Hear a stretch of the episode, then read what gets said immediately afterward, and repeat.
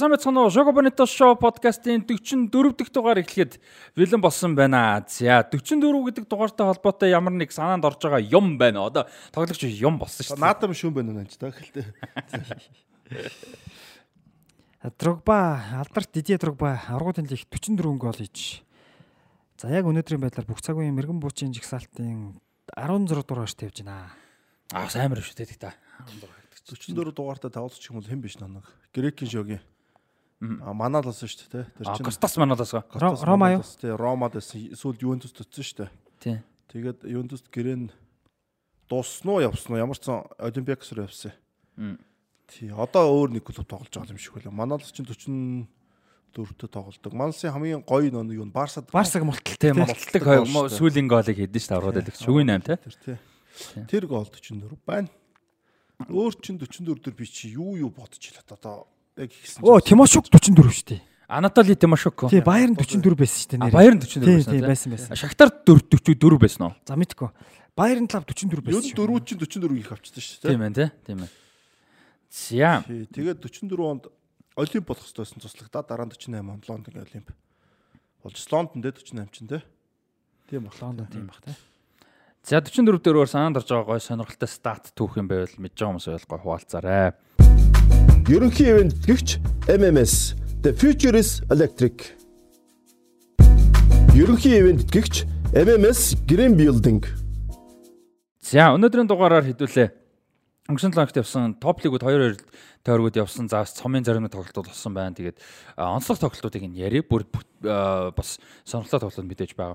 За тэгээ ерөнхий венддэг чи MS-ийн хамт олондоо баярлалаа MS-ийн хамт олон бол одоо Show Bonito Show podcast-ыг бүтэн сизний хугацаанд ивент итгэж байгаа 6 сар дуустал бид нэр сизон 1 бол явна за тэр хугацаанд бол бүтэн ивент итгэж ажиллаж байгаа. Тэгээд MS-ийн хамт олондоо маш их баярлалаа та бүхэн Source-ig MN вебсайтаар юу ягаараа а мэдээлэл авах боломжтой electric egg MMS хаягаар мэдээлэл авах боломжтой. За мөн 7711 19 9 дугаараар мэдээлэл авах бас боломжтой. За тэгээд дээрэс нь MMS-ийн зүйлс та бүхэндээ бас юу яа? А мэдээлэл нэмээд өгье. За MMS-ийн хувьд болохоор бас гоё шин мэдээ байгаа юм байна. За тэрний юу гэхээр MMS MMS-ийн хувьд бол Schneider Electric-ийн албан ёсны дистрибьютороор бол ажиллаж эхэлсэн байгаа юм байна. За Schneider Electric нь бол дэлхийн одоо энэ цахилгааны бүтээгдэхүүн үйлдвэрлэл номер 1 цахилгааны бүтээгдэхүүн үйлчилэгч компани байна Schneider Electric. За тэгээд энэ компани аль бисний дистрибьютор ажиллаж Decraft брендийн нам хүчтэлийн бүтээгдэхүүнийг бол худалдуулж эхэлсэн байгаа юм байна. За үүнд бол хүчний болон бүх төрлийн автомат таслуур, дифференциал автомат, модулын модуль гэдэг те. Модулийн гал хамгаалагч, за зэник шавхагч зэрэг бүтээгдэхүүнүүд бэлэн ирсэн байгаа юм байна шүү. Тэгэхээр энэ салбарт энэ төрлийн бүтээгдэхүүнүүд хэрэгтэй хүмүүс маань электрик зэг MMS, Facebook, да 77.19 эсвэл 88 10 7044 гэсэн утсаар холбогдож мэдээлэл авах боломжтой байна. Тэгээ MS хувьд Schneider аль бисний дистрибьютор ажиллаж эхэлсэн байна. Decraft брэндийнхэн бүтээгдэхүүнүүдийг бол шууд Герман рэн тий. Германы саанд орж. Шууд Германы тий. Шууд Герман чанар санаанд орж шээ. Ялангуяа энэ салбар дээр бол тий. Манай MMS-ийн Германтай л хамтрана. Чанартай л юм юм. Чанартай л юм энэ төр ойлгомжтой. Decraft брендийн нам хүчтэлийн бүтээгдэхүүнүүдийг оруулж ирсэн юм байна шүү. Тэгээ сая дурдсан. Тэгэхээр та бүхэн одоо энэ төрлийн салбарт ажилладаг бол энэ төрлийн одоо бүтээгдэхүүнүүд үйлчлэрэнд хэрэгтэй бол та бүхэн MMS-тэй холбогдоорой гэж зөвлөхөр байна. Тэгээд MMS-ийн хамт олондоо маш их баярлалаа. Аа бидний бүтэн сизний спонсор ажилласаар байгаа. За тэгээд өнөөдрийн дугаараас эхлээд Westport Lounge маань спонсор болж байгаа шүү. Тэгээд Westport Lounge-ийн хамт олондоо баярлалаа. Мэдээж 9 дэх дугаараас хойш биднийг бол дэмжин ажилласаар байгаа хамт ажиллаж. Өнөөдрийн дугаараас эхлээд 5 сараас эхлээд одоо ивент итгэгчээр бас ажиллаж байгаа. За ингээд MMS ерөнхий ивент итгэгч дээрэс нь ивент итгэгч Westport Lounge гэсэн ийм байдлаар ажиллаж эхэлж байна. Энэ сараас эхлээд тэгээд За баярлалаа ивент шүү тэтгэгч нартаа тий. Нэмээд тэтгэгч нартаа баярлалаа. Тэгээд Westport Lounge-уудад бид эдэнчэнэ бичлэг хийсээр байгаа та бүхэнд хэлсэн энэ ч гоё дэлхийн хэмжээний снукер өрөөтэй снукер ширээтэй VIP байна. За хажууд нь дахиад нэг зүгээр суул ширээтэй VIP байгаа. За караокены өрөөнүүд байж гин. Зааланда PlayStation Top байж гин. За ширээний хөлбөмбөг байгаа. Дартс байгаа. За гольф байж гин. Жижигхэн гольф те. За тэгээ мэдээж үйлчлүүлэх боломжтой байлгүй яг галтгой ажиллаж байгаа. Гоё хоолтой. За ийм байна та бүхэн бас үйлчлүүлээрээ дээрэс нь гоё мэдээлэл дуулгахад юу яаж байгаа юм бэлээ? Лонч меню шинжлэгдсэн бэлээ шүү. Тэгээ одоо нь орцсон байгаа харагдаж байгаа. Айгуу гол лонч менюуд гарсан бэлээ. За нэмээд веб дээр нэмэдэл өгөхөд юу яаж байгаа юм бэлээ. Бидний бичлэг хийж байгаагаар бол одоо маргааш буюу 5 сарын а хоёрноос эхлээд NBA-ийн плей-оффын тоглолтуудыг бүгдээр ингэ гаргах юм байлээ шүү. Тэгэхээр breakfast та тийм breakfast-а гарах юм байлээ. Тэгтээ tax max гэж зүгээр ирээл breakfast-а аваа ингээд сайхан үзэх юм хөдөлж аваад ингээд breakfast авахгүйсэн ч болдсон шүү дээ манайхаа. Тий, тий, тий. Ер нь бол тэр чинь зөв сонголттой меню гаргаж байгаа зориулж тий. Тэгэхээр та бүхэн плей-офф одоо NBA-ийн плей-офф үзэх дуртай. Гол тоглолтууд эхэллээ тий. Одоо би сагсаа мэдгүй. Хагас шигшэнүүд нь одоо. Одоо хагас шигшээ юм. Одоо хагас одоо нөө бүсийн аварганд л үлдэх гээд 4 4 ба 2 талдаа нийт 8 баг үлдсэн байхгүй. Сая чин 4 1-ээр алаачжээ. Тий, Golden State Lakers-ээр тоглох байхгүй юу? Аа, чист амар тоглолт болох байхгүй. Хан тийм л юм шүү гэлээ тэр хин хоёрын тухайл их сүртэй гоё юм бичсэн би нэг уншсан. Стефен Стефен Карри хин хоёрын Леброн хоёрын тухай. Аюу тэр хоёр чинь нэг хоёулаа 5 5 удаа төрүүлсэн юм а да янз нь. Яана би одоо мэдгүй. Тийм шиг байлаа шүү дээ тий. Тэгээ төрүүлсэн нь одоо нөгөө фаворит гэж гарч ирж байна. Jordan авта зэрэгцэх гээд байгаа юм уу тий. Одоо нэг төрүүлж. Jordan 6 байд юм уу? Chicago Bulls 6 шүү дээ. Аа за за за. Тэгээ яана манай 4 4 баха тэр өч. 4 4 юм уу? Тийм баха 4 4 санагдах. Аа за за. Би бол цэжэр мэдэхгүй шүү. Манай илүү сайн мэдгүй хөө. 44 биш 4 4. Аа. Холдож байна. За тэр жаа. Тэгээ ямар ч байсан манай сакс дуртай гоё үздэг гэд маань энэ ч ярьж үзэх боломжтой болж байгаа юм байна шүү. Тэгээ сая 90 тэгтиг 90 30 дугаараар мэдээлэл авах боломжтой шүү. За өнгөрсөн 7 хоногт босон томын топ тоглолтуудын нэг бол мэдээж хамгийн их хүлээлт үүсгэжсэн хамгийн ярьжсэн тоглолт бол Этихадад болсон Манчестер Сити болон Арсенал богдын тоглолт байсан. За энэ тоглолт ер нь юу болж өндөрлөв? За эцсийн үр дүн бол 4-1. Ер нь тоглолтын агуулга хэр болов? Ямар тоглолт болов ер нь? За энэ хоёр багийн тоглолт бол юу асна л да. Ситигийн хувьд бол илүү тоглосон угсаа ойлгомжтой. Аа үр дүнгийн хувьд ч гэсэн тоглолтын хувьд ч гэсэн. Сити бол яг харахгүй одоо энэ тоглолтын дээр хожих юм бол төрүүлэх магадлал дээр өндөртэй. А тэнцэн ч гэсэндээ магадлал гайг болчихж байгаа. За Арсеналын хувьд бол энэ тоглолтын дээр бас хожихосоор ямар нэг одоо юу байгаагүй. Сонголт сонголт байгаагүй. Заавал. Тий, заавал одоо хожижээд байна. Тэгэхгүй Сити ийм амар формтой багт. Энэ нь бол Ситигийн хаврын формыг ерөөхдөө гүйцэн тэгээ гүйцэн үүдэн шүү дээ. Сүүлийн нэг 5 жил тий. Тий, ер нь бол энэ хаврын форм бол Сити үнэхээр амар. Ливерпул ганц гүйцсэн шүү дээ. Ливерпул бүр тасарцсан байсан болохоор гүйцсэн. Тий, Ливерпул ганц тэгсэн. Сэр Алекс Фергюсон санаж байгаас анх энэ юу төрүүлэхдээ 8 оны сараас барьдсан шүү дээ Сити. 11 онд тий. 12 онд төрүүлэхдээ. 12 онд 11-аас 12 оны үеэр төрүүлэхдээ 8 онооны араас барьж хагаад тэгээд төрүүлдэг тийм үү. Тэгээ Ситигийн хувьд бол энэ хаврын юу бол угаасаа яг энэ прожект ихсээс хамгийн мундаг одоо тийм бас нэг хүмүүсийн ярддаг хүлээдэг нүд нэг болсон. За Арсеналын хувьд бол яг хав энэ сүүлийн тоглолтод нь өөрсдөө айгу муу байлаа л да. Ер нь бол өөрсдөөсөө болсон. Яг Сити форум сайтаа хавцсан Арсенал тэр сүүлийн тэр 3 тэнцдэг тоглолтын дээр тэгж олон тэнцэхгүй байсан бол бас болох байсан л да. Тэгээд би энэ дээр бас юу онцлог гэхээр бид нар Арсеналыг зөндөө ярьж байгаа. А одоо ингээд харахаар Салиба гэдэг тоглолчийг бид нэр онцлосоор аргагүй юм байна л да. Салибатай статистик нэг өөр Салибагүй статистик Холдингтэй стат нэг өөр тий. Тэгэхээр үүд чимдээ одоо бид нар Арсеналыг ярьжсэн дээ удирлынхнээс за гарааны бүртгэгөө хэвэндээ байна. Яг нэг гараагаар тоглож байна. Тэгчлээ. Гарааны бараг өөрчлөхгүй тий. Гарааны бүртгэг нь өөрчлөхгүй байна. Угаасаа юу сул байна тий. Тэгтээ энэ гарааны бүртгэн бол гимтэл бэртлэйг баг байна. Одоо яг үндэ Габриэл Жесус л гимтсэн шүү дээ удаан гимтлэх юм бол бусдын л ерөөдөө ихэнх нь гайг байхгүй. Мартинелли, Сака, Одегард гур бараг ер нь өнжиг шүү. Сайхны хүртэл гэвэл те. Тий. Тий, нэг өөр гимтэйг гэж байгаа шүү дээ. Тий, сая л Салиба гимтлээ тэгээ Томьясыг байлралт болсон шүү дээ. Сайхан те. Тий, за Томьясыг бол орлуулж болж байгаа юм те. Тэгвэл энэ багт чинь нэг орлуулахад хэцүү тоглогч байна л та. За Рамстел хамгаалтан дээр Салиба байхгүй юу? За Габриэл гимтлээ Габриэлийг бас орлуулж болж байгаа тодорхой хэмжээнд.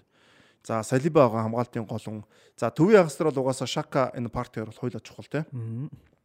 За урагшаа орж ирмэл яг Мартинелли, Сака тэр бүх сайн л да. Гэхдээ Габриэл Жесусыг бол хэн бол учир нь олж ийн аргалаа те товтлогон дээр өөр хүн тоглуулад нэг хэсэг Инкетиас форум сайн байлаа те Инкетиас дажгүй тоглосон те Тросарыг авлаа гэд. Тэгэхээр энэ тоглогч юу гэдэг чимдээ а багийн найруулгыг авч явдаг, товтлогоог авч явдаг, багийг авч явдаг тоглолчдын бас юунууд өөр өдөн штэ. Салибол энэ багийн хамгаалтыг авч явдаг гэсэн тоглож байна. Шууд харагдаж байна л да. Салибагүй статистик ямар муу. Тэгээд ерөөхдөө одоо ингээд сүүлийн тоглолтуудыг харах юм бол Арсенал ингээд гайгүй тоглож байгаа үедээ боловч дандаа ихний голуудыг алддаг ч юм уу. Гол айгүй амархан алдаг. Арсенал яг удирдлийн ихэнд бол удирдлийн дундуур сайн бахта гол баг алддаг гэсэн Арсенал ер нь бол хамаагүй баг алддаг. Эсвэл 3-3-аар тэнцэж байгаа шиг те тэр борд нутад яаж байгаа юм бэ? Хоёр алдчихаа тэгээд арай гэж 3-2-оор хожиж идэг ч юм уу те. Иймэрхүү тоглолтууд бол Арсенал сүүлийн тоглолт. Яг тэр Борнмутын араас л ирээд багаан тэнцэнүүд явцсан дээ. Тэгээд тэд нар зүгээр нэг 0-0-ийн тэнцээ мэнцээ гэсэн их олон голтоо тэнцээ. Тэгэхээр Арсеналын хувьд бол яг харахгүй Салибагийн асуудал. одоо байлаа. За Манчестер Ситигийн хувьд бол угаасаа бид нар өмнөх дугаар дээрээс хангалттай ярьсан л та. Тоглолт нь бол үнэхээр супер байгаа. Тэр супер перформанс харуулсан. За Хааланд, Ди Бройн хоёр бол угаасаа энэ жил хоёлаа нэг нь гол болон голын амжилтаар тэргүүлж байгаа хоёр тамирчаа. Яхаар гоёла голцсон. Да Ди Бройны тэр ихний гол бол үнэхээр амар гол орсон шүү дээ. Яг хөл өмгийн техник талаасаа тий. Яг ингээд хүмүүс үзээд ингээд доогоор зогчлоо гэж харж байгаа. Тэр хөл өмгийн техник талаасаа маш хүнд техник маш одоо өндөр чадвар шаардсан тийм гол. Доогуур гүйлтэн дундаа хүчтэй тэгээ эргүүлэхтэй хүмүүс. Одоо Рамсдейлийг харах юм бол бас Рамсдейл ер нь тоглолтод за яг дөрвөн гол алдсан гэхдээ үнэхээр сайн тогссон. Яг үн үдсэн хүмүүс бас маш сайн мэдж байгаа. Аль багийн фэн хамаагүй. Рамсдейл ингэж тоглох бол за тоглоомчгүй бараг 6 7 алдвал алдахаар хэмжээнд байсан. Үнэхээр амар. А тэгээд тэр Деброны гол дээр харах юм бол яг одоо хөндлөн өнцгөөс ингээ харахаар Деброн зүг доогуур ингээ зогч байгаа.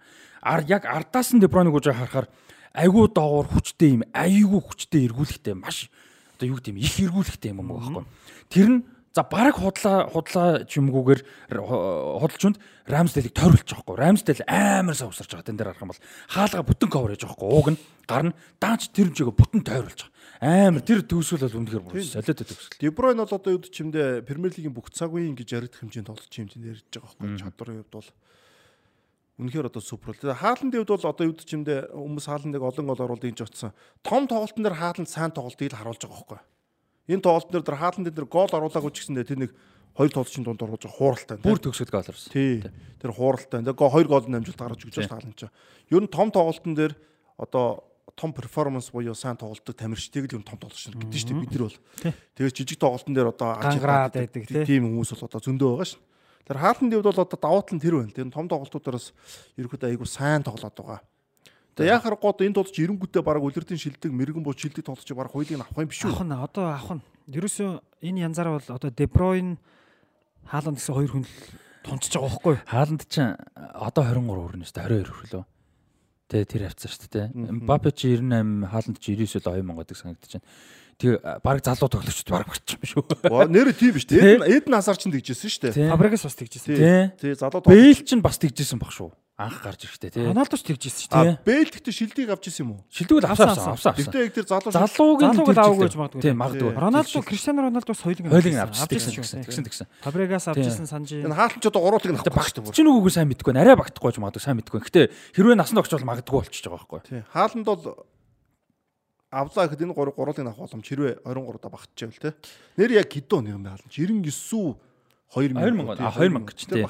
Тийм ээ 2 насны зөрүүтэй байд юм а. Тийм аа нөө Месси Роналдо хоёр шиг Мбаппе нэр. Тэгэхээр чин шилдэг залуу тоглоо шилдэг зам эргэн бочод баг ойлгомжтой болчихлоо шүү дээ. За 23-аас доош баг ойлгомжтой биш үү? Нас нь хурж ивэл тийм үстэй. Тийм байна. Үгүй хэцүү шүү дээ. Өгөхгүй байна гэдэг шал осоо шүү дээ. Одоо одоо өгөн шүү дээ чи юм аа. Ийм тий. Одоо тэгээ шилдэг зөвхөн өрсөлдөх яг нэгэн талд орцсон юм чи зөвхөн ер нь ойрхон өрсөлдөж гой тоглоцсон. Одоо юу ч Сака Сака гэдэг Сака л үзэн шүү дээ. Сака л үзэх тэ. Мартинелли тэр бас гоёо гоё. Гэхдээ Сака л үзэх. Хамгийн ойрхон Сака л юм. Тийм ээ.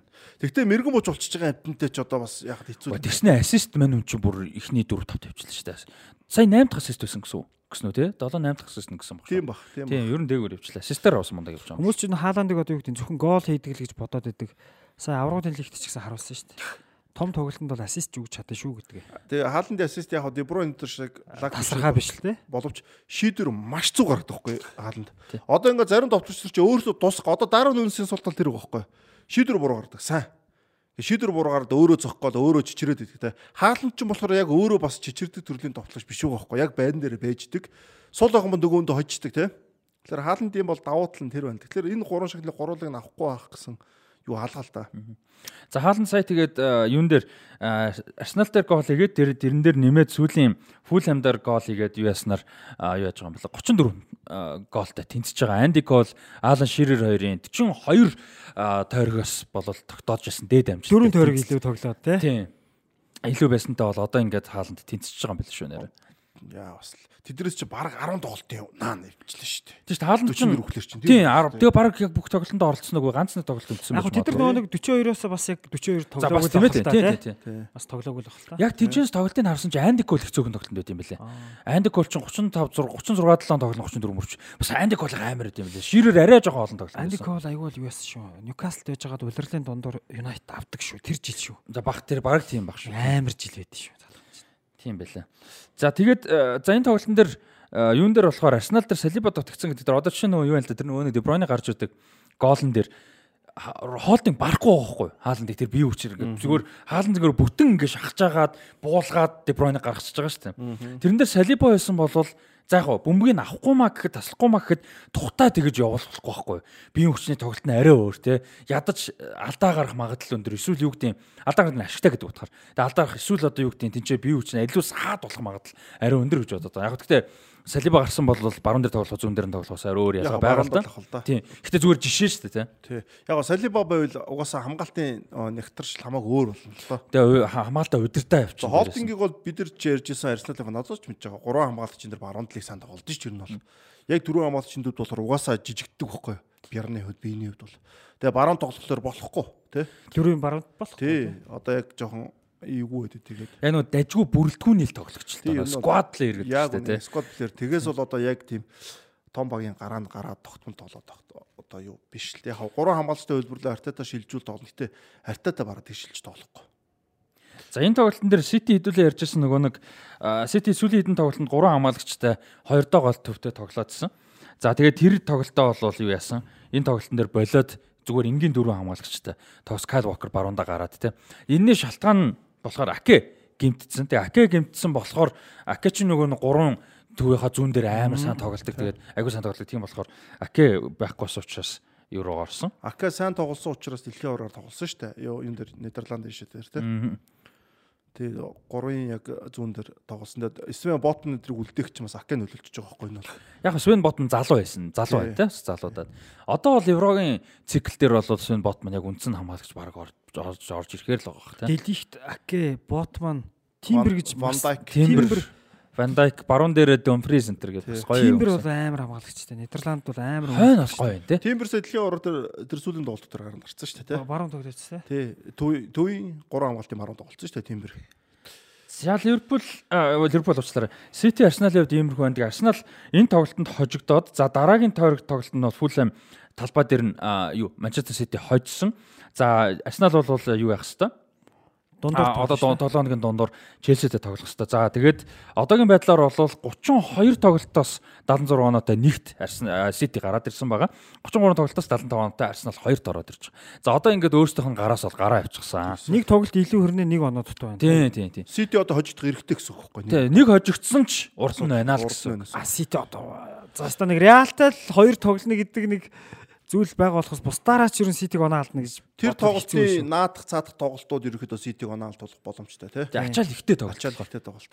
Гэхдээ Премьер лиг бол эвгүй шүү. Премьер лигд бол тийм За Манчестер бол амар хожигддгүй шүү дээ. Сая удаа арай л гэж бодсон шүү дээ 2-1. Ситигийн хувьд яг хоёр Реалтай тоглолтын яг дундуур нь тоглох тоглолт нь Эвертон гэдэл байд юм байна. Шон Дайч. Тэгвэл гайгүй. Тэгвэл гайгүй. Эвертон ч муу байгаа шүү дээ. Яг унах гэж байгаа баг илүү сум тавьдагчсан. Ерөнхийдөө Эвертон бол Ситигийн нөгөө хиний баунс дууссан те. Шон Дайч нөгөө нэг хариу тоглолт одоо Реалтай юу бол үр дүн мэдэхгүй ч гэсэн хариу тоглолт бас чанга тоглолт болно ойлгомжтой те. Ямар ч дүнтэй байсан гэсэн. Тэнгүүт хариу тоглолтын дараагийн Премьер лигийн тоглолтод талбай дээр Челсиг хүлээж байгаа юм байна. Ийм юм байна. Реал ч өнгөрсөн жил Сититэй тоглоод талбай дээр 4-3 хожигдсон шүү дээ те. 7 голтой амар тоглолт болж байсан. Тэгээд өөрийнх нь талбай дээр 2-1-ээр очиж л те. Тэг санаж. Тий. Нөө Родриго ч хоёр ичдэг үстэй тий. Тэг сүүл Родриго хоёр байдаг та. Тий. Тэг 4-3-аар амар л тоглолт болж. Ситер ял хоёрын тоглолт угаасаа юу тоглолт болохгүй л дээ. Тэм гайгүй тоглолт болохгүй л дээ. Ситиг хувьд бол нэлээд хүнд тоглолт болно. Я ер нь энэ жилийн аврагд хэл шүгэн дөрөв амар гой таарлаа ер нь тий. Хэдүүл ярьсан. За аврагд хэлийг дараа нь тэгээд гой тоглохоор нэрээ. За Челси Брентфордод хожигдоод А одоо энэ тойрогт юутай тоглоно? Арсеналын талбай дээр тоглоно. Тэгээ 5 тоглолт дараалаад хожигдлоо. За, ер нь Grand Potter сайн нэг юм харсан л та. Grand Potter-ын удирдлагад орвол маш дундаж те юм орон гар юм байсан. За одоо бол одоо бүр дунджаас тоош болж. За одоо муугаагаар ярих шалгарч байна. За энэ зурж зурж байгаа. Сул бус сул яриагаар харахад. Тэгээ одоо бол бүр дундаж ч байх юмсан гэж хүсэх хэмжээнд тоглож байна. Хүмүүс тэгээ Potter нь дээр байж гэж яриад л шүү дээ. Харин одоо ямар хэцүү юм бэ те Джессиг одоо яамаар юм бэ ч. Поттер нь л дээр байсан. Миний тэр Лампортын ярьсан статистик дараа нь шалгах чи зүв байсан байгаа шүү те. 20 хэдэн тоглолтод 3 байцсан юм байна. 3 байцсан ингээд сүүлийн 20 хэдэн тоглолт юм байна шүү дээ. Тэр бол Лампорт бол одоо карьер нь байхгүй болчлоо одоо энэ одоо. Дасгалжуулагчийн карьер. Дасгалжуулагчийн карьер одоо хэцүү. Лампорт бол тэгтээ яг өөрөө нэр үдэ том тоглогч юм чи. Заавал энэ Европын өндөр түвшинд байх албагүй байхгүй. Араб, Аз, Америк гэд Лампортыг хүлээж авах юм байгаа шүү. Одоо дасгалжуулагч хийхгүй яа гэсэн. Одоо цаа чи нэг аналист ч юм уу, тайвамч ч юм уу өөр зөндөө ажил биш тийм л юм байна. Өөрөө тэгээ одоо өөрөө цав болиг. Удирдлага модирдлагын ч юм уу тий. Өөрөө ч болиг захирал ч юм уу тий. Тийм л ажил хийх. За Челсигийн угаасаа одоо захирал хийсэн ч хэцүү. Захирал хийж байгаад нэг багын жоо асуудал лампард удирч байгаа юм чи гэдэг юм гарч ирэх. Одоо на лампард чин за за за болий дөө. За за Челси угаасаа форм хэцүү байгаа гэдгийг мэдж байгаа учраас за зүр Челси дээр арай өөр юм ярих гэж байна л да. Юу гэхээр Почтино. За Маурици Почтино одоо бол ярилц гэрэлцэл ярилцсан нэлээд ойртож байгаа. Нэлээд ойртсон. Яг албан ёсоор бол яг файн эцэгтэйгүү. А гэхдээ ер нь л тодорхой болж байгаа гэсэн. контакт нь болчихсон юм байна шүү дээ. А гэрэлцэл угсаа яриад эхэлсэн байлаа. Уулзалтууд нь эхэлсэн. Маш олон газар тий яаж нөгөө нэг Джеймс Бондын кино шиг юм ч олон улс дагнаж олон газар уулзцгаад тий. Нэг Парист уулзж яах, нэг Лондонд уулзж, нэг Арабад уулзж яах. Тий нэг Бондын кино шиг. Тэгээд амар ч гэсэн ер нь бол нэлээд өгсөн юм байлээ. Тэгээд За одоо ингээд өгөөд ирлээ. Тэгэнгүүт Почтино за зунаас л байх л та би бол тэгж бодож. Зөв Почтино яг өмнө нь бол хэдүүлээ товчхон ярьсан, ер зогсон. За Почтино ирлээ гэж бодъё 100. Тэгэнгүүт хэр тоглогч сэлэхүү дээрээс нь яг бодит өөрчлөлт нь юу вэ? Яг бүр бодит өөрчлөлт нь. Яг бүр тактик сэлгэх боломж бол баг гэж ярьсан шүү дээ. За яг тактик талаас. Асар бол 8 хийцэн тий. Тактиклаас өөрчлөлт гарна. За. За яг тэгвэл энэ Почтино ч одоо зүгээр Лампард бол тоглогчийн хувьд агуу. Гэхдээ Почтино бол дасгалжуулагч юм баггүй. Бас ингээд аврагуудын лигийн финалд бага гаргаад ирсэн. Бага Ситид удаа аврагуудын лиг ирэх авцсан юм баггүй. Тэгээд энэ залуучуудтай ажиллаж исэн туршлагатай.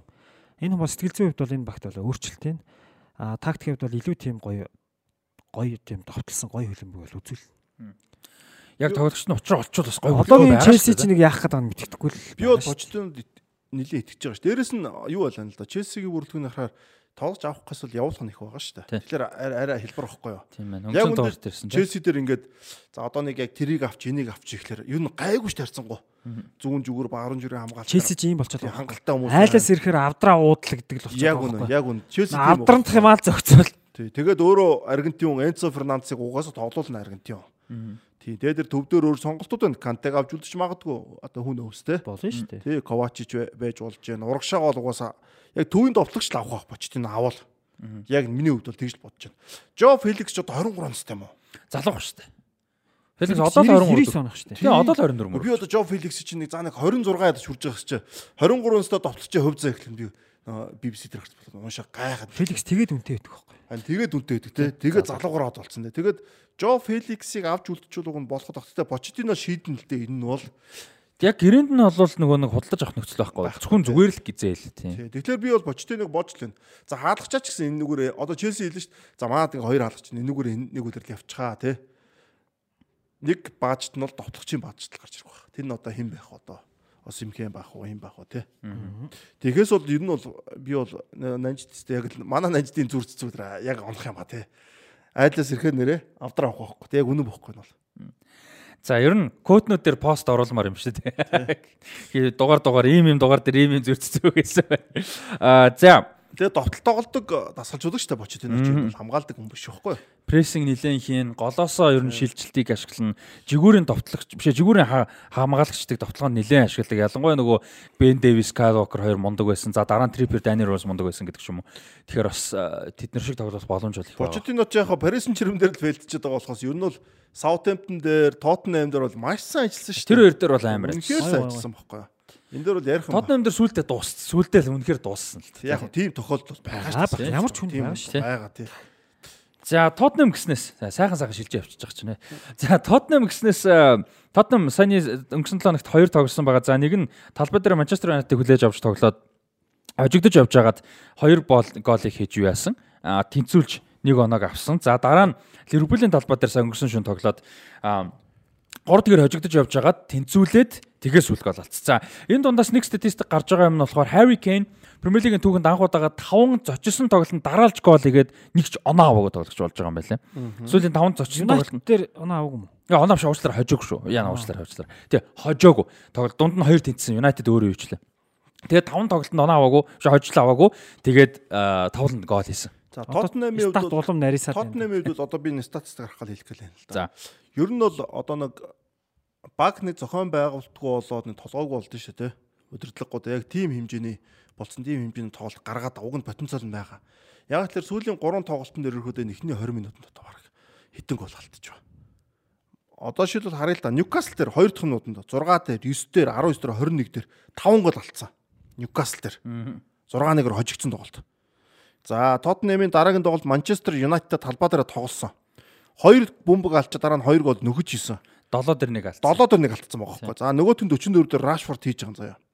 За Ливерпул дээр харъя. Өчтөр шинийн тоглолт те. Эхний 15 минутанд 3 тик. Эхний 15 минутанд 3 тик. Куртис Джонс, Луис Диас, Мохаммад Салах. Энэ дээр 3 дэх 4 дэх ч гэсэн болох боломжууд байсан. Тэгээ гак баалцсан. Тэгэхээр энэ яаж юм хэлэхээр нөө зохион байгуулалт муутай нэгт тийм баг биш тоглолтын ихтлийг айгүй муу тавьдаг. Ер нь бол сайн багууд бол тоглолтын ихлийг айгүй сайн тавьдаг шүү дээ. Одоо сайн гэлтгүй энэ бол ингээ багуудын тоглолтын нь маш нихур байж байгаад ингээ дундаасаа ингээ алддаг тий. Тэнгүүд л Тоттенхэм тоглолтын ихлийг маш муу чинь. Ер нь бол энэ нэг тоглолт биш хэвгүй. Тэгээд Манчестер Юнайтед, Ливерпул болон Ньюкаслд гурван сайн баг дээр ерөөхдөө довтлооны 30-ыг олохгүй ихний 20 минутанд. Одоо ингээд харахаар энэ ч одоо юу гэдэг 9 гол алдчих жобайгаа байхгүй ихний 20 минутанд. Сакийн голыг хорилоо орлоо тий. За тэгээ хамгаалт ямар ч үгүй байна. Зохион байгуулалтгүй байна. Одоо хоорондоо маш их хэрэлдэж байна тамирчин. Алдчихад би биэндээ одоо ингээд тамирчныг хоорондын нэг нүдний харилцаа ингээд юу гэж уур амьсгал мэдэгдэж дээ. Яг тийм тоотн юм дээр мэдэгдэж байна. А тэгсэн мөртлөө энэ баг нөөцтэй юу гэдгээ өчтөр Ливерпул дээр харуулж байна. 3 алдчихад 3 оруулж байгаа байхгүй. Солилцоосоотой. Ричарлисон гол Бразилийн шогийн гарааны довтлогч гарааны довтлогч сэлгээр орж иж байгаа шүү дээ. Тэгэхээр энэ баг дээр сүлд дахиад өөртөө ч Лукас Мовра хоршоо хаж байгаа л алдчих жоохгүй ерөөсөө. Мовро зүрхсэн шүү дээ. алдаа гарцсан байна. За тэнгуүл эн чинь дасгалжуулагч нь Райм исэн байгаа шүү дээ. Одоо яг энэ термээр те. Нөө хоёр дахь энэ терм шүү дээ. Одоо орлогч халагдаад орлогчийг орлож байгаа. Орлогчийг орлож байгаа нэг. Угаасаа Райм исэн чинь хинч байсан угаасаа дандаа орлогчоор бэлэн байж идэг нөхөр шүү дээ. Тоттенхэмээр Актемийн тоглолт. Хоёр дахь. Хоёр дахь. Ер нь бол багт нэг тим хүн байдаг. Одоо Валенсигийн Воро бол 8 8 удаа. Валенсиг лав 8 урт богино хугацаанд 8 удаа өдөрцөн. Тэгэхээр яг тийм биснэ. Тоттенхэм бол яг нөөц бол байгаа байхгүй юу? Энэ баг дээр одоо Брэндон Рожерс ч юм уу Юлиан Нагсмар гэх юм бол энэ баг бол нөөцтэй бүрэлдэхүүн сайтай тий.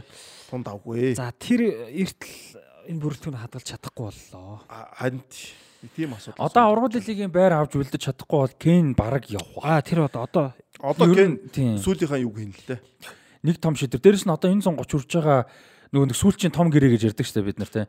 Сүүлчийн нэг том гэрээ байхгүй. Одоо United Tottenham гэрээгээ сууна гэдэг бол байхгүй. Зүгээр нэг жил үлдэхгүй үгүй л гэдэг асуудал. Одоо Tottenham бол одоо баг зарсан ч Tottenham ашигт. Яг тэгвэл 24 онд гэрээ дуусна. Тэр үед үнгүү алдаж ахаар За нэг Tottenham-аас авах юм авчлаа шүү дээ. Бүх цагийн мэрэгэн бууч болчлоо тий. Одоо юу гэдэг нэг дахиад нэг жил тоглосон бол энэ том клубын бас мэрэгэн бууч болчихныг бол бас нэг нэг юм байж болох. Би бол өчтөр үзээд ер нь за Кен бол юм явсан дээр гэж би бодсон. Би ч ер нь Тоттенхэмд бас илэгтэй шүү дээ. Манай үзэгч маань ч анзаарсан баг. Аа юу гэдэг мэдээж Тоттенхэмийг ингээл Ливерпултэй тоглоход би дэмждэг. Өчтөр 3-0 болонгот дараа нь хинчлээ Ливерпулээс зөвхөн орчоосоо гэж бодсон шүү дээ. Би орчоосоо гэж бодсон шүү дээ. Хүн тэгдэм байлээ. Тэгээд энэ Кейнийг бол үнэхээр яваасаа гэж бодсон. Би Кейн явах уу гэж боддоггүй байсан. Тэгээд ийм байлаа. Тамирчны сэтгэл зүй үнэхээр байхгүй лээ. Одоо өчтөр 5 хамгаалагчтай тоглосон Үнэхээр сэтгэл зүй байхгүйг аруулаа хамгаалаад ч хамгаалдаггүй байхгүй. Тэгэл алдаа цоорхоо гарч байдаг. Аа тэгээд бас юм байна. Түрүүн лампард ирсэн те. Растай одоо ярахад өмнө нэг шин дасгалжуулагч нэг баунс гэдэг юм бид нар яриад байгаа шүү дээ. Нэг хүн ирэхээр юм өөрчлөгдөг. Аа жинхэнэ дасгалжуулагч ирэхээр юм өөрчлөгдөд байгаа байхгүй. Зүгээр интерим ирэхээр за энэ ингэс ингээл утгагүй явчихна да гэдэг юм яагаад байна. Челси тэр намж тэр байгаад байгаа байхгүй. Тэр хүн тэр хүндийг нэг удаан шийтгэхгүй. Тэр хүн зум байхгүй цаашх ирээд ирэх үлэрдэг тэр хүн шийдэхгүй болохоор хүмүүс тэгээд тэгээ одоо Тоттенхэм зориггүй болцсон байлээ. Одоо хожоот ч аврагуудын лиг ирэх байхгүй. За тэгэл ингэсгээл ингэсгээл. Энд бол Ньюкаслтай исэн дээр тоглолт бол үнэхээр одоо нүд талтарн тоглолт болсон шүү дээ. Тэр амар тоглолт болсон. Дараа нь дээр Юнайтед дээр исэн тоглолтод хамгаалт. Юу нь бол хамгаалт бол үнэхээр цогом. Тэгээд зайлд Оливер Скип тэр хүртэл гараанд гарч. Скип яг муу тоглож биш л те.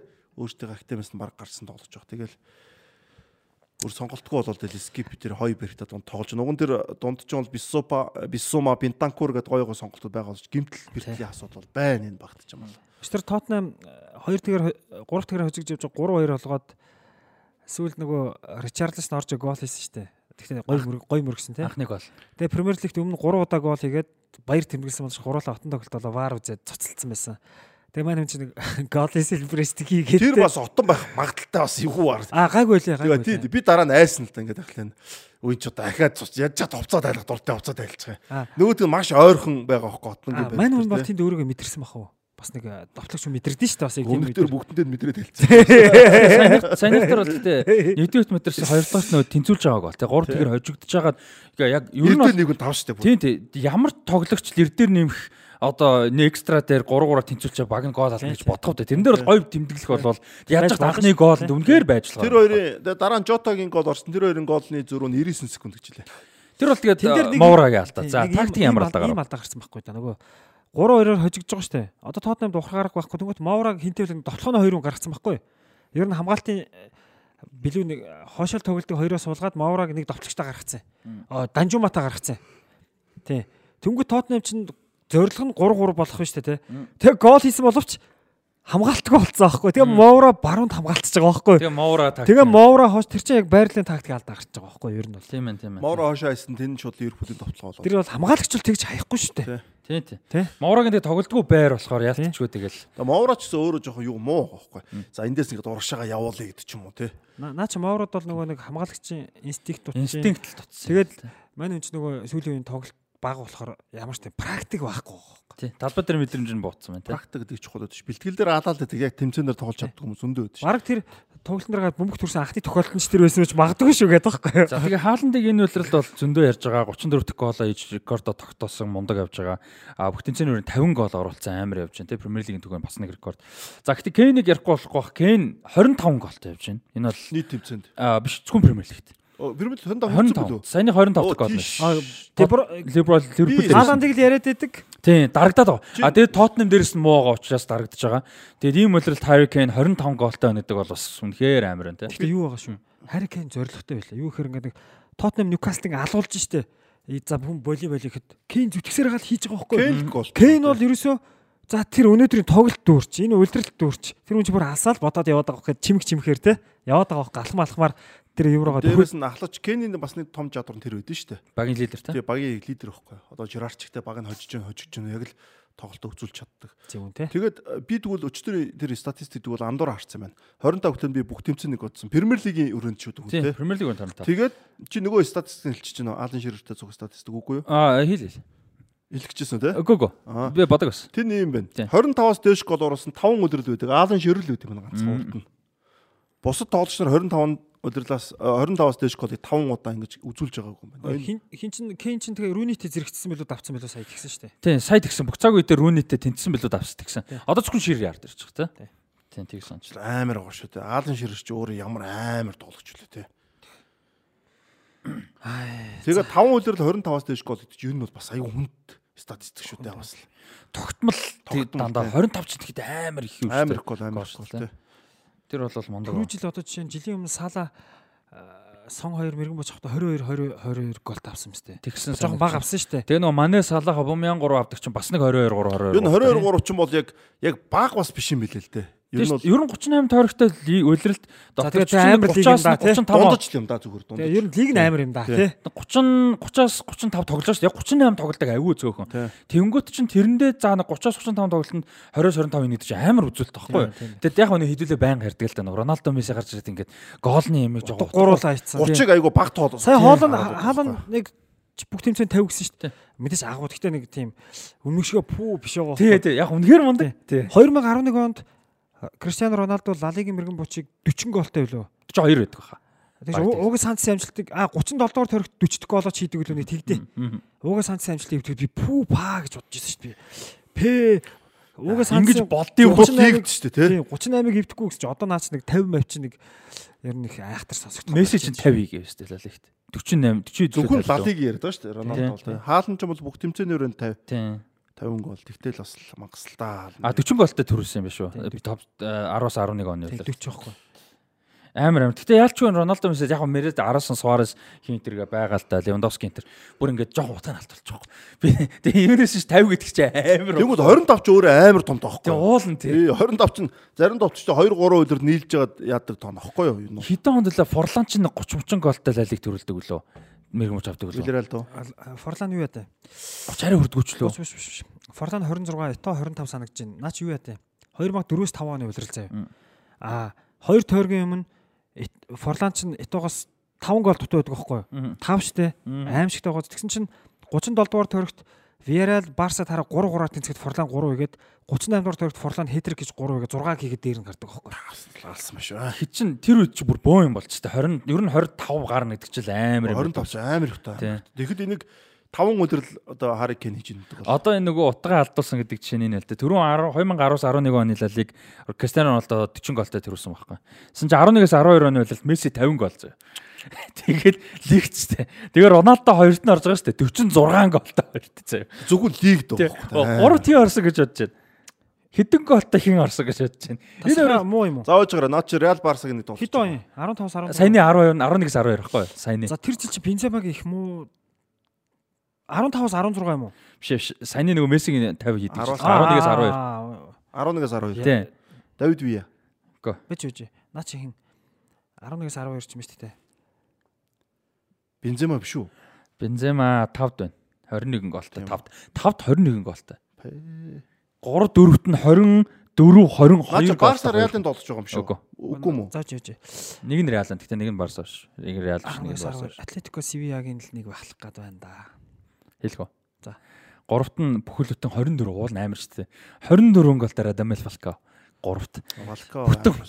20 хэдэн голоор татав. Атлетико байгаа шүү дээ. Тий Атлетико. Тэгээд Игуайн 22, Бензема 21. А би Игуайн яг үнэ Игуайн. Бензема, Роналдо 3 алсан юм энэ үйлрэлт бол. Тэгээ наад улиралч ер нь бол Атлетико Мадрид хамгийн баг клин шит. Хамгийн их клин шит. Одоо хамгийн баг гол алдсан улирлуудын нэг байхгүй.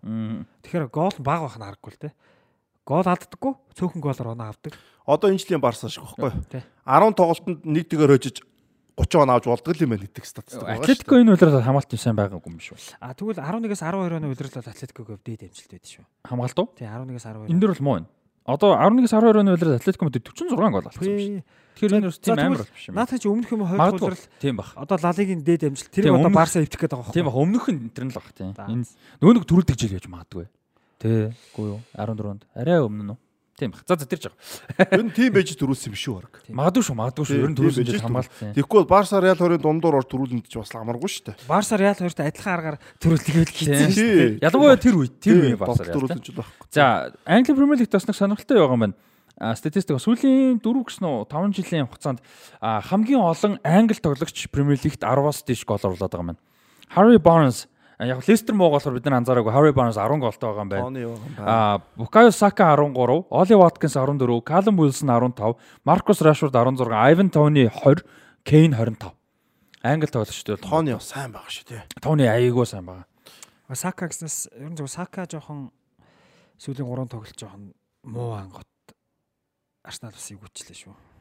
Арсеналын тэгээд юу яалаа те нөө сэтгэл зүй гэдэг яалч нөлөөлчлээ. Одоо Арсеналтай биш Сититэй тоглолтод энэ удирлын хамгийн чухал тоглолт байсан шүү дээ. Яг зарим нэг фэнүүд бол бүр сүүлийн 20 жилийн хамгийн чухал Монгол гэдэг. Жохоо хэтрүүлээ. Гэхдээ ер нь бол айгүй чухал тоглолт тоглосон. Тэнгүүт энэ тоглолт руу хамгийн хурц ирэн дээрээ хамгийн ихчтэй хамгийн өндөр формтой хамгийн топ орж ирэх ёстой байсан. Харин эсэргээрээ 3 тоглолт тэнцсэн хамгийн форм одоо энэ улиралтаа л хамгийн форм одоо тэн чинь 8 сараас хойш тэгээд үнэ. исэн баг шүү дээ. Тэгээд Салибан байхгүй ядчих том ясуу бас нь тусцсан те иймэрхүү байдалд орж үнэхээр бас азгүй байна те дээрээс А нь. зүгээр нь хамгаалтыг өдөртөж авч явдууд болгож ямар чухал байдгийг одоо үүд чи өдөртлөгийн чадвар гэдэг нь шууд хөдөлмөдөрөөс шууд гадаан сарамда харагдах юм л та. Зөвхөн тоглолтоо ороо ч юм үзүүлэлтээр харагдав. Одоо баг тоглож байгаа хүн ч ойлгодог шүү дээ. Зарим хүн бол ойлгодог шүү дээ. Яг үндэ юуд ч юм дэ энэ өдөртөд байна уу, заагаад нь загнаад нь зарим нь ойлгодсон шүү дээ. Яг өдөрт нь гэдэг чи айгу чухал байдаг. Маш чухал. Үйл хөдлөлөөрөө хил одоо юугаараа хөдөр. Тэгэхээр энэ тоглож ямар чухал тоглож байдгийг шууд харуулж байна та салибаг бол. Сая нэг юм бас анзаарсан та хоёр энэ нэг юм сонирхолтой сэдв байна л да. Надад сонирхолтой санагдаж. Зүгээр одоо энэ тоглолтын дээрээс зүгээр ингээ анзаарх сүүлийн тоглолт харахад тэгэхээр яг мундаг байгаа л да зарим тоглолтын дээр сүүлд нөгөө хожиж явж байгаа 3-2 болгодог гэдэг ч юм уу. Гэхдээ зүгээр юу харагдсан гэхээр бас залууж байна. А юу гэдэг энэ өөрийнх нь эсрэг одоо муу юм биш байхгүй. Угаасаа л мундаг лидер тийм ийм залуутай ийм лидер шүү. Тэр мундаг. А ирээдүйд бүр улам мундаг лидер болох бах. А гэхдээ яалчгүй багийн ийм одоо аврагын төлөө Сити чи ингээд туршлага амар байна тий. Де Бройн одоо 30 гарцсан. Тэгээд туршлага нь юу вүлээ тий. Жишээ дээ ганцхан л Де Бройны жишээ авахад Тэнгүүд Одигар ч юм уу. За сая бас одоо Дортмунд хэдүүлээ удахгүй ярих. Бэлгам те. Үнэхээр мундаг лидер залуухан мөртлөө. Гэхдээ яалч юу нэг юм нас бас дутж байгаа юм байгаа байхгүй мэддэг чинь. Одоо. Ким их хэдэн жил өмнө яг тийм байсан байхгүй. Ирээдүйд угаасаа амар лидер болох нь тодорхой. Гэхдээ нэг юм залууддаг те. Яалчгүй нэг ингээд нэг жоохон нэг юм дутаад байдаг гэсэн бол одоо Ким их чинь нэг 26 долоо үрж ийн шал өөр болж байгаа байхгүй. Тэгэхээр би бол тэрэн дээр нэг тийм. Үнэ одоо наас чи юм байгаа зав. Наад залуу хүн бол яг зүгээр залуудахгүй байж болдог байхгүй юу? Уг нь бол залуудахгүй байханд бол хажууд нь хоёр хөгшин борих байж байгаа байхгүй Би яг тэрийг хэлж Тэгж тоглоулдаг байхгүй. Тэгэхээр яг ер нь одоо ингэдэж шүү дээ. Заяач гэсэн мэдж байгаа дээ. Одоо манай шгшог алт цэн давж гэдэг юм ингээд багасаа тодроод гадарсан. Түүнээс дандаа цэн давж шиг 11 хүүхэд гараад юм тоглож чадахгүй байхгүй нар чинь хажууд нь ахнаар нь хар ажлын хий чин нөмөр нөөлгөө тэгээд тэр хүүхдийг тоглоулаад байгаа байхгүй? Яг түүнтэй адилхан одоо Месси багасаа л тоглосон шүү дээ. Месси гарч ирэхэд Рональдино ч байсан, Деку ч байсан, Шави, байсан. Иньеста ч Иньеста Ито те. э, одоо бүгд л байсан. Анри те. Тий. Тэгэл тэр хүн чинь тэд нар явсан ч гэсэн тэр амар э, туршлагатай болц аль хэдийн болчих жоох байхгүй. А тэнгүүт яг наад иди чинь тэгч хүн за яг хүмүүс тэг Жака Макал гэх юм. Тэгээ Жак ч арай өөр ойлголттой байхгүй тий. Яг тийм юм байхгүй гоо байхгүй. Хажууд нь алга. Яг хажууд нь байхгүй гоо байхгүй. Одоо да товтлооны бүрэлдэхүүн харал та. Хамгийн анх бод Габриэл Жисус авах хэрэгтэй наач одоо. Габриэл Жисус ч ер нь баг залууд болгож авахгүй шүү дээ. Ямар сандаа нөгөө нэг Миланы сая өнгөрсөн жил а, юунд төрүүлдэг, Сера төрүүлдэг бүрэлдэхүүн Ибрахимович Жиру хоёр амар чухал байсан гэж айгүйх ярьж байсан шүү дээ. Баян тоглохгүй ч гэсэн. Тэр яс нөлөө байгаа байхгүй. Одоо тэгээд Габриэл Жисус нь өдрлийн баг ихтэн тоглох. Тэгэл Мартинелли, Одигар, Сака гурав шүү дээ наад гурав чинь. Тэгээ урд нь Инкетя, тэгээ сүүл Тросоор орж иж байгаа гэдэг ч юм уу те. Иймэрхүү байдлаар солигдож байгаа болохоор Арсеналын хувьд яа харахгүй туршлага бол уусаа яана л та. Ур чадвараар яваал хийсэн л та. Ур чадвар хурд таагдаг мундаг гэсэн. Гэхдээ туршлага буюу одоо experience гэж ярьдаг. Тэгээ сэлэхгүй яваадсан тий. Яг үндэ сэлэх юм уу? Баг сэлгэсэн шүү дээ өөр юм. Русаар Жоржини хоёрыг авдаг бүр амар чухал тэр юу байсан шүү дээ. тэр хоёрыг авч иж ингэж явж байгаа шүү дээ. Тэр хоёрыг аваг бол тэр яг өвөл нэг унахчихсан шүү. Тий? Жоржини хэрэг болсон шүү дээ. Хэрэг болсон. Нэгдүгээр сард нэг нэг шүүгч нэг алдаа гаргаад ер нь нэг унахчихсан шүү. Тий. Шүүгч бас нөлөөлсөн тэр Брентфорд тэр тэр те. Одоо Арсенал хэдүүл яг ер нь бол ярьсан баг. Гэхдээ энэ удирдлыг амжилт гэж үзнэ. Амжилт Амжилтгүй байсан ч хамаагүй. Тий. Одоо ингээд хүмүүс Арсенал ингээд юут чинь төрүүлэхгүй бол баг инглээ мэнглээд. ಈಗ Арсенал бодъё л та төлөө. Яаж топ 4-д орох вэ? Яаж нэг гайгүй тоглолцуул гэж хэлсэн шүү дээ яг үндэ бол. Тэгээд Артета дээр юу баг те. Баг. те дарамт юу яг бас ингээд дарамт багаас гадна Артета ингээд бас ингээд итгэл найдар хүлээгд хизүү чимчгүүс яг 100 бол те. За Артета дахиад нэг найд чи тагт айгүй хэцүү. Яах бол гэдэг амар айцтайс бол юу Арсенал энэ жил зүгээр өстө бүр амар ийм олон лаг багуудаас дундаас нь орж 2 дугаар орч юм уу 10 дугаар лиг ирэх хонд энэ бол том амжилт байна бол. Одоо энэ дээр л гой сайн одоо босгох хэрэгтэй. Одоо босоо дараа жил жинхэнэ одоо төрүүлэхгүй бол жинхэнэ энэ жоохон таар байна гэж үзэж болох байхгүй тийм үстэй. За дараа жил шимах зүгээр ядаж амжилтаа буулгахгүй байх Тий хэрэгтэй. болохгүй байх Тийм, хэрэгтэй. тийм. Юу нь бол одоо энэ том төвшин чи амжилт болохгүй байх ч айгуу чухал шүү дээ. Хадгална гэдэг. Тэгээ одоо энэ ер нь 2010-ад оны Премьер Лиг Сити бүр үнэхээр дам болчихлоо. Ноёлцлоо шүү дээ. Ливерпул нэг ганц дундуур нь үнэхээр бүр нэг супер байж тэр 19-с 20 онд орсон болохоос ш. Тэгээд бүгдийн дэлс бараг Сити авлаа шүү дээ. Челси нэг хоёр орлоо дундуур нь тэгээд л бүгдээр яг 10-ад он гэхээр эртэн эхлээд юу байгаа ингэ зав. Гвардиола ирсэн зав. орцсон заяа. Гвардиола ирсэн зав. За 16 тий. За Лестер төрөх Гвардиола яриа зөв Гвардиола ихний жил жоох уучраа болоогүй. 3 дурдаг тий. Тийм. Аа тэгэд Контегийн Челси авчиж байгаа. Тийм. А яг тэр өвлийн нэг гэхдээ чухал тоглолт 12 дугаар сарын 2-нд ч болоо Челси Сити тоглоод Сити 2 штанг цохоод Челсид 3-1-ээр хожигддог байхгүй юу? Бас тэр чухал за за хамаагүй. За 17 оноос хойш тэгэл Ливерпулийг л тооцвол тэгэл Сити шүү. Сити бүгд нь Сити юм бол, явах. А Ливерпул маш сайн хурсалж өгсөн. Тэгсэн Энэ багийг те хинжээг нь тулгаж өгсөн. нэг онооны ард. Нэг Энэ энэ хоёрын тоглолч амар тоглолт болдог шүү дээ. Тий гоё ёстой нэрэ. Сити бол нэр үн- Гвардиолагийн Сити бол нэр үнэхээр амар байна. Гордела бол энэ зөвхөн үр дүнгээс гадна давхар энэ бол очисон клуб болгонд асар том хөл өмгийн шинжил сургалт Улстай тий. тий. Тий, би бас тэрийг хэлэх гээд байна л да. Клубтэйгээс клубээс нь орох байгаа. Ингээд аяг асар том юм үүдэг. Энэ ингээд цаашаага ингээд одоо үд чимдээ хөгжөөд одоо улсын шигшээ багтанд бусад эргэн тойронд байгаа багуудад нь те асар том өөрчлөлт авчирдаг. Одоо Испани шээ дээр ч гэсэндээ Герман дээр ч Англи дээр ч те За яг Испанд их хаашаа юм бэ? Тэр чинь одоо ийм байхгүй да. За яа. Испан ч өөрөө Гвардиолог бэлтжлээ шүү дээ.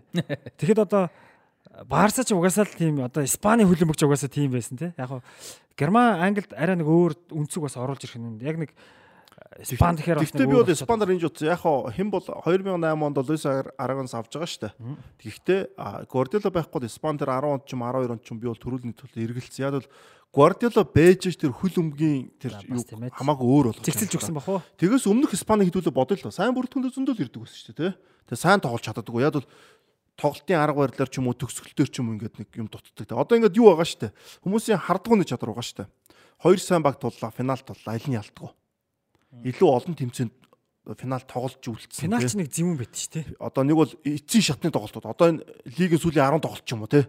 Одоо 30-аас хойш тоглолтууд. Энэ дээр ямар баг нь үлдгүүл илүү чанартай баг, илүү нэг яг ийм төвшөнд тоглоод үзсэн багууд нь илүү ингээд арай өөр үдэг. Жишээлбэл Ситиг бодолт анх ингээд төрүүлэхэл бөө юм болдог ус. Тэгээд нэг Юнайтед ингээд яаж жагаал төрүүлцдэг байсан те нэг Манчестер Юнайтед ч юм бол нэг тим байсан шүү дээ. Одоо Реалыг харалт. Төрүүлээ сурцсан сурцсан те. Энэ болохоор юуд ч юм шууд ингээд харагддаггүй. Энэ бол математик дээр тооцоолж гардггүй юу шүү дээ. А чадвар шүү дээ энэ бол. Одоо Реал аврагын лиг байнга л ингээд дутуу үнэлэгдэн мөртөө төрүүлчихэд гэдэг. Яг тэлэр тэр чадвар ерөөсө харагддаггүй чадвар байхгүй. Ийм чадвар нь болохоор одоо юунд нь байгаад байна. Зүг зүг. Наа ч одоо хөнгөө сууж байгаа байхгүй хөнгөө атлетик одоо мараф холын зайн гүйлтэр бол дан дан дан дан дан сүүлийн тойрог явахад хоохтой ш. Тинт хин гүдэг байл гэдэг шиг л юм болчиход байгаа байхгүй тий. Тий. Тэр нэг эцсийн давааг нэг даваад үд- э, үүсцэн Үдцсэн тий. байхад л Одоо тэрний хамгийн гоё шин дээр 12 оны Мо Фара гэдэг нөө юу гэдэг штэ Сомал гаралтай гүгчтэй. Мохаммед Фара. Тий шүү Фара. Sir Mo Farah. Тий 100000 гол нь би тэр гүйлтийг аягүй хүздэг байхгүй. 5000 гол 10000 гүйлтээр тэр төсөөлөж. Тэгэд тэр Мо Фараг яг тэр сүүлийн тэр хоёр тойрог дээр ялангуяа сүүлийн тойрог дээр урдаа алдахгүй байх уу гэж ETF-д Кенүүд бүгдээрээ үзээ бардаггүй байхгүй зайлвал. Ингээд тэд нар чинь ингээд чойжж гүжиж гүдэн штэ өнгө атлет чинь. Урд байгаа тамирчныхаа ингээд хоёр тамирчин чойжлоод тухайн тамирчин урд нь гарахын тулд дараа нь гарч тойрж гүн. Тий, тойрж жоод урд нь гардаг байхгүй. Тэнгүүл Мо Фара тэн дээр асар мундаг. Тэрийг нөө нэг ETF кинод нь бардаггүй. Тэгэхээр нөгөө төгсгөл лигээс сурцсан яг сүүлийн тэр моментн дээр тоглолдог юм гэдэг чинь шал өөр өгдөг байхгүй. Сэтгэл зүй болон одоо тийм туршлагаас эхлээд. За тэгээ Тоттенхэм Ливерпулээс нэлээ явчлаа те. Уг нь тэр дээр явжсан. За Ливерпулийн хувьд бол би ингэж харсан. За Юрген Клоппийн одоо тоглолтод тактик яг бүрэлдэхүүн шинжил муу гэж ярьж очсон. Ер нь бол Клоп бас тактик өөрөө өөрчилж байна. Нэлээ өөрчилж байна. Одоо энэ Марсело Биаса Гвардиола хоёрын одоо эхлүүлж байгаа энэ одоо жигүүрийн хамгаалагчдын төвлөө Тэрийг дараагийн хэсэгт ярий тий.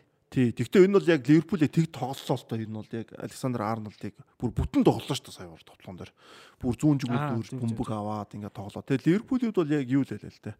Одоо суралцж байна. Клоп юм чинь би бол энэ зундаа ингээд бүрэлдэхүүнээ шинжилээд ягаад дараа удирлын яг ихний нэг хэдэн сар мар нэг учраа олохгүй нэг жоох учраа олох гэж байгаа. Тэгээд нэг гайгүй болж эхлэх болов гэсэн там. Тэгвэл одоо Клопын 4 3 3 тактик бол одоо хүн болгоо мэдж штэ Ливерпул ингэж тоглолтоо ингэж товтолдог бүх юм мэддэг болцсон те. Одоо тэгээд заримдаа ийм байхгүй. Ерөн зүгээр ялалт хүнийг сохор болгодог байхгүй. Хүн ялаад байвал болоо л байна тий. Оо болоод. А ялагдныг хүнийг бодуулдаг байхгүй. Бүр илүү цаашаач илүү тэрхүү үед хэцүү боловч тэр хүн илүү яах вэ? Илүү амжилтанд хүрч болно. Илүү том зүйлд хүрч болно. Тэгэхээр хожоол явууч юм бол Ливерпул одоо гэдэг нэг аврагын төлөө өрсөлдөөл өмнөх амжилтаа үзүүлэлсэн бол болоо л байна тий. Бодохгүй шүү дээ. Ингиж энэ жил 4 2 3 1 юу юу гарч тоглож байгаа. Ливерпул одоо ингээ шинжлэл хийж байгаа. За би бол Гакпо бол яг төвийн тоглогч юм байна харсан Ливерпулын дараачлаа. Юу нь бол энэ бол асар потенциалтай тоглогч юм байна. Илүүтэй бөмбөг нэхэд гоорыг бөмбөгтөө маш хурдтай тоглодог, баруун зөнгө төгсгдөг, мөргдөг тий. Тэгээ би он Гакпог бол Ливерпулийн дараачлалын төвийн тоглогч юм байна гэж яг харж байгаа. Тэгээ Жота Дарвин үнэс Мо Салах одоо академик авах бах Ливерпул. Довтлогон дээр. Гэтэ тэр нь заавал энэ чиг заавал гараанд дүрслэхгүйц том тоглогч биш. Тийм тоглож оруулах болгож бодоод байна. Одоо Ливерпулийн юг э, төвийн хагас болон тоглоом дээр нөгөө нэг 8 хийх юмыг шаардлагыг зөөлж байгаа хоёр хүн Curtis Jones, Harvey Elliott хоёр нь тий. Бас ер нь Curtis Jones бол айгүй сайн байгаа шүү дээ сүүлийн тоглолтууд тий.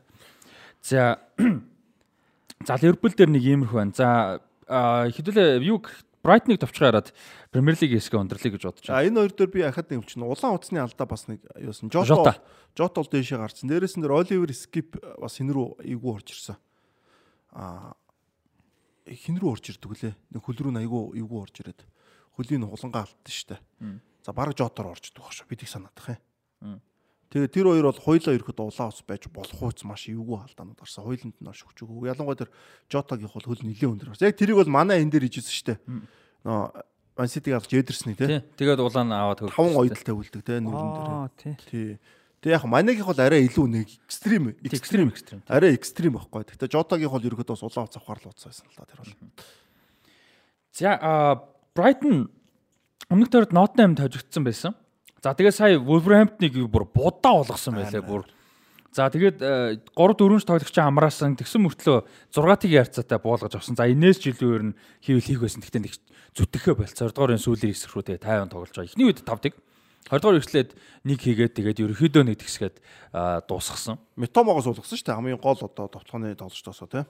Митома суусан. За тэгээд Роберт Санчес суусан. Макалистер сэлгээгээр орж ирж байгаа. Мойсес Кайседо суусан. Ер нь бол гол тоглогчдоо суулгасан. Одоо ингээд харахаар энэ багийн систем амар байгаа хөөхгүй тий. Одоо Кайседо, Макалистер гэдэг төвийн хоёр хагасаа суулгаж яддаг бол баслаа. Кайседо, Макалистер тэгээ Роберт Санчес, Митома, Митома тэгээ энэ дөрөв суусан баг. Тэгээ Wolverhampton одоо нөгөө хин Унаа Эмери ирээд айгүй хастан байлаа. Ер нь бол гоё явж штэ. Сая яг юу яалаа. 19 үлээ 20 тоглолт гол хийсэн явж байгаад Юнис Манчестер Юнайтедээс гол хийж чадахгүй нэгдгээр хожигдсон.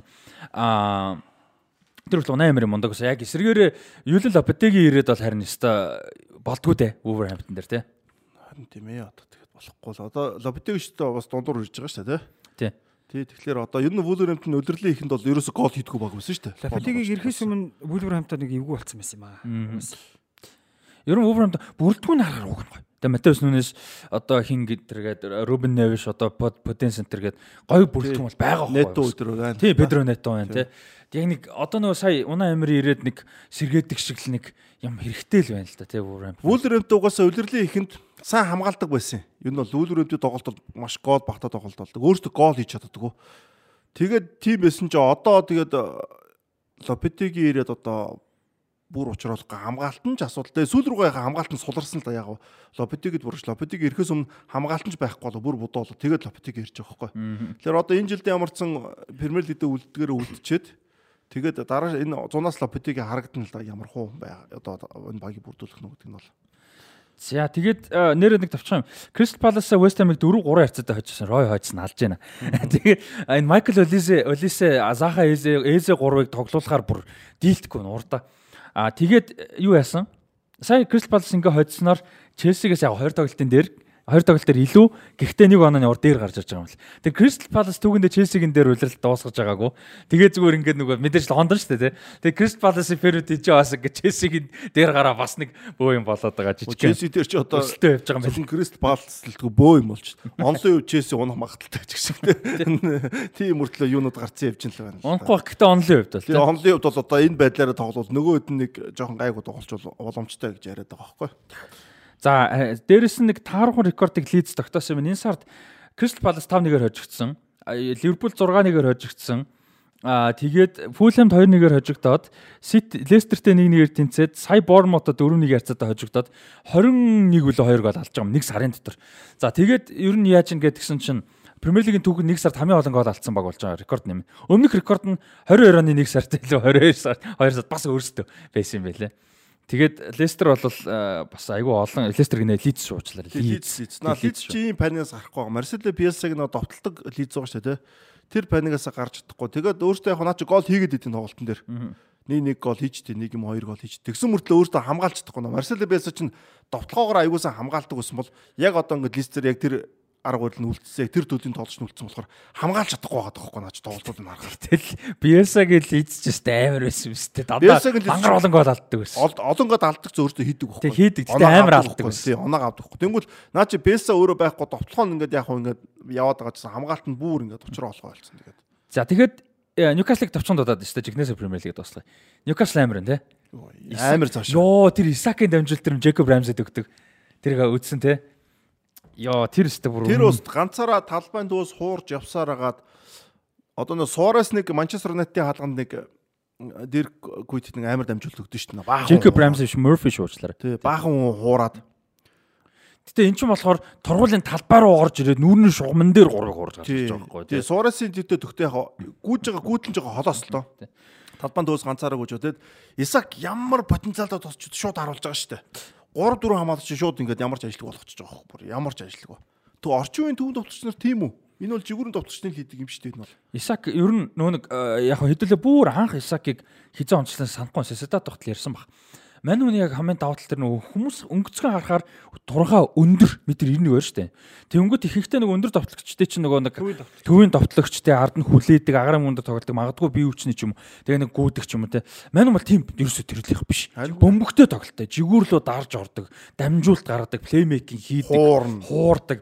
Одоо close control гэдэг чинь бөмбөгөө ингэдэг нэг юм за месси шиг гэх юм хаашаа зүгээр месси стайлаар бөмбөг хол туухгүйгээр ойрхон ингэж бөмбөгөө амар сайн авч явдаг. Тийм. Исаки хамгийн том чадвар юу шүү дээ. Холбож урдч хоёр өлөө. Тэр чадвар аягүй өндөр ихгүй. Тэрийг нөө 21 оны Европын ордоор шивэд тоглоход бол би яг Исаки тэр тоглолтуудыг аягүй харж байсан л да. Тэгээд яг довтлогон дээр нэг жоохон хөвгт гараад ирсэн те сак гэд. Тэгээд Африк гаралтаа шивэдийн тоглож бид гайхаад за хэр тоглож юм бол нэлээ өндөр л юм да нагарт тоглож юм юу тэр нэг богон зайд нэг жижигхэн зан нэг хурдад тоглоод ч заалны хөлөнгөтэй тэр техник бол Исак тим том битээ мөртлөө маш сайн үзүүлдэг юм хэлээ. Тэгэхээр энд дуудаж болоод үүд чимдээ айгу олон талтай байна л да. Наа чи айгу хурдан баггүй дээрсэн. Тий амар. Спринт хурдан сайн. Тэгээд нэг хүн хуурж нэг одоо юу хурд байгаа ш нэг тийм зигзаг хуралд байгаа шүү дээ тий. Ийм хуралдууд цаан гэхэлэр ер нь бол зарим нь шууд спринт өгдөг шүү. Хурдан чигээрээ тий. Пүн гэл гүдэг тий. Зарим нь сайхан ингээд чигээрээ хурдан бичгсэн ингээд гоё ингээд тойрж бол наа чи айл айл чадвар нь байдаг. Айгуу тоглож. Одоо дан хурдтай байгаад үр дүн гаргаж чадахгүй хүмүүс байдаг шүү дээ. Тийм бол биш байхгүй. Тийм биш. Наа чи голтой. Тэгээ дээрэс нь хамгийн том одоо эднэр нь бол ингээд сурж болох чадваруудс байж болно. Тэг яг хурд бол байгласаа л та. А гэхдээ эднэр дээр давуу тал нь бас ингээд өөрт нь жинкнээсээ байдаг нэг байгласаа байдаг юм хэр гол мэдрэмж амар сат. Тэр чинь бол амар хэцүү шүү дээ. Заана гэдэг хэдүүлээ ярьдаг те. Тэр мэдрэмжийг заана гэдэг бол байхгүй гэж байхгүй те. Байрлалыг эзэмшдэг, тоглолтыг уншдаг. Тэгээ төгсгөлийг юу гэдэг заавал нэг хэдүүлээ хин дээр ярьлаа сүлд айгу гой төгсгдөг гэд Анритай харьцуулж ярьсан юм а яана энийг ярьчлаа. Хин штэ Ляо шүү. А Рафаэл Ляо гэсэн. Тэр шиг Исак яг тийм байхгүй. Заавал сүртэй гой амир юм ямар ч юм. Төгсгөл чухал. Заавал тэгж тэгж бол ялангуяа Сосидад тогт нь үзчихсэн бол бүр үнэхээр мондаг тэрэн дээр. Тэгээд энэ Ньюкаслын хувьд бол багийн бүрэлдэхүүн тэнцвэр үнэхээр гоё байна одоо. Одоо юу ярих вэ? Тэр Морфи ямар ч гоё тоглолтны.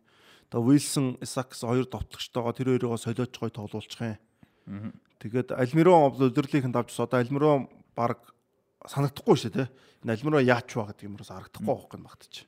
Дээрэс нь үлрэлт нөгөө нэг сүулт хин яг нөгөө хэдүүлгийнхэн сайн Максамандер хамыг шүмжилдэг юм нөгөө эцсийн шийдвэр таарах байсан бол сүүлийн улирлын 2 дугаар агс төр нь тэр нь амар сайжирч шүү. Голын дамжуулалтаа болоод, голтой болоод ер нь дэмий шийдвэрүүл хуралт гоё юм хийх нь багассан. Зүүн дээр нь Жолинтон ч тоглолцож штэ. Тийм шүү. Жолинтон нөгөө анх ирэхэд үнтэй товтлогч ирсэн айгүй их шүмжлүүлдэг байсан. Одоо бол төвийн ахс дээр нэгдүгürt мундаг тоглож байгаа. Хоёрдугаарт голтой болоод хэвээр мундаг байна шүү. Жолинтон одоо ер нь төвийн товтлогч ихгүй хаа. Одоо энэ бол зүүн зүгүүр дээр юм уу төвийн дээр л тоглох байх юм. Цаашдаа би тэгж харсан. Юу нь бол бас айгүй чадвартай тоглож өөл Жолинтон бол. За тэгээ Премьер лигэд дуусах уу? За нэг зүйл байгаа юу? Мартсан сансан зүйл байна. Brighton бол гоё юм те. За энэ Тони Блумийн багууд л хэвээр гоё байна ялчгүй. За. За Испани ла лигт ер нь их их лигүүдэд хоёр тоглолтууд явсан да. А Испани ла лиг Жирона Реалиг буулгаж авсан. За энэ бас нэг 7 хоногийн дундуур тий. 7 хоногийн дундуур тойргийн тоглолтод. За энэ дээр бол Тати Кастиано Кастианос гэж Аргентин довтлогч юуны одоо City Football Group-ийн довтлогч. Мань хүн бол Нью-Йорк Сити тоглож исэн. Тэгээ өөр юулээ Өмнөд Америкийн Уругвайд лөө хаана лээ бас нэг Сити группийн тоглолт баг байт юм байлээ. Тэр огт бас тоглож исэн. Тэгээ тэнцэнээс Нью-Йорк группийн тоглогч байна. Тэгээ Нью-Йоркосоо Жиронод зээлэр тоглож. Жироно ч өөрөө Сити футбол групп Пере Гвардиола, Пеп Гвардиола гурав эзэмшдэг баг баг штэ. Тэгээ энэ ч бас ерөөсөө энэ групп юу гэдэг Сити футбол групп дотор яваад байгаа байхгүй. Жироно ч энэ нэг юу Каталон мууч юм баг тий. Тийм Каталоны баг. Каталоны одоо 3 дахь баг юм аа тий том багаас агуу. Испаниалын дараа орж байгаа тийм Испаниал Барселона. За тэгээ энэ тоглогч бол дөрвөн гоолыг оруулсан. За Реалас Vinicius Vasquez 21-ийг. Тэгээд юу юм бэлээ 40 хэдэн оноос хойш гисч бай. 47 молон оноос хойш гисэн үү. Реалын хаалган дөрвөн гоол оруулж байгаа баг анхны тоглогч. Ла лигийн хүрээнд. Ла лиг хүрээнд шүү тийм. Яг бол Левандовски энэ төр хийсэн тийм. Тийм болж байгаа гэх шиг болсон шүү. Дунд нь нэг ганц байсан. Левандовски өрх юм байлаа сүүлийн 10 хэдэн жилд. Нэг байсан юм аа ямар ч байсан нэг байсан. Тэгээ ер нь бол лиг өрөөнд дөрвөн гол оруулна гэдэг угасаал амар өнцөлт шүү дээ тийм. Тэгээд нэг тийм Реал эсрэг хийж чадах бүр тий. Тэгээ Реал эсрэг Жирона ч бас Каталончууд тэгээ Реал эсрэг бас нэг юм байгаа шүү дээ. Супер товлооч нэг үлрэлдэ дөрвөн гол их чинь баг байдаггүй тохиолдож шүү дээ. Тий шүү дээ. Арай гэж нэг ийг миг хийдэг тий. Тэгэхэд энэ бол дөрөв хийсэн.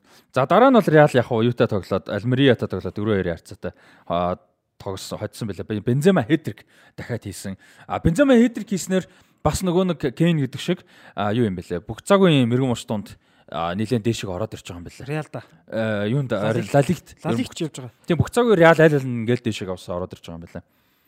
Э Бензема тэгтээ амар. Тэгээ сүүлд сүүлийн нэг сарын дотор 3 хэтрэг хийчлээ шүү дээ. Бензема. Амар ч одоо юу ярих вэ? Одоо яг зөв үедээ форм орчих. Одоо Реалтай дараад л ханагдчих шүү дээ. Реал гэнэ солирч байна. Сити те тий. Угаасаа одоо тэр тоглолтны нөгөө л гана. Бензема чи хаана нөхө мэдж байгаа товтгочлоо одоо 86 оны хүн ч одоо тэгээд. Яаж хизэн яаж ирчлэх вэ те? Амар байна. За тэгээд юу Атлетико Бензема 86 байлуу. 87 илүү 86 арай биш баха. 7 юу те? Хинтээ 86 Роналдо очсон юу те? Үгүй Роналдог ахаа гэдгийг цаацна. А тэгвэл 88 юм шүү. Үгүй ээ 88 болсон шүү. Роналдо ч 85 гэхээр 87 87. А Месси 87 юу 86 юу 87 болсон. Месси Роналдо орчихсон. Бензема Роналдо Месси хоёр чинь чацсан. Тийм Месси чинь 87 Роналдо 85 тийм. За. За Атлетико Мадрид энэ сүүлийн хоёр тоглолтод бол хоцсон хойлонд тэгээ Гризман бүр бодоо олгож байгаа сая хэлсэн. Тэгээд сая өнгөрсөн шөнө Valladolid-ыг 5-2-оор хождог тоглолтын дээр би тайлбар таарсан. Би Гензеркизм алсан зүгээр юм ихийн. Төв ястар тоглосон тий? Аа, ерөөсө бүх байрал дээр. Ерөөсө дэлхийн ордоо нэг тийм цэвэрлэгчээс урд бүх байрал дээр тоглосон шүү дээ. Яг тэгсэн. Ерөөсө бүгдэн дээр тоглосон. Амар байлаа. Тэгээд Хименес бүр тасархаа тогсон. Амар тогсон. Ардаас нэг гоолын дамжуулт өгсөн. Өөрөө гоол оруулсан. Хамгаалтан дээр дийлдэхгүй. Хэмнээ сайн хамгаалагч л та. Тэгээ шилдэг тоглогч нь авсан. Тэгээ гэхдээ энэ дэр Valladolid хөрхий амар үтс. Үнэхээр зүтгэсэн аахгүй. 3 гол алдаад Атлетико ч энэ жил ингээ 3 билүү 4 дахь тоглолтод эхний үед 3 гол оруулж. Түүхэн дээр тэгдэггүй байсан баг. Энэ жил тэгж байгаа. Тэгээд 3-0-оор хожиж явж байгаа эхний үеийн төгсөлт пенальт болоод тэр Ермосо шал дими явж чүхэн тохиолдоод пенальт аваад тэгээд 3-1 болгоод агүй юм юутай сэтгэл өндөртэй гой темптэй үе дуусгаад. Тэгээ 20 дугаар ихснээс хойш байдлыг бүр нүдсэн бүр амар мондог нүдээ тэгээ тэгж тэгж тэгж жагаад нэг хийгээд тэр хин орж ирээ? Скудерог нөхрөөд гэж ер нь нэг Ливия тоглож ирсэн Серхио Скудеро юунд байлаа? Ваядолид байлаа. Ер нь нэг нэг лиг нэг дажгүй тоглогчд байдаг шүү дээ. Ер нь оцсон багтаа сайн тоглоол байдаг. Тим тоглогч байхгүй Скудер яг алдартай энтер бол биш л те шгшээ энтерт бол арай орохгүй. Тэгээ мань хүн яг орж ирээ бүр шал өөрөлж байгаа тоглолт. Тэгээ мань хүн орж иж гол хийгээд 3-2 болгоод Тэгээ тэрний дараа дахиж хийгээд тэгсэн чинь тэр нь отон болж таарад. Тэгээ тэнцэнээсээ сэргээд давж нэмж нүдж жагаад Атлетикогийн нэг тааруухан давтгаа явж исэн чинь хамгаалагч нь бүр амар сан тоглож исэн хамгаалагч Хокиных нь хөлөнд яг гүйлтэнд нь таарад өөрөө хаалганд оруулаад тэгээ 4-2 болцсон. Гэтэ байдлаад бууж өгөхгүй нүдж жагаад ёстой жинхэнэ хурдан сөрөг давталгаа яваа. Тэрэн дээр нь харин юу яагаад Депа явж исэн чинь тэр Хокинийг хамгаалагч аахгүй өөртөө оруулсан хам санаандгүй. Тэр нөхөр яг Депаяг хамгаалаа ингээ явж исэн чинь гойны харан шүрмсэн татаад Тэгээд Дипай хамгаалцдаггүй нөө Дипайнс бол гарч ирээ хийц. Нөгөө Клоп шиг уусан биш. Амар аа. Тоттенхэм дээр Клопын шүрмс тас тэрийг харсан уу? Нөгөө Жотагийн голыг тэмдэглээд. Жотагийн голыг тэмдэглээд нөгөө шүүхтөр очиод чи стамиста гэдэг чинь нөгөө чи одоо ингэчлээ тэгчлээ гэж очиж байгаа байхгүй. Тэг чи гойны аран шүрмсэн татаад хацаажгүй би өөр үгтлээ гэж тэр өстөн хэрэг галуу дүүрээгаад сургаал өгөөд хөлтөө гэдэг шиг Ричард Листик дүүрэж байгаа та баларч ийсэн шүү дээ. Нөө өгснөөс нууж арахгүй шүү. Гинт огцсон бүлтгэе өгөөд шүүгчээр яц чи гинт шүрм гойныхон шүрийн арвс дотоод хацгаж кино шиг болсон шүү дээ. Энэ тэгээд энэ талон энэ талон гэн энэ улиралд бас боломж байвал Атлетикогийн тоглолтуудыг үзээрэй. Гризман бүр яг нь ер нь Атлетико гоё яваад гэхдээ Гризман бүр үнэхээр ганган байлээ. Сая тэгээд Коке ихэн өөр Караско сэлгэр суухгүй. 80 төгсөж байгаа 76 талаа тэр. Тэгээд тэгсэн чинь би яг зүгээр яг тайлбарлаж ирсэн чинь Караско 9.3 4 км гүйсэн байсан байхгүй. Тэр чинь 74 5 дээр 9.1 гэдэг чинь амар Караско угаасаа машин л та. Тийм. Тэгээ би яг тэрийг ярьж байсан байхгүй. За Караско бол үнэхээр мундаг гүйсэн байна. Тэгээ аим бас ядарч байгаа бах. За дээрэс нь бас тэр үед чинь юу яжсэн хожиж исэн тэгээ ингээд тактик юм актик гэдэг. Тэгээ ярьжсэн чинь яг араас нь кокок суулгасан чинь 10.5 км үз. 75 6 таа шүү. Кокоч лалигт ер нь амар ёо. Ерөө Ситигийн юунууд чинь тэгдэж штэ. Тэр дундлын дөрөв хагас ч угаасаа тэгж гүд. Юу Атлетико юу? Атлетикогийн Ситиг сөөл ярьж байна. Атлетикогийн тэгж тоглолтын онцлог нь уусаал тийм биз дээ. Тэгээ тэгсэн чинь зүгээр тэр хоёр хоёроос илүү гүйж байгаа нь Гризман аахгүй. Би магтах гээд байгаа. Яагаад тэгэхээр за Коке бол жишээ нь юу гэдэг голд нэг оролцдоггүй те төвийн юугаа гол мартаж байгаа тоглогч шүү дээ. Тэгэхээр Гризман ч гэж бүх юм хийж байгаа байхгүй. Гол Гризман суугаагүй болохоор стат нь гараагүй юм ба шүү дээ. Тийм суугаагүй болохоор тэр гарсан бол тэр амар юм байгаа. 12 3 гүйсэн байгаа. Тэр бүр утгагүй. Тэгээ Гризман амар ядарсаар яг дуусны дараа бүр ингээд бүр ингээд нэг ингээд яа гэд нэг тэгж байгаа харагдчихлаа. Гризман бүр ингээд тасгаа. За Ваядолид тэгвэл өнгөрч байгаа 7 хоногт 2 хожигдсан юм байна. 7 хоногийн дундуур Валенситэй тоглолоо. Валенси ч унах гээд байгаа. Би ч одоо Испани Ла Лигт одоо 18, 16 явж байгаа 2 багийн тоглолт шир бүтэн сууж үзэж байгаагүй. Тэрийг бол үзлээ. Муктиар Дякаби гэдэг одоо Валенсигийн гол хамгаалагч эхлээд нэг бөмбөг тогтоох гэж алдаад Ваядолид авчиг гол хийшлээ. Валенси эвгүй боллоо.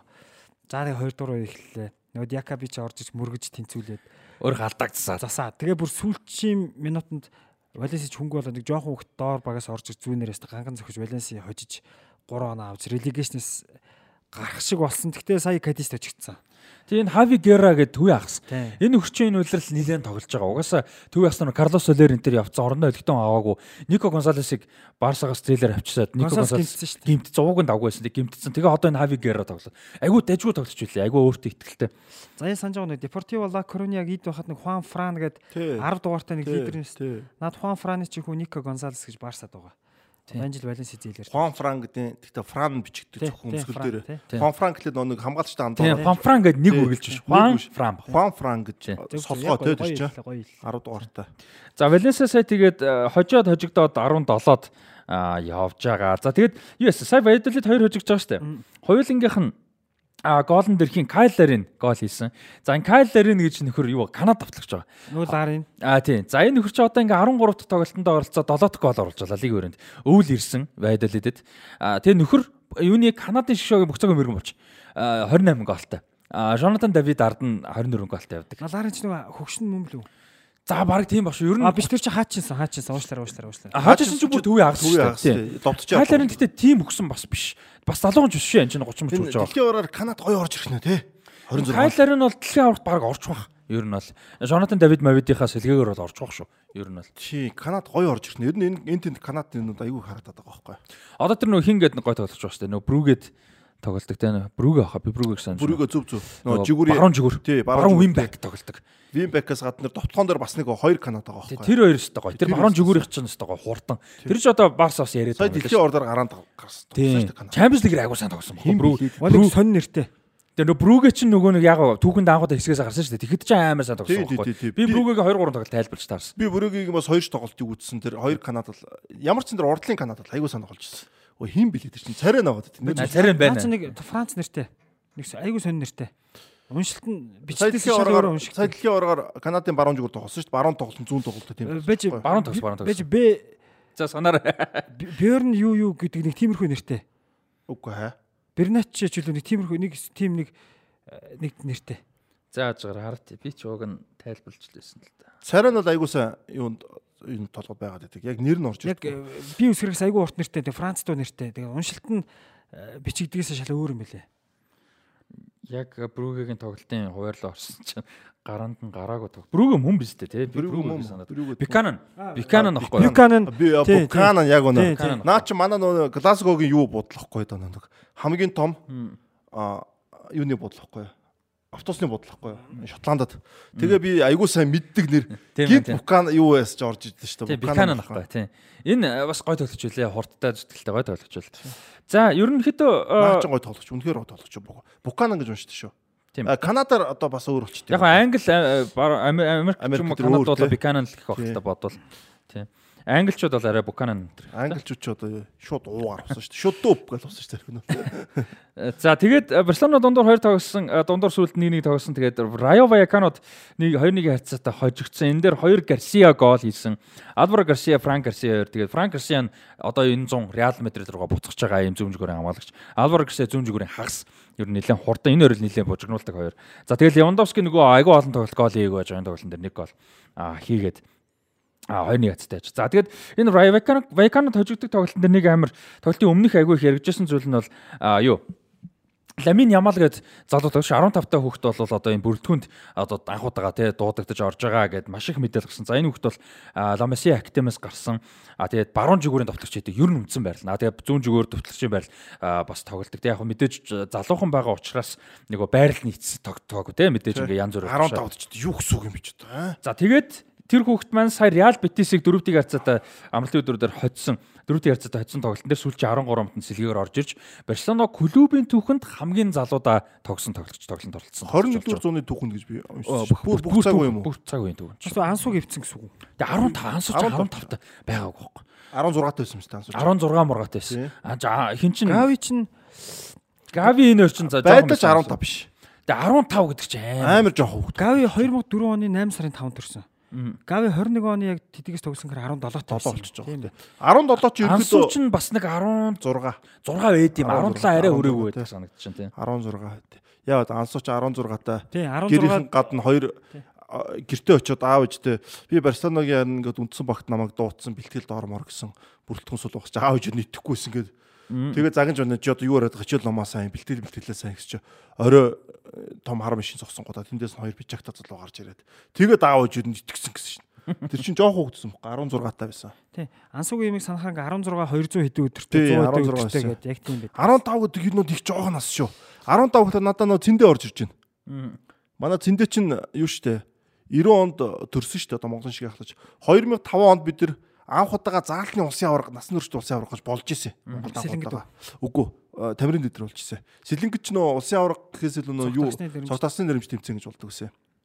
Тэгээд анхны заалтны улсын аварга гэж бол цэндээ 15 настай ороод тухайн тэмцээний насан туршидын заалтны улсын аваргын шилдэт тоглож болж исэн байхгүй 15 настай байхдаа. Тэгэхээр 15 гэхлээр надад ерөөс шууд тэрл орж ичэн л да залуу тамш. Тэгэхээр өөр 15 гэхлээр одоо Оовен Рүүний мүний байхгүй шүү дээ энэ бол. Пили 17 тий Ито 17 98 онд 16 та дэлхийн аварга ч юм уу ямар том тэмцэн дээр 16 та тоглох хэцүү байдаг энэ бол. Тэгэд 15 таа гоод байхгүй над чинь тий. Тийм байна. Аа Фредди Адууч 14 бидэг лөө. Адууч бүр 13 шүү дээ. 14 биш үү? 90 оныхоо 2003 онд тодорцсон шүү дээ. Би 14 лөө 13 билүү те. Фредди. 13 үл яг шигшээ багуудаас нь юу өгдөө? Тоогоогийн шигшээг нэг тоглож байдээ. Тэр 2006 онд тоглолт шүү дээ. Гол найруулагч нэдэг. Өө хин блэ? 10 дугаартаа тоглолт. Тэр чин жигшээ өгтө тоогоо шиг 13 таа тоглож исэн байлээ. Ер нь Кадир үү? Мохаммед Кадир. Кадир Кадир биш үү? Кадир Кадир биш биш өөр. Йоо ямар Мириам хин блэ? Тийм нэг тоглож. Ламин Ямал юу юм бэ? 15 нас 9 сар 16 хоногт юунд орж байгаа юм байна тоглолтод. Тэгээд Барса гэдэг ч бас амар гоо шүү дээ. За Барсагийн түүхэнд бол яг бүх цаг үеийн юу юм байна зүгээр тоглолтод оролцсон гэдэг утга. Энд чинь альбисны тэмцээнд рекорд юм байна. А зүгээр клубийнхаа төлөө оролцоо одоо нөгөө френдли ч юм уу те. Тэрний рекорд нь бол нөгөө Барселона Барселонагийн домголт нөгөө Паулино Алкантара гэж байдаг шүү дээ дээр үн те. Паулино Алкантара байд юм байна. Яг тэ одоо бүр дээд рекорд. 14. 15 нас 4 сартай. Замбрааг үүсэ. Гэтэ яг энэ бол альбины альбисны тэмцээн бол биш байсан юм. Аа френдли. Би яг өчтөр нөгөө юуг нь над ламины чи юуг нь харахгүй. Статистик нь орж ирээд харсан чинь 21 дөр зунд гэсэн юм. Тэгэхээр бүх цаг үед бол энэс залуу нэг тоглож байж дээ гэж бодож байсан. Яг байхад бол байдаг гэхдээ тэр нь албасны тэмцээн шүү. Тэгээд Барселона нэгэн тэрснийх Барселона клубын одоо хамгийн залуу гэдэг төрлийн бүх амжилт Ансу Фати гэдэг юм байна. Бусад аа саяны энэч байсан. А тэгээд Ламин Ямал идчихэж байгаа. Хамгийн залуудаа гол Ла Лигийн өрөөнд гол хийсэн нь Ансу 16 таа. Гол гараанд гарсан нь Ансу гол хийгээд ассист өгсөн нь Ансу Кампногийн түүхэнд хамгийн залуу гол оруулсан тоглогч нь Ансу хамгийн залуу хууц авсан байх гэдэг байхгүй хамгийн Лалигийн хүрээнд 2 гол оруулсан Ансу хамгийн залуугаараа аврагуудын лигийн хүрээнд хамгийн залуу гол оруулсан Ансу аврагуудын лигийн түүхэнд нэг тоглолтод гол болон ассист өгсөн хамгийн залуу тоглогч бас Ансу Фати юм. Тэцүүрхүү Барселон биш. Сүүлийн өрнөл бүр Champions League-ийн түүхэнд гэж байна. Ансууч тэгээ Испани шгшөөгт бас залуу гэсэн бас хэдэн амжилт байгаа шүү дээ. Харамсалтай тийм ингээ бодохоор тийм. За тэгээд Барселоны хувьд бол юу яаж байгаа? А сүлд Реал Битисийг дөрөвдөг харьцаатай ингээ буулгаад авсан. Левандовски дахиад гол хийсэн. За Рафиня бас юу яаж байгаа юм бэлээ? Барселона Барселонад 21-р зуунд 10 гол 10 голын амд амжуултаас дээшээ гарсан 6 дахь тоглож болж байгаа юм байлээ.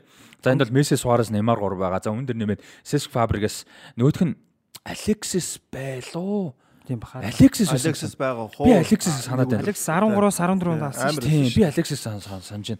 Ибрахимович биш байсан. Ибра биш шүү. Ибра дамжуулахгүй. Виа биш байсан. Би би Алексис санаад байна. Тэгээд хин Рафиня болж байгаа юм байл шүү.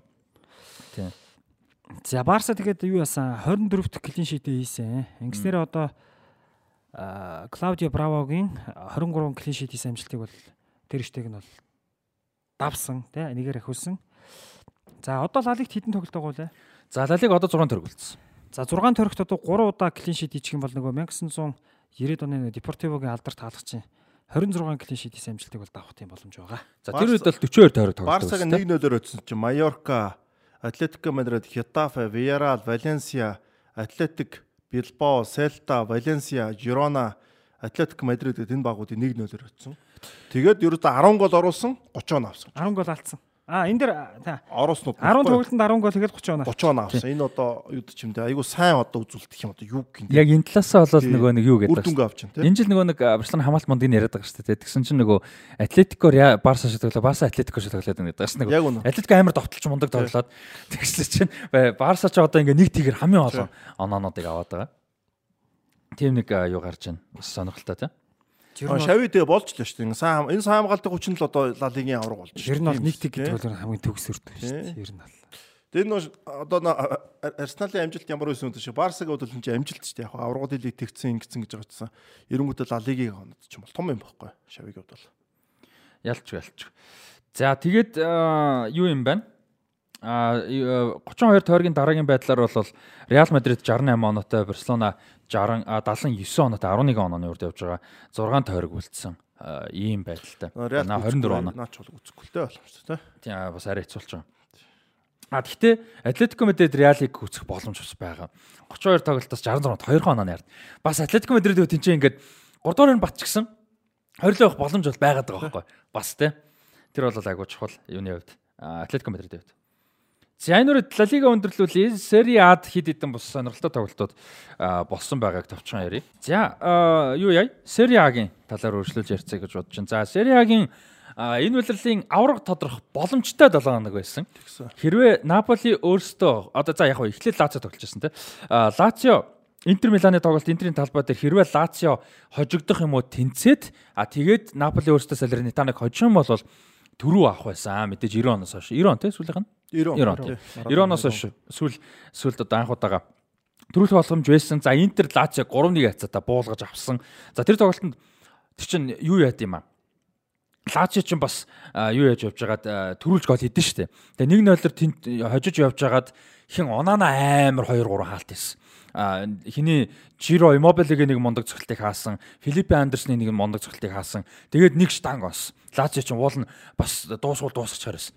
Тэгээд тэрэн дээрээ хийгээгүй явж хагаад тоглолтын бүр сүүлийн 10 минутанд Интер 3 хийгээд Латоро хин хоёр Лукаку хоёр бүр амар байгаа. Тэгээд энэ хоёр ч хоорондоо би биндээ Лукаку ч хоёр дамжуулт гэсэн гол юм. Тэгээд Латоро Мартинес хоёр гол Лукаку өөрөө юу гол бол хийгээгүй. Гэхдээ Робин Госенс нэг гол хийгээд тэгээд а Интер хоцсон. За тэгээ энэний дараа бол Наполи Салернитаныг талбай дээр үлээж аваад юу яагаад 20 дугаар үед 62 дахь минутанд Оливера гол хийж байгаа. За тэгээ бүр нөгөө Марадона цэнгэлдэгч өстэй бүр нөгөө баяраа тэмдэглэхэд Наполитанууд ч одоо нөгөө нэг Напол Неаполь хот ч бүр тэр бүгдээрээ годомжиндаа гарч ирэх бүр ингэ амар юм болж исэн чинь Боле Диа Сенегалийн давтлагч Виярал нэг хэсэг тоглож исэн. А Салернитанаас 84 дахь минутанд гол хийж тэнцүүлсэн. За тэгээ тэр хүртэл бас Наполи нөгөө гол хийх гээд нэмж хийх гээд бас зүтгэсэн. Тэгээд хин Одоо бидний нөгөө дэлхийн аварга болохоор гарч ирдэг манай очоо амар сайн тоглосон. Энэ тоглолтод. Очоо бол ер нь гол алдаагүй. Яг нэг алдсан л та. Гэтэ ер нь нэмж хийлгээгүй сайн тоглоод. Тэгээд бөлөди яа хийж. Наполигийн баярыг хойшлуулсан шүү дээ. Баярыг Салернитанод гоё тэ нэг тийм Рибери очоо гэдэг нэг юу тоглож штэ. Очоо чичиг 86 оны нөхөр штэ. 2006 онд гарч ижсэн. Тэгээд нэг цоорд тоглолтуудаараа цоороод. Наполиг бол аргагүй л дүүхэндээ Марадонаг багт 87 90 онд 2 л удаа дөрүүлсэн баг штэ. Тэр нь бол Тэгээд бус үед нь бол ерөөсө төрүүлж байгаагүй нөгөө үедээ танад арлуулж исэн. Төгсөн. Олон удаа төгсөн. Төгсөн бол байгаа. Тэгээд төгөх юм бол одоо дөрүүлсэн гэж ярихгүй болохоор тийм. Анригийн зөв нь штэ. Аврагын лигт нөгөө Барсад очтой хоёрд оруулчаад хоёрд орчоод тэгээд асуусчаа. Түүхэнд тэгтээ ялагчл үлддэж штэ гэд хэлдэг тийм. Тэр үнэн баггүй. Анаргийн 9 онд авдаг аврагууд лигийн нөгөө нэг сүүлчийн 5 минут амьдралдаа хүлээсэн хамгийн хэцүү 5 минут байсан гэ нөгөө сэлгэн цуцсан хожоод байдаг. Дуусч өгдөг. 2-0 байгаа шүү дээ ууган тий. 9 онд хямарсан гэд. Аа За ийм нэг бол босон. Тэгэхээр яг төрүүлэх нь бол цаг хугацааны асуудал тийм. За онцлог нэг тоглолт гэх юм бол Рома Миланы тоглолт болсон. Бас топ топ тоглолт тийм. За эрдэр нэмэх дөрөв хүртэл ерөнхийдөө нэлээд уйтартай удаан тэгсгээд нэг ингээ хоёр талдаа нэг олигтойч товтлогоо явахгүй ингэсгээ байж исэн. За тэгээ эрдэр нэмэх дөрөв дээр Тами Абрахам гол хийж байгаа. За тэгээ бөө юм болоод тэр чинь 8 минут илүү 7 минут сунгацсан байсан. Тэгээ яаж гол 8 минут тийм. Тэгээ 8 минут сонгоцсон байсан.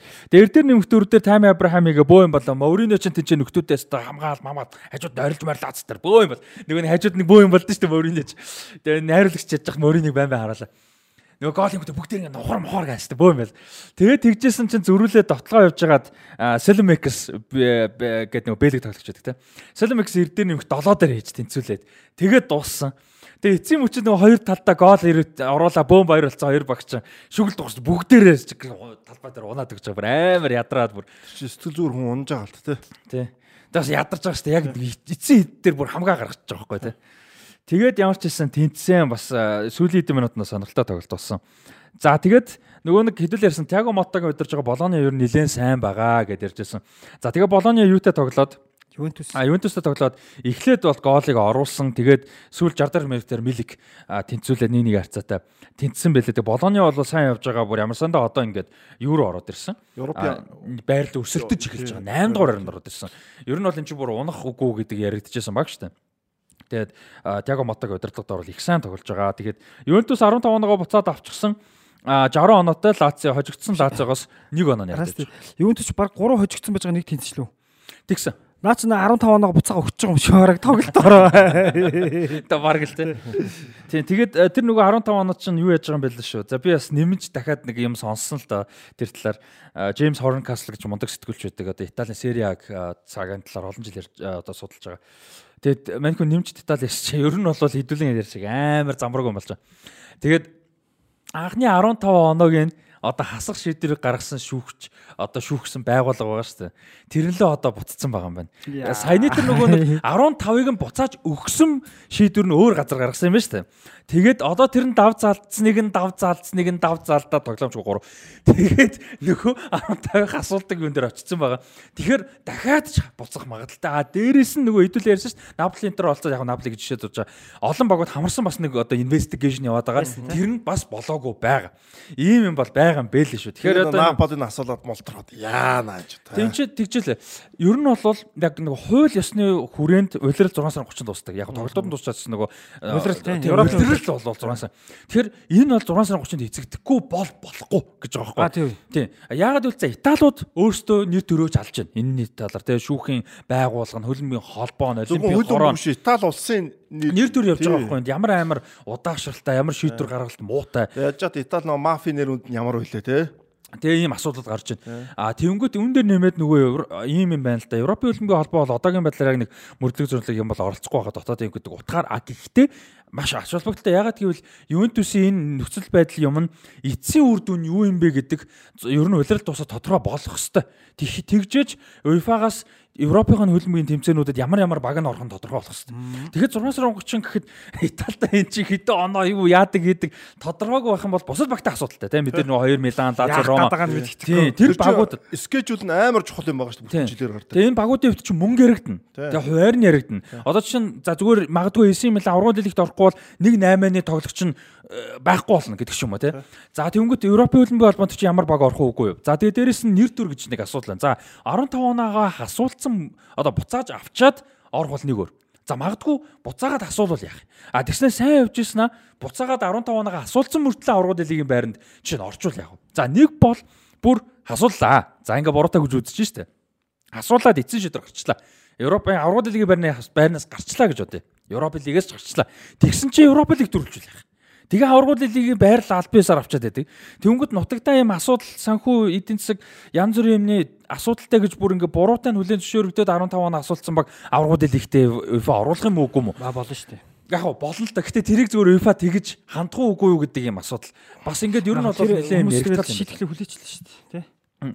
Яг гэтэ нөгөө нэг тэгсэн багийг Европын хөлбөмбөгийн нь л болоод байгаа юм байна. Тийм одоо бас нөгөө шийтгэх ёстой юу гэдэг марж. Яг тэгэхээр чинь зөвхөн дотоодын асуудал ш. Дотоод нь тэр асуудлууд нь Европын хөлбөмбөгийн холбооны тэмцээнүүдэд орохдоо мэдээж нөлөөлж байгаа. Тэгээ үр дүн.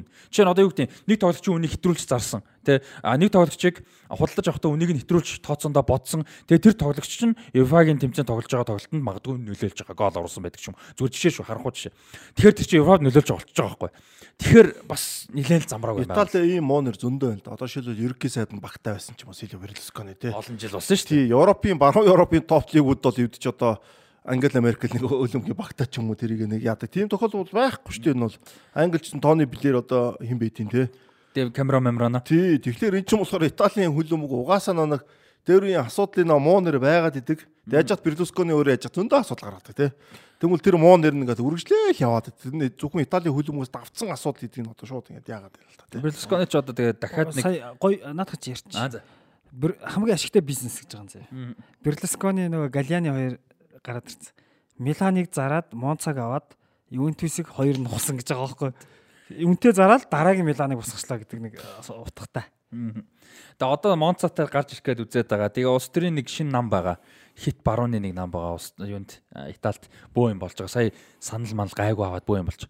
Тэр э, намын э, юу хөрөнгө оруулагчаар ажиллаж байгаа. Бас Берлускон шим тэгэл барагдахгүй л те тийм агуу. Одоо 80 гарцсан шүү дээ, тий? Берлусконы шүү дээ. За Берлусконы ч яг. За Италийн. За тэгээ Салернитанатай тэнцээд ингээ Наполи нэг тойрог ерөөдөө хүлээхэр болж байгаа. Гэтэ түрүү нь бол угаасаа л Яг талбай дээр дөрөв яатчвал илүү гоё явах. Гоё байсан. Тэгээ дөрөвдүгээр сард те. Тий. 5 дугаар сар гарахаас өмнө те. Тэгээ одоо дараагийн тойрогт хэрвээ Лацио одоо Сасуолатай ядж байгаа. Сасуола ч бас том багтайгаа сайн тоглолт. Тэгээд тэрэн дээр Лацио бүрэн хожил авч чадахгүй бол Удинезе Удинезег Наполи очих юм бол Удинезегийн талбай дээр аврагынхаа байрыг тэмдэглэх юм. Яг Боломжтой гэхдээ юу болж юм л та тэнд цом авахгүй л те. Яг Дараагийн тойрогт мэдээж нөө талбай дээр авчин. Гэтэл нэг тийм нөгөө хожих момент нь өөрсдийнхөө талбай дээрээ байвал яалтчгүй Гоё л доо, хамгийн гоё л зүйлтэй. Би ч бодож л байсан. Тэгээд би одоо ингэж бодоод байгаа байхгүй юу яачаас. Зүгээр талбай дээр тэмдэглэн Лацио хожижсэн зөө. Тэгээд Наполи оноо алт дараагийн тойрог талбай дээр байгаа нь Фьорентинат. Тэрэн дээр ингээ хожоод нэг талбай дээр бол гоё. Одоо наад чи бас нөө Сититэй адилхан Италийн лигийн мэрэгэн нь бас юм хэм болоод шидэт болгоч нь Кварацхалаа явсан гээ нэг нь болж магадгүй болчихдог хөөхгүй Наполи дээр адилхан. Тий, ер нь бол тийм байгаа. Залууг нь баг Кварацхал авах юм шүү. 23-оос доош нь. бараг тех байгаа. Корицелич одоо 22 мөртэй шүү дээ. 22 тий. Хин мэрэгэн боч гиснээс Симхэн 21 гоолтой Лавтаро 17 гоолтой. Лавтар 17 таа ханд юм байсан. Лавтаро сүүлд ер нь сайн байгаа. Яг дэлхийн аврал дууснаас хойш ер нь дэлхийн аврал хүртэлж байгаа. Өдөрлийн ихэнд бол сайн байсан төгсөл байхгүйс байхгүй. Төсөл муусан. Яг боломжуудаа гаргаж ирээ өөрөө алдчихсан. Тэгэхээр ч одоо яаж сайн байх. Гэхдээ тэр чинь нэг яг нэг юу яаж байгаа юм л да одоо нэг эсэргүүгийн хамгаалтыг эвдээ задлаад байна. Тэгээ өөр нөө дамжуулт ч юм уу голын боломжууд гаргаж өгөөл гэсэн л да. Яг өөр төр ирсэн юм дээр бол жоохон даруул байсан л авахтараа сүүл тань явж байна да. Одоо ингээд харахаар 21 мэгч мангар өндөр байгаа шүү дээ. Өндөр өндөр, ер нь- л мундаг шүү дээ. Хариг гээ 25 болцсон явждаг ээ. Одоо. Тийм шүү дээ. Одоо 25 таа явж чинь дахиад 5 6 тойрог байна те. Кен бол жишээ нь улирлыг 30 гоолтой дуусгаад хоёрт орохоор шүү дээ. Тэр ч одоо юу Тийм гэсэн үг вэ те. Амар ихгүй 30 таа Премьер лиг тим түүх байт юм болов уу? 30 оруулаад хоёрт орсон байхгүй. бар байхгүй шүү дээ. Яг ген 30 орлоо мэдгүй л гэхдээ оруулбал тэгээ бүрэн боломжтой шүү дээ. Ген бол бас амар шүү хэрвээ тэх юм бол. За тэгээд а Франц лиг руу товчхон орцоо Итали лиг дээр нэмэгцүүл байгаа? Италийн цомд Интер Фьорентино хоёр аврагын төлөө үүсгэр. Өө тийш дээ мартсан ба штэ. Интер Ювентустэй тоглосон. Тэгээд Интер нэг тийг харьцаатай болгож хоёр тоглолтын нийлбэрээр 2-1 үл 3-1 баха. Тэгээ болгож аваад нөгөө талд нөгөө юуг Кремонезе шүү дээ, тий? Кремонезе гараад. Кремнез үлдсэн. Тэгээ Кремонезе Фьорентина хоёр байсан. Фьорентина хожиж гаж. Угаасаа Фьорентина форум сайтай байгаа. хоцсон байсан шүү дээ. Тий. Кремнез ч бараг унж байгаа баг штэ. Гү- Юу лээ? Тий. Тийм Лигээс муу. лигээс нь унж байгаа баг Ер нь хожилгүй нилээн удаан явсан шүү дээ. Тий. Тэгтээ нөгөө нэг цомдоо сайн яваад Цомдог та. айгүй яа. Тэгээ Фьорентина ихний тоглолтын дээр талбайдаа ноччихдаг баг. 2-0 болоор баг шүү. Тэг хоёр тэгэр хэвсэн шүү дээ. Тэгээ хэдүүлээс, 2 тий. дээр очдог. Тийм. Тэгээд Фьорентина юу хоёр? Интер хоёр. Тэгээ ер нь бол Интер а, 2015 6 оноос хойш бол Италийн цомдоо бол ер нь нэлээд сайн байгаа. Нэг өнжөөл төрүүлждэг ийм болцоод байгаа. Тэгээд Фьорентинатай бол тоглохоор болсон ба. Фьорентино ер нь цомын финалд гарч ирэх удсан баг шүү дээ. Тэгсэн баг тэгсэн баг. Ер нь удаж байгаа. бах. Фьорентина сүүлийн хэдэн жил цом гэж бол байхгүй нэлээд удаж байгаа. Одоо А одоо цаадууч конференц лигт байгаа шүү дээ. Жил бас дубль шанс байна бас те. боломж цомын дүүбл гэдэг. Баг дубль хийх шанс байна шүү дээ. тийм шүү. Бас гоё байхгүй тийм. Ливерпулийн нэг 2001 оны юу. Тэгээ баахан жижиг цомуудын Трипл хийдэг шүү дээ. Жил. трипл хийдэг тий. FA Cup, non Carling Cup, Тэгээд. UEFA Cup. UEFA Cup төрүүлчихдэг. Алавесиг 5 4 өрчлөө Тэр ажилладаг. чинь амар тоглолт болсон. Үзээгүй тэр тоглолт чинь уншижсэн таван зэрэг гэдэг шиг. Хамгийн гол нь шүгэн дөрөвт Барсаг очт. Ливерпул ч угаасаа л Барсаг. Тий, Барса тий, тий, тий. Алавес яаж яат нөө Барсагийн домог Крофинко Хорди Кроф тоглолдог гэсэн шүү дээ. Жорди. Жорд. Тий. Йорди Кроф. Фу. Жорди баха тий. Нөгөө баскет чи Йорди. Тий. Тэгээд Жорди. Испанууд нь Жорди юу болно. шүү дээ. Нидерланд хүн дээ. Гэхдээ Каталан Жорд нэр- Жорд гэдэг нь каталонэр байхгүй. Тэгээ нөгөө Каталон төрж өссөн нөгөө Барселонда Жорди, чин тийм. Кройф ч өөрөө. Испанчуудтай Оросууд нь Хорди гэж чинь дээ Тэр. Жордан гэдэг чинь ч каталонэр шүү дээ гэдэг байхгүй. За тэгээд Францын цом байгаа шүү дээ. Код Франс. За Код Франс тэмцээнд юу Нант өнгөрсөн жилийн аваргууд Нант Төлөөстэй гараад ирсэн байсан. За тэгээд Төлөөс Нантыг бол бүр бодоо болгосон байлээ. 5-1 ярцаатай буулгаж авсан. За тэгээд Төлөөс гэдэг а за байгуулагдсан он нь шүү дээ. А 1970 онд яг Францын клубуд ер нь болж байгаа шинэ байдаг. А 70 онд байгуулагдсан Төлөөс клубын 60 гаруй жилийн түүхэнд анхны том цом нь болж байгаа. Энэ бол өмнө нь бол авсан цомууд нь ердөөсө 2 дугаар лигийн цомууд байсан. Тийм шүү дээ. А 82 онд 2003 онд 2022 онд бол 2 дугаар лигээс дөрөвжл гарч ирж байсан. Яг цом авдаг л та. Гэтэ том цом аваагүй байсан. Тэгээд түүхэндээ хамгийн том цом болж байгаа. Тэгээд Төлөөс Төлөөс хотод бол одоо бөөм баяр болж Төлөөс байгаа. одоо нэг жижиг гот биш те. Өл өмгийн соёл тийм уул байсан юм багт. Урд нь байгаагүй. Гэхдээ наа чи ийм байд юм. Ер нь бол одоо Францын клубүүд сүүл байгуулагдсан байна шүү дээ. Наа чин юу юм бэлээ. Францчууд ер нь хөл яг FIFA ч гэдэг юм уу, UEFA олон улсын олимпийн орооч гэдэг юм уу. Франц хүмүүс байдаг те. Дандаа байгуулсан хүмүүс Тийм, байдаг байгуулсан санаачсан. Гэхдээ Францчууд яг ийм бэлээ. 20 дугаар зууны их үеэр Европын одоо за их Британчууд ойлгомжтой нөгөө нэг Бэлэг юу Даан маань энэ чинь хүлэмбүггээ сонирхоо явж байхад Франц сонирхоогүй. Франц чинь дугуйн спорт бүр өгч чаддаг байсан юм бэл. Тэгэд тэр 20 дугаар зууны ер нь уралдааны төрлүүд шүү дээ. Тийм. Лиманы уралдаан тэр гэдэг те. Тэгээ 20 дугаар зууны их үед нөгөө улсууд нь 1900 хэдэн мэдээ онд холбоо байгуулахад Францын хүлэмбэг холбоо чинь бас нэлээд сүүл байгуулагдсан шүү дээ. Саяхан 100 жил 2018 он 100 жилийн байгаа тэмдэгсэн. Мгм. 100 жилийн байгаагаар нь шгшөөг төрүүллээгээд 10 хэдэн жилийн Ер нь амжилт нь бол тэр 80-д оноос эхэлж байгаа шүү дээ Франц ч те. Тэгээд ер нь Франц анханасаа нөгөө гараанаас бол оройтоо гарцсан байхгүй. Ер нь бол. Тэгээд лиг нь ч гэсэн сүүлд Тийм. ихсэн. Одоо Франц чин дээр дугуйн уралдаан 24 цагийн нэг юу уралдаан байгаа шүү дээ. Зосгүй уралдаг уралдаан. 72 цаг лөө. Олж ивдэг үлээ. Олон өдрийн Лиман биш лээ. Леман биш ээ, нөгөө нэг үү? яриад байгаа шүү дээ тий. Үгүй үгүй. гүйлтэй. Машины машины уралдаан шүү дээ. Аа, тэр чинь бол машиных Леман баг. Тий, Лиман. Тэгээд нэг Парис Дакар байна те. Тий, Парис Дакар. Парис Дакар байна. Францууд бол ерөөдөө юун дээр юу нь л та уралдааны төрөл дээр супер л те. За тэгээд э, ямар ч байсан Төлөөс бол төрүүлсэн байна бас гоё жижиг хот жижиг хот ч байхдаа одоо жижиг баг тийм тий, жижиг түүх түүх баг. Гэтэ өмнө нь Төлөөс хотын баг бол төрүүлсэн финалд гасан байд юм байлээ. Гэтэ тэр нь өөр баг юм байл шүү. Адилхан Төлөөс гэдэг нэртэй явдаг. А гэтэ тэр баг оршин тогтнохоо болцсон. А энэ нь шинээр үүсгэн байгуулагдсан. Ань тэгэхээр би энэ төдөөцөг гайхаад байхгүй. Тим жижиг код биш байхгүй. Францын 10 том хотын нэг байхгүй. том хотын жижиг баг юм байна л да. Тий. Тий. Яг бүр амар том биш нөө. Франц чинь бол Парис, Марселос бусд нь бол нэг амар том биш мөртлөө тэд чинь нэг Европ ч амар зэмгүй шүү дээ тийм. Жигтэй, жигтэй. Тэгээ жиг дахгүй. Нөө манайх шиг нөө метрополитан нэг байдаг боловч бусдууд нь хөгжил нь айгүй сайн учраас юу байдаг. Хүн ам нэг баг биш мөртлөө айгүй тийм гоё тото байгаад байдаг. Одоо Марсел юу хоёрыг хасгал ард нь зөндөө байдаг байхгүй. Тулуус, Бордо, Лион, Ницца, Брест, Дюнкерк одоо юу гэдэг юм ингээл нэрлэхүүл зөндөө гарч иж байгаа байхгүй. Монако. Монако за яг хоо тий. За одоо Францын лигт бас Яг Франц биш ч гэсэн тий. Тусдаа тий.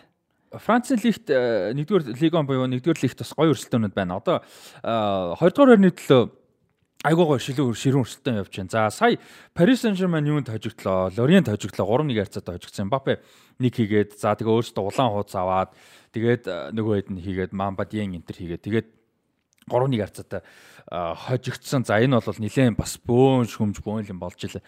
А тэгээ энэ дэр нэмээд бас нэг сонирхолтой юм болохоор одоо өнгөрсөн тойрогт Ланс а юу яасан? Монако 3-1 харьцаатай хожсон. Ланс ер нь их сайн явж байгаа шүү дээ.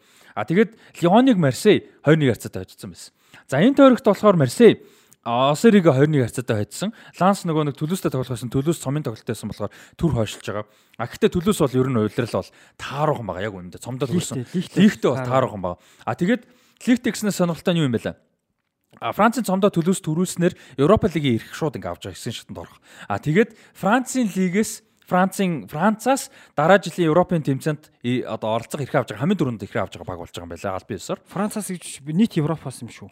За тийм бараг л тийм баг шүү. Ер нь бараг л тийм баг. Нийт Европоос энэ Арсенал дээр ч авцсан шүү дээ. Уу яг нөгөө аль биесээр нөгөө эцэслэгдээгүй гэдэг утгаар байхгүй. Яг шууд нэр нь зоогдож байгаа гэдэг утгаар. дөрөвт ороход бат болцсон уу те? Ба- Бат шүү дээ. Тийм, Арсенал Сити дээр бат шүү дээ. Наполи дээр авцсан. Тийм тэгээд э, юу болвол яаж байгаа юм бэ лээ? А, Төлөөс бол Францаас ямар ч байсан а, юу авч байгаа. аврагаал хангааг болохоос ер нь дөрөв бол Тийм, дөрөв зарлж марлахгүй байна те. Тэр чинь гэхдээ нөгөө нэг хуваар нь бас эцэлэгдэжээ заавал. Парис Сен-Жермен ч яг За за авцсан л эрхээ яг Тийм харин тэ ор шүү. нэр нь нэр нь яг тийм ээ. Парис Сен-Жермен бол бас яг оноогоо үзэх юм бол бас яг ойлгомжтой л да. ойлгомжтой болж онлын үл. Тэгэхээр юм дуусаагүй юм байна те. Тийм тийм тийм. Алби ёсоор. Арсенал Ситиэр бол албан ёсоор аврагууд хэлээд орж байгаа шүү. Тийм Наполи Интер тийм баг. Барсаа ч авцсан байгаа шүү дээ. Яг үндэ бол те. А яг гол нь Францаас гэж байгаа байхгүй. Нэрээ оруулж ингэж. Парисаас өмнө те. Тийм. Тахгүй. Тийм харин харин тийм. За Парис ч бас авраг хангаагүй шүү дээ 5 онооны дутуу тийм нэтэр. Өчтөр ожигдсон яж байгаа. Тийм хожигдсон. За энэ дээр нэмээд би сайн нөгөө нэг юу гэрсэн. За Монако ч ингээ Монпеле 4 дээрээ хожигдчихж байгаа. Санитар. За тэнгууд яаж юм нэхэр дараа тойлогт тойрогт Ланс талбай дээр юуг Марсей юу хүлээж аваа. Энэ ч амар том тоглолт болно. А юу Ланс Юнас Марсеяс 4 онооны ярд гэхдээ нэг тоглолттой явж байгаа. Тэгээд дотоод тоглолт нь саяны төлөөстэй. Хэрэв тэрнээс оноогоо бүрэн авч чадсан бол 1 онооны ярд. Тэгээ хожчих юм бол дээр Тэгээ хожчих юм бол хоёрлоо орж ирэх юм бүрэн боломжтой. Ер нь хоёрд бас явж исэн Тэгээ ланс бол тийм ер нь хоёрт яваадсан. Тэгээ сая нэг юунд хожигдсан Парис Сен-Жермен хожигдсан. Тэгээд ер нь бол доош орсон байсан. Тэгээ одоо бол Марсей энэ хоёрын хооронд өрсөлдөөн айгүй сайн явж байгаа. Тэгээд Францад юуг бол Ланс бол айгүй их нөгөө хүмүүсийн анхааралтж байгаа, гой тоглолт үзүүлж байгаа. Тэгээд нөгөө Union Berlin гэдэг шиг Лансыг бол энэ жил айгүй их ярьж үзэж анхаарал бол хандуулж байгаа юм байлээ шүү. Юунд бол Франц Ланс гэж баг 2001-ээс 2 оны улиралд Францын лигт маш сайн тоглоод За Лион төрүүлт юм аа. Лионы дараа ордог баг. Тэгээд аврагуудын лигт орч амар зоонд ордон шүү дээ. Аврагуудын лиг 32 баг эхний шатанд орж явахд шүү дээ. Испани Депортиво, Германы Байерн, Италийн Милан, Францын Ланс гэсэн Европын топ 5 лигийн дөрвөн лигийнх нь амар баг орж ирж ирсэн нэг хэсэгт. Яа ямар амар санд юм бэ? Үхлийн хэсэг орж ирж ирсэн. Тухайн юу манай нанжид бол тэр тал дээр амар штаг бас. Тухайн Депортиво ч амар байсан шүү. Одоо нь ер нь Атлетико Мадрид л байхгүй да одоо зур Испаноос нь жишээлбэл те. Тоглолтын арга барил нь өөрчлөсөн. Тийм тийм ер нь тэгж харьцуулж болох те. Депортиво ч амар. Байерн Ланс хоёр мултарсан да. Тэгэд. За тэгээд Ланс бол их мундаг байгаа юм байлээ шүү. Тэгээд бас юу байгаараа а хэрвээ үзэх сонирхох боломж байдаг. Нэр Нант гэснээс манай сонсогч тунд Нант хотод амьдардаг хүн байд юм байлээ. Тэгээд Франц зөндөө байгаа. Тийм тэгээ яг Нантад бүр амьдардаг хүн байд юм л. Тэгээ нөгөө нэг Нант өнгөрсөн жил төрүүлсэн цомд. Тэгээ Нантын талаар ярьсан ч өстой гоё байна гэж тэгчихсэн.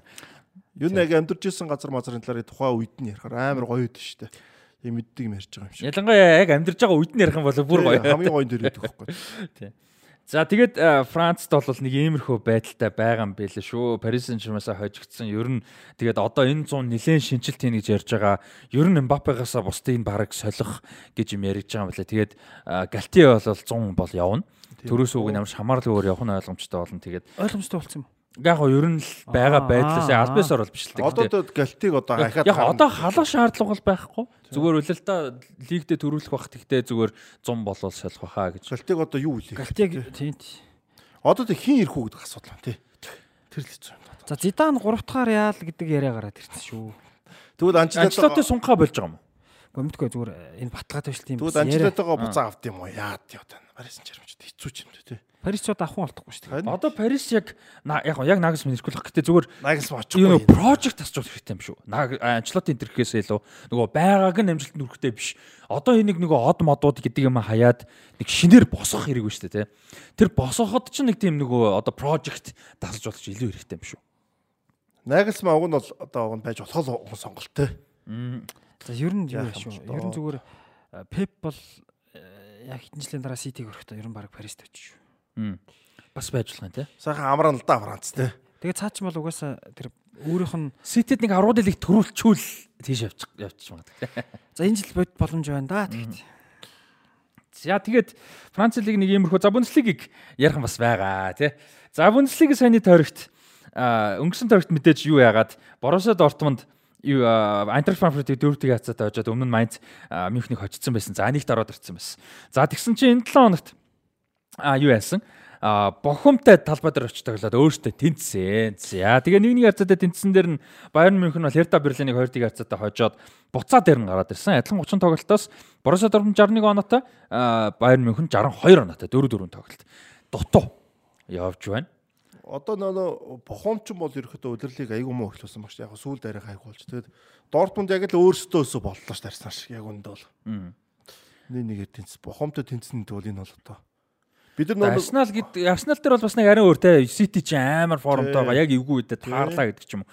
Тэгэхэд бохом дээрээс бол оноо. Яг хуу ийм юм ярьж л байлаа л те. Шүүгч нэг за бүр хоёрч зарим нь хоёрч гэдэлээ пенальт өгөөгөө гэдэг юм яригдчихл байлаа л те.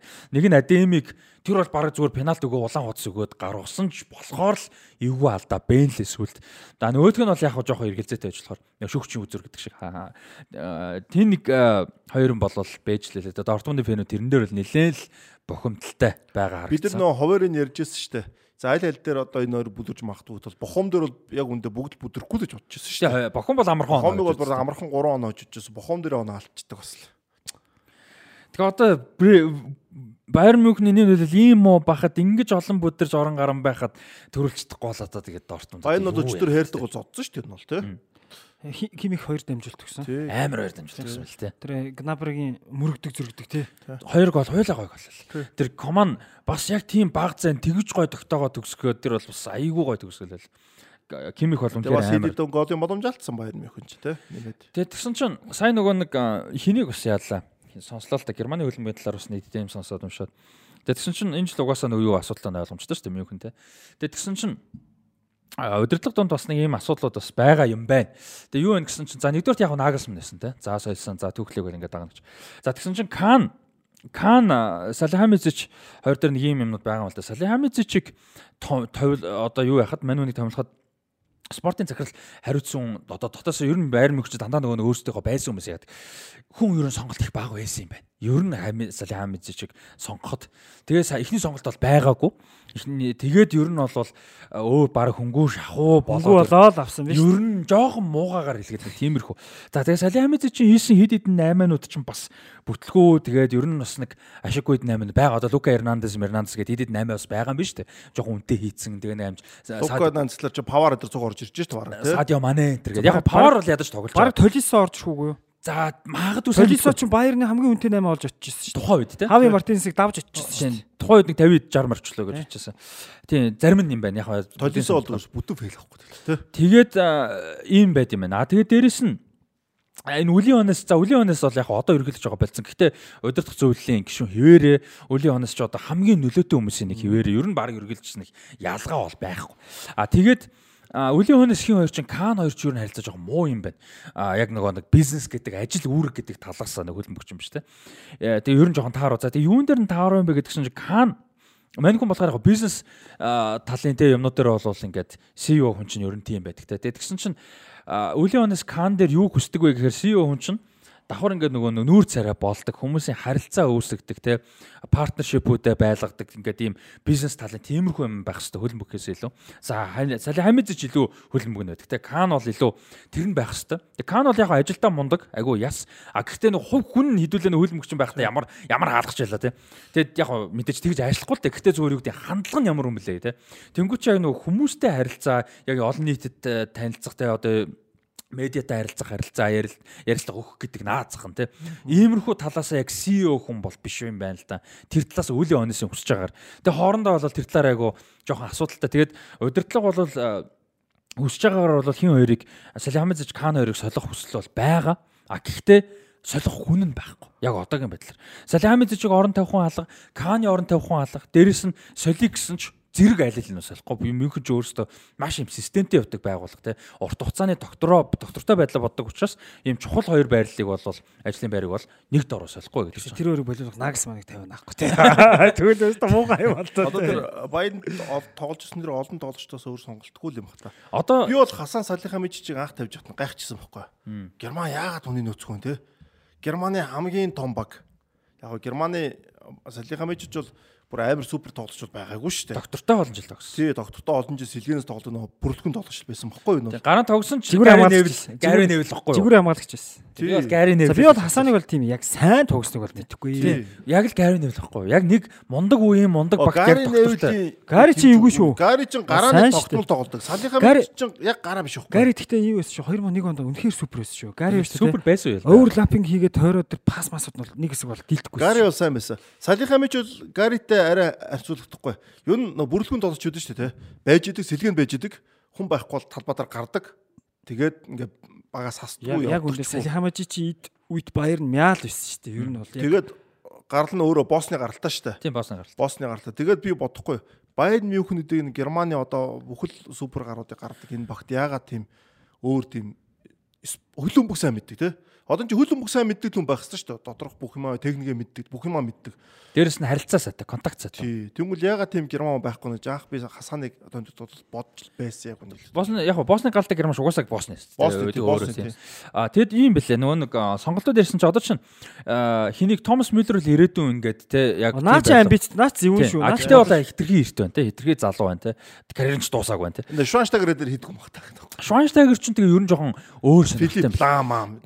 Швайнштайгер ихнэр чинь мундаг теннис Иванович шүү дээ. Ана Иванович тэгээд амар тэнс. тэр хоёр чинь ер нь өөр өөртөө жоохон медиа зэд Америкт ч амьдарч байгаа. карьер марьер юм жоохон орчин үеийн өөр юм байлээ чиглэл нь сонирхол нь А тэгээд хамгийн боломжтой үнийг бол Филип Лам гэж үзэж байгаа. За гэсэн чинь Филип Лам чинь би мэдээгүйсэн таар мэдчихсэн үгүй. 2024 оны Германы евро шүү дээ. Еврогийн одоо үгүй бүр захирлаар нь ажиллаж байгаа юм. Хорооны зохион байгуулах хорооны дарга ерөөсөө гол зохион байгуулагчаар нь Лам ажиллаж байгаа юм. Тэгэхээр тэр дуустал бол Лам боломж байхгүй. А дараа нь бол ер нь байх боломжтой. Ийм юм байна. лаан болгой сонголт уу. Наа чи үнэхээр хүндж гоё харагдсан тий. Канц нэг хүнд эвгүй харагдаад байгаа шүү дээ. Хүнийг канта гэрээ байг. гэснээр айгаад байгаа шүү дээ. Яаж чад хочин Чингис хаан гэдэг шүү дээ. Манай Чингис хаан ч баруунд очиж яаж илаа те.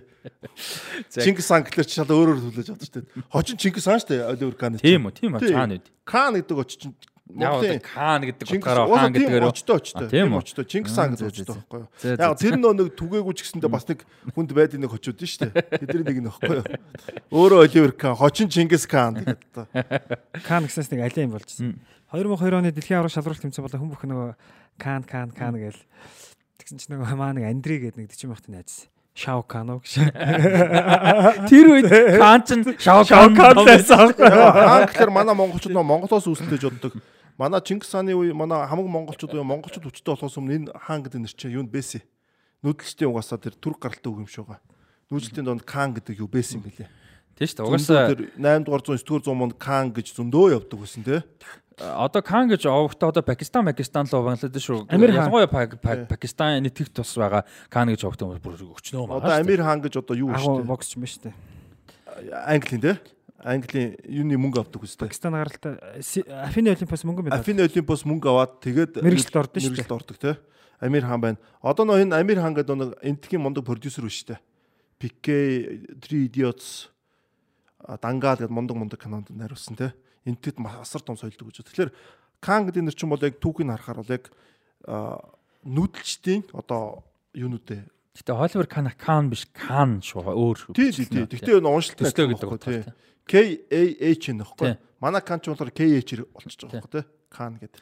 За тэгээд Бундслига буцаагаар дуусгахад сүүлийн 2 тойрогт 2 3 тойрогт Бохум Бохум гинэ солирч чинь Юнион Берлин их сайн байгаа. Борошог Мөнхен Гладбахыг өнгөрсөн тойрогт нэг тийм харьцаатай очсон. Сая энэ тойрогт маш мундаг формтойгоо Баер Ливеркузентэй тэг тэгэр тэнцсэн.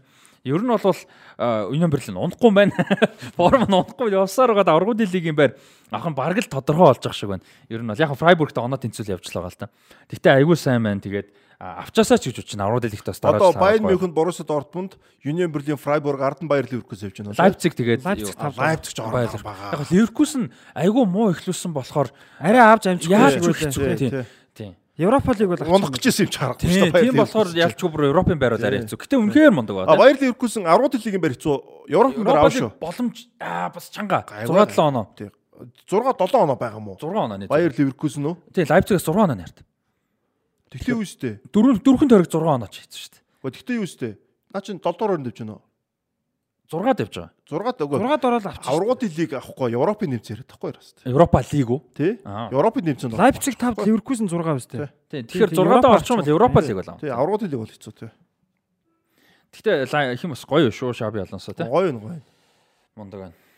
За Германы лиг дээр нэмэгцүүл байгаа. Ер нь одоо Дортмунд Мюнхен хоёрын юу яг гэж бодож. Одоо Мюнхен ингээд ясараа төрүүлчих юм бол үсэл дахиад ингээд солих На болоо. Тэгээд бохомыг очихгүй тэгэхээр нөгөө хэдийг дээр бас хэцүү юм. За юм болоогүй заяа. Дээр би раст хэлжсэн. Наа чи юм юм болно гэж би хэлсэн. тий, тий. Юм юм болно заяа. Яг баян ийм байгаа юм чи юм юм болж магадгүй. Тийм орон гараад Сүйд зүгээр ер нь зүгээр Лайпциг Баерныг нухаж өгөө Дортмундад гавьяа байгуулчих магадгүй шүү. За би зүг харсан. Юу юм шүү? Европын тэнцэн бол байгаа. Гэхдээ ийм байна. Эхний дөрвөн баг одоо Байерн Мюнхен яг одоогийн байдлаар Байерн Мюнхен, Дортмунд, Union Berlin, Freiburg байгаа шүү дээ. Эхний дөрөв. Дөрвөлээ аврагын лигийн хэсгийн шат авна. Тавд Лайпциг агаад Лайпциг Европа лигийн хэсгийн шатны юу авна? Их авна. А тэгээд 6-д орсон баг нь дараа жилийн Европа Конференц лигийн плей-офф раундынх нь эрхийг авах юм биш үү? Аа наа чи тэгвэл Герман юу юм бэ шүү? Бид нар андуураад байна. Нөгөө Англи, Испани юу ерөөс арай бага байна. тийм, тийм, тийм, бага юм биш үү, тийм. Тэд нар чинь 6 7 шууд Европа лиг ирэх аваад 5 6 нь Европ тэгээд 7 7 нь конференц байсан бол тийм байна, тийм байна, тийм. Тэгээд чинь конференцтэй хэсэгтээ орд юм бүр. Энэ болохоор плей-офф раунд руу норж байгаа. Ямар ч Европын дэвзээ бол байгаа л юм байна те. Тийм. А тэгтээ Wolfsburg Mainz-та оноо ойр. Гэтэл Ливеркузен өөртөө Европа лигийн хагас шиг. Wolfsburg бол гүцэхгүй. Wolfsburg бол гүцэхгүй. На Mainz ч хэрвээ явал Mainz ч араас нь орж иж магадгүй. Тийм Mainz л юу. Mainz бол магадгүй. Wolfsburg бол гүцэхгүй. Тэгээд юу байгаа? А өөрөөсөө аврал лигт жорох боломж байгаа шүү дээ Европа лиг дөрүүлэх юм бол тий. Яг хэцүү. Гэхдээ боломж бол мэдээж байгаа тий. За ингээд э, лигүүдийн ихний тоглолтуудаа өндөрлөе гэж бодож байна. Аврагын лигийн тоглолт бол дараа 7 хоногт байгаа. Тэгэхээр аврагын лигийн тоглолт дээр превью бол өнөөдөр ярихгүй. Тэгээд өнөөдрийн дугаарын ихний хэсэг өндөрлж байна. За 20 дугаар хэсгээр юу ярих вэ гэдгийг бол яг текст хэсгээр харсан бах хэдүүлээ ерөөдөө хөлбөмбөгийн орчин хөлбөмбөгийн бас нэг тактик байрлалуудын өөрчлөлт шилжилтүүд тэр талаараа дахиад нэг ус ярилцъя. Нилээд хэдэн дугаар өмнө нэг орчин үеийн тактикийн өөрчлөлтийг ярьж исэн. Одоо бас нэг ярих бас сонирхолтой сэдвүүд гарч ирсэн байна. Тэгэхээр тэрний талаар ярилцгаая. Тэгээд ерөнхий ивент тэтгэгч MS хамт олондоо баярлалаа. Ивент тэтгэгч Wave Sport Lounge хамт олондоо баярлалаа. Та бүхэн а 2 дугаар хэсгийг хүлээж агаад үзээрэй бид хэдий халт завсарлаа цаг хугацаа өнгөрөвч үн цэн үлдэн.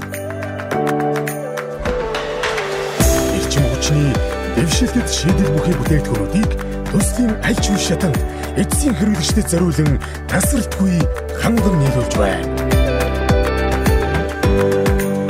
Мэргэжлийн ур чадвар салбарын туршлага мэдлэгтэй тулгуурлан оновчтой шийдлийг харилцагч бүртээ санал болгон байнгын эргэх холбоотой ажиллаж урт хугацааны үнцнийг хамтдаа бүтээдэг. Бид улс орныхон хөгжлийн суурь болсон дэм байгуулалтын салбар бүрт дэвшилтэй технологи болон чанарын илэрхийлэл болсон бүтээгдэхүүний шийдлийг эргүүлж харилцагч бүрийнхээ мэдрэлийн дан ажилдгаараа бахархдаг. Эрчим хүчний бараа бүтээгдэхүүн хангамж нэгтгэгч MMS За Шогоморито шоу подкастын 44 дахь дугаарын мартах шээ. 44 дахь дугаарын 20 дугаар хэсэг эхэлж байна. А та бүхэн биднийг дэмжих хүсвэл Хас банкны 500 556 500 556 29 78 гэсэн дансаар бол юу гэж вэ? 500. За. Тэгээд 556. За. Тэгээд 29 78. Аа за окей. Тий, арай хурд хэлчихлээ. Тэгээ Хас банкны энэ дансаар бол дэмжих боломжтой байгаа шүү. За. Аа за өнөөдрийн 2 дугаар хэсгээр бол юу ярих гэсэн тактик тоглогчдын хэв маяг өөрчлөлт. За хойноос эхлэе гэж бодож байна л да. За би бас нэг юм өнгөцөг оруулах гэж бодсон. Бас Монгол хэллийг хэлэн дээр бас нэг хөрвүүлэх мөрвүүлэх юм ярина бодохгүй. За хойноос нь эхлэе. За хаалгач гэдэг гэж байна. Сая Манчестер Юнайтед нөө Harry Maguire алдаргад хэдүүлэр товчхон ирсэн. Аа тэгэхээр бас ингэж ярьсан те. Тэг өнгөт орчин үеийн хаалгач гэх тэгэхээр зүгээр багасаа хамаарад цэвэр shot stopper буюу одоо классик хаалгач байдаг. А нэг бол бүх төрлийн давуу талтай байх хэвээр уу? Эсвэл одоо ийм хоёр янз байх хэвээр уу? Эсвэл ерөөсөө л орчин үеийн хаалгач бол айл айл нь чаддаг байх хэвээр юм уу? Юу гэж бодож чинь. Зүгээр л өөртөө сэтгэл. Одоо чинь тэгэхээр хэнийг орлуулах уу гэдэг одоо санаанууд явж байгаа байхгүй. Тэсэн чинь Squawka-гаас жишээ нэг дата аналитикаас чинь гурван төрлийн тоглож гарч ирсэн байгаа. Нэг Mike Mania тэ хамгийн одоо төгс тоглолт бол Mike Mania. За арай одоо юу гэдэг потенциалыг бодоод а гэхдээ эргэлзээтэй рисктэй сонголтол ариола гэж байгаа байхгүй. Эргэлзээтэй. Яагаад гэвэл доктортой олонч тоглохгүй юу гэдэг. А гэхдээ авьяастай тэ. Тэгээд нөгөөтг нь болохоор Оо яана хин байлаа. Залуухан алгач байлаа. Э, сайн мэдгүй. Тэрийг болгоол ингээ бас нэг ирээдүйдээ илүү Дихягийн шийдвэл тийм. Тэгэхээр зүгээр жишээгээр хэрвээ орлуулах шаардлагатай бол гэж үзсэн байгаа байхгүй. Тэгэхээр одоо топ класс баг гэхээр бүгд тийм байх шаардлагатай болж гинөө. Эсвэл магадгүй баг нь тэгж тоглолдог бол болохгүй болох юм уу? Ер нь зүгээр юу гэж орчин хаалгач. Ер нь бол одоо ингээд байна л да. Спорт өөрөө хөгжигдсөн хүнээс айгүй олон тийм универсал юмнууд их шаардж байна л да. Одоо зүгээр хөл өмгөлтөө сагсан өмгч тийм болцсон. Заавал түнд болгоч байх албагүй тий. Заавал холбогч байх албагүй тийм үндсэн байрлалаас илүү бүгдээрээ ингэ чаддаг юмтай болж байна. А хөл өмгөдөр хаалгач гэдэг бол хамгийн юу байрлал штэ. Нэг юм хэдгэл байрлал штэ. Юу н бусдыгаа бодвол зөвхөн хаалган дээрээ сайн байдаг. Тэнгүүл одоо орчин үеийн хөл өмг ерөөхдөө бөмбөг барихад одоо бүх тоглолчийн үүргээр чухал араасаа эхлэх те. Тэр чухал болсон учраас хаалгачийн хувьд хөлөөрөө тоглолтод бол маш чухал. Ялангуяа одоо хөвтөлтөг том багуудын хувьд бол энэ бол асар одоо чухал юм болчиход байна л та. Тэгэхээр орчин үеийн хаалгач бол угаасаа хүссэн үсэг юм болохоос үнэхээр дэлхийн өндөр түвшинд хайг үл юм болохоосоор аргагүй.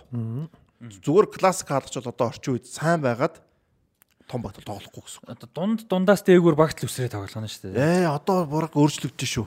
Одоос дээгүүр жураг хэцүү. Тий одоос Брайтны Санчесыг харал та. Өдөр сайн тоглодог хаалгач. Тийм учраас Брайтонд айгүй зогтч чинь Брайтон энэ алгачтай одоо тоглож байна те. Шигшээдээ ч дуудаг чинь те. Тий, Спанишэд ягаад ихэ тоглохгүй байгаа. Хөлөөрөө сайн тоглолт өөр хаалгач нар байна шүү дээ. Бас энэ их гоё өнцөг шүү. Их зөв өнцөг. Кепа Ресабалаг байна. Ягаад Кепад их хоёр дуудахгүй байгаа шилэл те. Тоглолтынхоо онцлог нь өөр. Ягаад Унай Симоныг дуудаад байгаа. Юу яг хөлөм хөлөмгийн статистик үзэх юм бол ер нь зүгээр хамгийн их бөмбөг төрдөг байрлал юм бэхэр төвийн хамгаалагч нар байгаа. Хойно их бөмбөг эзэмшдэг те. Урагшлах тусам бөмбөг төрөх нь багасж байгаа. Хаалгач бол бас их байхгүй. Төвийн хамгаалагчтай ойрхон. За тэр хаалгачаас Расти сая хойноосоо гэд тэр хүн бөмбөг барьж чадахгүй байх юм бол тэр баг нийл айц хүүцтэй байна. Тэр баг ерөөсө тоглолтын арга барил нь шийдэгдэж байгаа байхгүй. Тэгэхээр ерөөсө орчин хөлбөмбөгт хаалгач гэдэг бол маш чухал. Одоо ингэж шүү. Том багууд бүгд прессинг гин.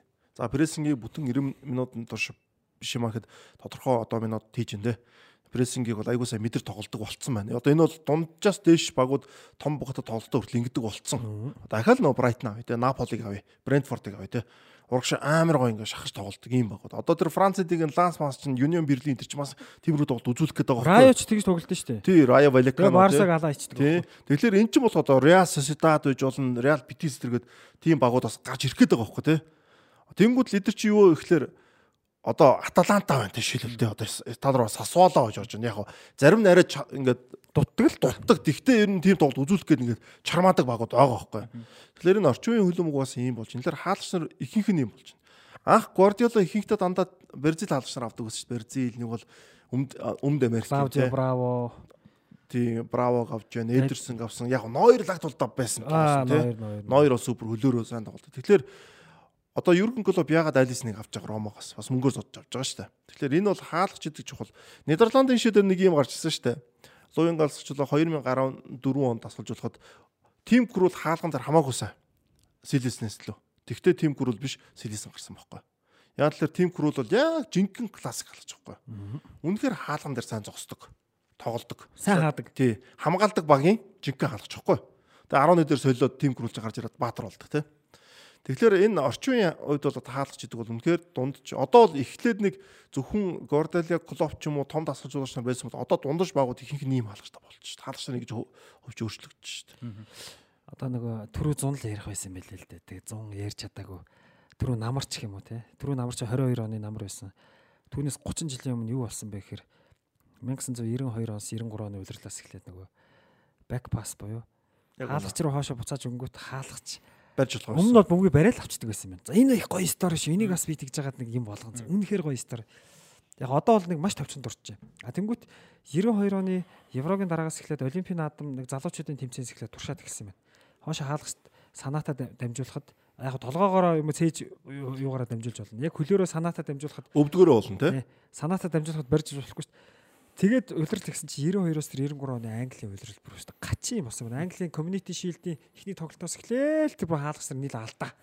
Бүр одоо бүр аимшиг аимшиг алдаа. За тэр үедээ тэгэл яах вэ хүмүүс нэг боддгоо баг энэ дүрмээ болмол. А тэгэхэд үнэхээр хаалгасар 0 байсан бохоо. Бүр би одоо бүр хараад энэ чи англи ч энэ чи бразил ч энэ чи юу энэ чи итали ч те ийм муу бөбөг өдр Тэр нөгөө 92 оны евро төрөлтөг даанчин тэгдэг шүү дээ. Шмаклер өгчин тэгээ шмакл бариад авч. Байж байгаа цааш өгөөл бариад авч. Өнөө өнөө наа чи хамгийн том хамгийн сүүлийн тэмцээн баггүй. Цаг барьдаг хамгийн бэлэр аргууд байсан юм. Хамгийн том хамгийн сүүлийн тэмцээч наа чи баг. Тэгэл болохгүй бол хойшоо бодоод нөгөөдг нь бариад авдаг. Заалны хөлбөмбөгч юм хөвчлээсэн шүү дээ. Заалны хөлбөмбөг ихгүй хаалгач нь гарч ирээд болд. Хаалгач руугаа нэг л удаа дамжуулдаг те. Тэгээ дээрэс нь одоо юм байна л та нөгөө нэг Дахиаг анх Премьер Лигт ирж байхад одоо 10 гаруй жилийн өмнө гэсэн шүү дээ 11 он. Ирж байхад Дахиагийн нөгөө нэг мундаг юм нь бол угаасаа л мундаг шот стопер дээр зогтолдог үнэхээр сайн хадаг угаасаа. А гэхдээ тухайд бөмбөгтэй тоглолтоос гадна нэг сул тал нь юу хэрэгжүүлсэн гэхээр нөгөө агаар дээр өсөлтөг кросс бөмбөнд хөндлөн дамжуултан дээр нөгөө тоглогч нэг нүднийхээ хараа айгуу муухгүй тэр чинь. А тэр нөгөө бие хүчин тоглохгүй дээрэс нь. Айгуу туранхай. Тэгээ тэрэн дээр ингээд хамгаалагчтайгаа давах дээрэс нь товтлогчтой одоо Анди Карол Майрол тийм том одоо классик номер те Премьер Лиг. Тэднэртэй өсөлтөх чадвар мөн гэж ярьдаг байсан. А тэгээд тэрийг бол дондор дороос айжулсан. А гэхдээ зөвөр би тэрийг яагаад дурчин гэхээр нөгөө бөмбөгтэй тоглолтоос гадна хөлбөмбөг өөр өөрөө өөрчлөгдөд багуудын довтлогоо хэм маяг өөрчлөгдөд хөндлөн дамжуулт нэг Премьер Лигийн классик тэг хөндлөн дамжуулт кросс том хүм мөрөгдөг. Тэр тоглолт баг байхгүй болцсон. Яг ховор Цөөхөд Burnley, Burnley энэ төр гэхдээ ер нь л байхгүй болц. Тэнгүүд хаалгачдын Одоо Burnley ч юу тоглож байна тэр шал. А тий компани дээр бол одоо шал одоо шал өөр болчиход байна. Тэнгүүд топ класс хаалгачд яг доогоор байж магадгүй тий топ класс хаалгачд агарын мөнгөн дээр тэгж өсөлдөг чадвар аим өндөр байх нь багс эхэлж байгаа байхгүй байхгүй гэсэн хувь багсж байгаа байхгүй хувь тий бүр хувь нь хамаагүй багс. Одоо 60% байсан нь одоо ерөөхдөө 30 руу орчдөг тий тий тий жишээ нь тий яг хэрэгтэй мэдээж тэр чинь болохоор одоо бол орчин үед юун дээр нэг том баг нэг 80-аас хойш нэг тэнцэл юм хожид өрх нүддэн шүү дээ. Тэр нүддэг дээр өргөдөө яг тэр чинь айгуу чухал болчиход байгаа байхгүй. Тэгээс яг тоглолтын үндсэн юм дээр бол энэ багасч чадбайгаа. Тийм. Ихэнхдээ тийм үйл гарч байгаа. Тэнгүүл Дихагийн хувьд одоо тэр тал нь сул тал болох гэдэг нь хэлэх гээд нүү те. Үгүй ээ Дихагийн хувьд сул тал нь бөмбөгтэй тоглолт. Тэгэхээр бол тэр сул талаа нөхцсөн байна. Харин бөмбөгтэй тоглох сул талаа нөхөж чадаагүй юм байна. Бөмбөгт бол юу таараад байгаа. Тэгээ дээрэс нь би зөвхөн Дихагаар дамжуулаад орчин үеийн хаалгачдыг ярих гэдэг нь орчин үеийн хаалгачд тэр шаардлага нь буураад зөрүүлээ бөмбөгтэй тоглох. Одоо ингэж байна. Урд нь ингээд үнэхэр сайн хаалгачнаар ингээд шилдэг хаалгач авч байгаа шүү дээ те. За Эдерсон бол яг хаалган дээр бол яг сайн хаалгач биш байхгүй юу? Энэ бол shot stopper гэдэг. Тий, ер нь тий. Тэгсэн мөртлөө Эдерсон чинь Премьер лигийн шилдэг хаалгачийг авчиж байгаа шүү дээ. Тэгэхээр тэр юугаар авч ин тэр хөлнийхэн тоглолтоор авч байгаа байхгүй. Манчестер Ситигийн хөлний тоглолтоо аягүй чухал. Шилдэг хаалгачийг яаж авсан гэхээр баг гол алдаад авчихсан. Харин тийм шүү дээ. Яагаад Ситид байна гэхээр хөлийн тоглолт сайтаа дал Ситид байгаа. Ситид байгаа шүү дээ. Тэгэхээс Эдерсон бол хаалган дээр бол яг тийм амар супер бол хаалгачтай нэг бол биш шүү дээ энэ бол. Тэгэл Бразилдаас сэлгэн цууд шүү. Тий, яг уу манай энийг муу гэж байгаа юм бол биш дээ, тий яг нөгөө бүр топ төвшний том багд бол яг хаалгачихын чадраар бол би эдэрсэн бол яг шууд байх хэрэгтэй хаалгач уу гэхэд болж байгаа эргэлзэн. Яг үнэлэхэд бол. Тэгэд тэр тоглож бол яг хөлний тоглолт үнэхээр сайн. Эдэрсэн бол сандардгуу, тайван яг нөгөө Бразил үнтэй. Ирээл харт Пикфорд нь хаахараас илүү шүү баг хинээс илүү. Тий shot stopper гэдгээр тийм shot stopper яг үнэ. Харт ч ирээл шууд голөгдсон тэр байсан шүү дээ. Тэгээ Клаудио Бравог авчирсан. Уг нь Браво ч нөгөө Лалиг төрүүлдэг жилдээ үнэхээр сайн тоглолцсон байсан. Тэгээд болоогүй тэгээ эдэрс нэг авчирч. Харт ч тэгэхэд хаалган дээр ямар сайн зогсдог хаалгач л дээ. 11 сайн. Сайн шүү дээ. 11 сайн хаадаг. Айгу мундаг хаалгач. Яг үндэ Англи шигийн хаалгачийн асуудлыг шийдчлээ гэж ярьжсэн хүн шүү дээ. Жоо юм бол тэ. Шийдэг үл дээ. Тэгээ шийд чадаагүй дон шийдчлээ гэж ярьжсэн тэ. Премьер лигийн шилдэг хаалгачиг Жо Харт 4 удаа авчихсан байна. Харин тийм Жо Харт сайн хаалгач хаалган дээр. Эдерсон 2 авч. Эдерсон 3 юм байна. Эдерсон 3, Алисон Бекер 2. Тэгэхээр эн чинь одоо юу гэж байна? Хаалгачийн чадвар Алисон бол хаалган дээр сайн хаалгач байхгүй юу? Алисон бол яг Гэтэ бөмбөгтэй тоглолт бараг Эдерснийг арай үзэхгүй. Үзэхгүй. Эдерсэн илүү. Эдерсэн илүү тий. За тэгэхээр орчин үеийн хаалгачд бол нэлээд өөрчлөгдөж байна. Ер нь та хэдэ санаж байгаагаар хамгийн ихний нэг иймэрхүү орчин үеийн хаалгач тийм байна. Орчин үед одоо баг ноёр юм биш үү? Үгүй ээ. За явж явж. Рене Эгита тэр ирэх гээд нөө. Үгүй үгүй. За өмнөд Америкт угаасаа алтартай. Тий. Рене Эгита чинь бүр Мампус. Рене Эгита чинь хүн хураа авчдаг өсөж талбан төв. Чилаварт. А Чилаварт яг үн тий. Тийм биш үү нөгөө. Чилаварт мундаг байсан. Рожери Сени биш? Тэр чинь агуу. Гэтэ Сени чинь болохоор яг том баг ч юм уу тийм том юм дээр хэвсэл угаасаа өөрийнх нь тоглож исэн юм жижиг штэ. Яг хөө хөлөөрөө мундаг. Хөлөөрөө сайн. Хөлөөрөө сайн. Гэтэ Рожери Сени Чилаварт төрөөд бол яг Чилаварт хөлөөрөө сайн сайн. Тий, үгүй сайн. Тэгтээ тэр хоёр чинь давуу тал нь юу байгаа тоххой? 11 зогтөг, хаалтаа зогцохтой байх байхгүй. Тэгээ бас хөлөөрөө сайн алгаж байгаа Ханс Йорг бүүт биш үү? Бүүт тий. Бүүт хууч мундаг гэсэн чинь. Тий. Орчин үеийн нөгөө нэг тактиктаа нийцэн гэдэг утгаар яг нөгөө Бүүт ч одоо Баер Ливеркусны алгачтай тий. За бодъё. Тактиктаа нийцдэг хөлөөрөө сайн. Ноёр юм шүү. Би бол ноёрыг л хэлэх гэдэг нь ер нь бол. Виктор Валдес Валдес бол маш сайн байсан шүү дээ. Валдес ч одоо ядэрсэн шүү. Хаалан дээр нэг сайн биш үхгүй юу? Тэгсэн мөртөө Валцны галзуур галзууртай байна. Галзуур тэгтээ том багч галзуур дүүж тогтмол санд тоглох хаалгач хэрэгтэй шүү дээ. Тий би би одоо хүртэл Валдесийг үгүй тийм амар үед амар олон жил доктортай хаасан муу байна гэж байх уу? Докторгүй байсан байна гэж байх уу? Валдес Валцыг хүмүүс нөгөө юугаар нь санаад алдаанууд их гаргадаг шүү дээ. Үе үе гаргадаг тэр алдаагаар нь санаад байдаг. Гэхдээ яг цөөхөн хэдэн Валдес бол сайн байсан байсан. Тий. Тэгээ Валдес үе хүн чи тэгэл тийм алдаал хүний тэгтээ за тэгвэл Валцыг бод. Валц Барсагаас яваад Манчестер Юнайтед ирсэн шүү дээ, тий. А тэгэхэд чинь Манчестер Юнайтед очиход гимтсэн амар хүнд гимтлээс ирээд ирсэн баггүй. 14 оны дэлхийн аврагт Валдес гараанд гарах байсан. Испани шогийн гарааны алгач болцсон байсан. Дэлхийн авраг. Тэгэхэд чи Касиес суугаад дэлхийн гарсан 14. Яг гарах байсан баггүй Валдес. Тэгээд аврагууд лигт төлөө Ла Лигийн өрөөнд өвдөгний чигт холбоосоо гимтээсэн баггүй. Өсөрж хаагаад буухтаа эйгөө богоод өвдөгний чигт холбоос гимтээгээд 30 гарсан байсан тэрээд тэгээд Валдесийн карьер ерөн дэргээр дууссан баг яг Валцыг бол яг бүр тийм амар хаалган дээр лаг зогсдог хаалгачсан шүү. Би бол юм бодохгүй юм. Валдас сайн байсан байсан. Зүгээр олон алдаан л юу яагаад. Хөлний тоглолт нь бол Валц бол яг харахгүй сайн байсан. Одоо тийм учраас л би Валц. Пеперена ч сайн биз тэгвэл. Пеперена бас манарнаа. Пеперена бол хаалган дээр болсон. За ноёртой бол ярих юм байхгүй. Зааш ноёроос өмнө энэ бодъё л доо. Яг Европын том багуудад хөлөөрөө сайн тоглодог хаалгач юм байсан юм байна. Чилавар ч юм уу Европын том баг тоглоогүй шүү дээ. Парагвайтай ерөөхдөө Италийн хаалгачтаас арай хамгийн гайгүй нь Буфон дах. Гэтэ Буфон ч тийм амар сүртэй юм тоглож байгаа. Өнгөр муу л та. Юун дээр муу л та. Хөлөөрөө тоглохдоо те. Ба Донор мал сайн биш тоглоо. Одоо бол Донор маа тий. Вандерсар муу байсан. Тафарел хэрвс юм дээ. Тафарел нэг хөлөөрөө тоглож байгаа хөх те. Бразили. Тэр үе тэгээд нэг шаардлага байна. Тактик тийм байсан болохоор тэ нэг тодордог шаардлага. Манай Монгол ч гэсэндээ тийм л байсан шүү дээ. Хаалгач нь хөлөөрөө муу зогтдог. Лорис Төвийн хамгаалагч нь зогтдог. Лорис ч одоо бүр яг төгс жишээ шүү дээ. Бөм хөлөөний тоглолт бүр марч муу шүү дээ, тий. Ер нь карьертач сайжруулж байгаагүй. Гэхдээ зохилт одоо нөгөө лидершип тэгээд шот стопер талаас бол мундаг. Тэр талаар бол удаж байгаа. Тэр 2004 5 онд би нэг санаж байна. Петр Чехт нэг бөмбөг хоошоо дамжуулсан чинь Петр Чех амар эвсэлгүй нэг гүйжж бол тэр бөмбөг арай гэж тогтоогоод паслж ирсэн. Тэрийг л би санаж байна. Чех бол хөлөөрөө сайн биш үү? Яаж ч шаардлагачгүй багт олон жил мундаг тоглосон тий. Тэгж тоглох. Петр Чех явд бол. Чех э, дөрөв удаа шилдэг хаалгаж авч ирсэн. 11 жилийн зайтай авч ирсэн биш үү анхныхаас сүүлийнхаас. Петр Чех. Дунд нь Пепе Рейна 3 дараалж авч ирсэн юм байна. Харт 3 дараалж авч ирсэн юм байна. За тэгээд Чесны нэг удаа авсан Куртуа нэг Давид Дахея нэг байт юм байна. Тэгэхээр тэгээд дээрэс нь бас нөгөө нэг карьерийнх нь ихэнх үеийн нөгөө жоохон уналтын үеийн United байсан хамгаалт бас суулдаг их нүдүүлдэг их хамгаалж тоглолдог. Тэгээ тэр үедээ үнэхээр гайхалтай байсан л та нэг ер нь нэг 2 3 удирал дараалаад ихээ бол Зарим удирлыг яг үндэ Манчестерын тэр аврагд лигаас мултарж байгаа удирлыг аваад чирсэн шүү дээ. Ер нь өсөн шүү дээ. 3 удирал дараалаад бол баг шилдэг тоглогч нь байсан шүү дээ. Тэгэхээр бүр баг. Тэгээ хаалж угаасаа нэг 10 он авчирна гэдэг шүү дээ угаасаа. Тэгэхээр бол дарваас баг байтгаал авчирсан даа нэг дөө. дэлхийн бол өндөр авчирсан өндөр авчирсан. Тасрсан. За хамгаалагчд руу оръё. За жигүүр хамгаалагчдын өнгөрсөн дугаар дээр дугаар дээр ерөөхдөө ярьсан тийм inverted full backward гэдэг утгаар ярьсан. За төвийн хамгаалагчдыг нэг одоо яг өнөөдөр сэдвүнд би ингэж бодож байна. 3 3 эсрэг 2 гэдэг юм байна л да. Ямар утгаар гэхээр 2 төвийн хамгаалагчтай тоглох, 3 та тоглох. За одоо 3 таагаа тоглох 3-ын 2 тал дээр за одоо Аке зүүн дээр нь ч юм уу баруун дээр чи Kai Walker байдаг те. Өөр одоо багуудын чинүүд яг байгаль дэс City саанд орчлаа. Гэтэ өөр чинүүд мэдээж зөндөө байдаг те. Тэвнгөт яг энэ одоо чинь Бен Дэвис зүүн дээр тоглоод байгаа шүү дээ 3-ын зүүн дээр те.